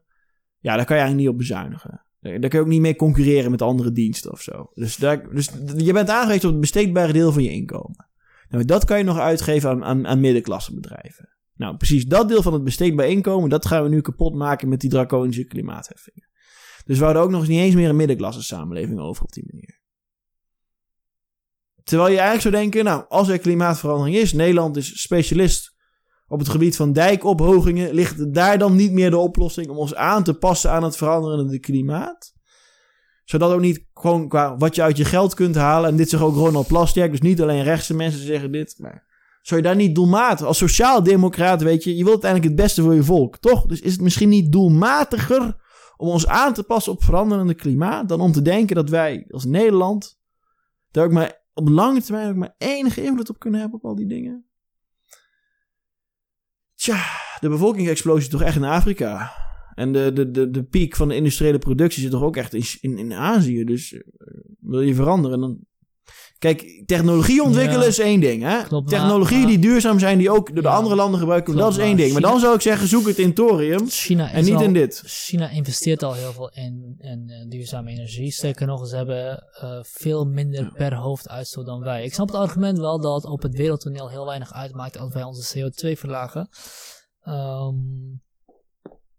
maar het heeft te maken met andere dingen. CO2, verla- CO2-uitstoot heeft ook te maken met je concurrentiepositie verbeteren. Het heeft ook te maken met schoner lucht. Dat is ook heel belangrijk. Maar CO2 heeft niks te maken met schone lucht. Hallo. Kijk, in Brussel weet je, alles wat vieze lucht, bah, ik haat het. Ik haat Brussel omdat het vieze lucht is. En daar wonen kost ook gewoon levenstijd. Omdat het echt, de lucht is echt heel vies in Brussel. Eh, dat is echt wat ik het meest haat in Brussel. De vieze lucht. En dat is veel wat ik in Brussel haat, maar echt het vieze lucht. Dat je gewoon, als je gaat sporten, dat je, als je gaat sporten en je gaat bewegen en je zuigt de lucht, je longen binnen. Je voelt gewoon dat het vieze lucht is. Dat is echt walgelijk. Waardoor je minder zin krijgt om echt intensief te gaan sporten. Dat is echt balgelijk. Maar dat heeft niks met CO2 te maken. Dat heeft te maken met andere uitstootgassen. En wij, wij bestaan uit CO2. Wij, wij, ik ben geen klimaatexpert, maar CO2, dit is, dat, dat, is niet, dat is geen vieze lucht. Nee. Maar ik ben het met je eens, vieze lucht is een gigantisch probleem. En ik ben heel erg voor zuivere lucht. Ik denk ook wel dat al die cosmopolieten allemaal in grote steden worden samengezogen waar de luchtkwaliteit slecht is. En dan gaan ze ook eh, troebel denken. Weet je, en dan vind je in het platteland vind je ook veel meer helder denkende mensen. Ja, ja. Eh, we, eh, we gaan afsluiten zitten. Het is eh, half zeven. We zijn volgens mij Ja. iets van drie uur aan, aan het praten. Ja, ik, wie gaat het allemaal afluisteren? Iemand zal Eh, zullen vast wel mensen zijn die het helemaal gaan luisteren. Geen zorgen, ik ga het knippen in heel veel stukjes. Tenminste, het gaat, in, zeg maar, wat ik, wat ik nu tegenwoordig aan het Ja. doen ben, is alles online aanzetten. En Ja. ik doe dan clips, Oké, verschillende clips op een andere kanaal. Er zijn genoeg mensen die het apart zullen luisteren. ik zie het allemaal overbij Ik, komen. ik vond het een interessant gesprek. Ik ook, ja. Ik, ehm, eh, ik vond je ook een hele leuke gesprekspartner. Dankjewel. Dankjewel. Ik, ehm, nou, ik zal je wat, ik zal je wat vertellen over mijn innerlijke denken. eh, in, eh, tijdens het gesprek en voor het gesprek. Want voordat ik hierheen kwam, merkte ik al van dat er heel veel dingen zijn eh, en manieren zijn waarop je naar dingen kijkt waar ik het mee oneens ben. En tot mee oneens ben. En ook dingen waar ik het mee eens ben, wa- dat we ook, waar we in onze correspondentie ook over ook gehad hebben. En ehm, ik denk dat we fundamenteel op een andere lijn zitten. Ik denk, dat denk ik wel. Ehm, en ik heb er ook echt over nagedacht, oké, hoe ga ik dit gesprek in? Want tot nu toe, alle andere gesprekspartners die ik heb gehad, daar ben ik veel meer, veel opener geweest. En bij jou ben ik, heb ik nu ook, ben ik ook zoveel open, open, open als mogelijk geweest. Ehm, maar ik was echt aan het denken, oké, wat gaat mijn rol worden als, als deze podcast host? Ga ik echt zeggen, nou, ik, ik denk dat jij zegt schadelijk is, of ga ik veel opener zijn en veel, eh, eh, eh, veel passiever zijn naar, naar wat je tegen mij zegt. Ga je deugen of ga je gewoon een, Nee, nee, nee. rationeel? Nee, niet, niet dat verschil. Niet dat verschil. Ga ik mezelf erin gooien, of ga ik mezelf terughalen zodat, zodat jou, jij meer naar voren komt? En, dat, en jou meer naar voren halen kan natuurlijk bereikt worden doordat ik soms tegengas geef. Ja, maar je moet ook tegengas geven. Want ik, ik, in mijn eigen gedachten gaan ook vaak veel verschillende kanten tegelijk uit. Dus je, je moet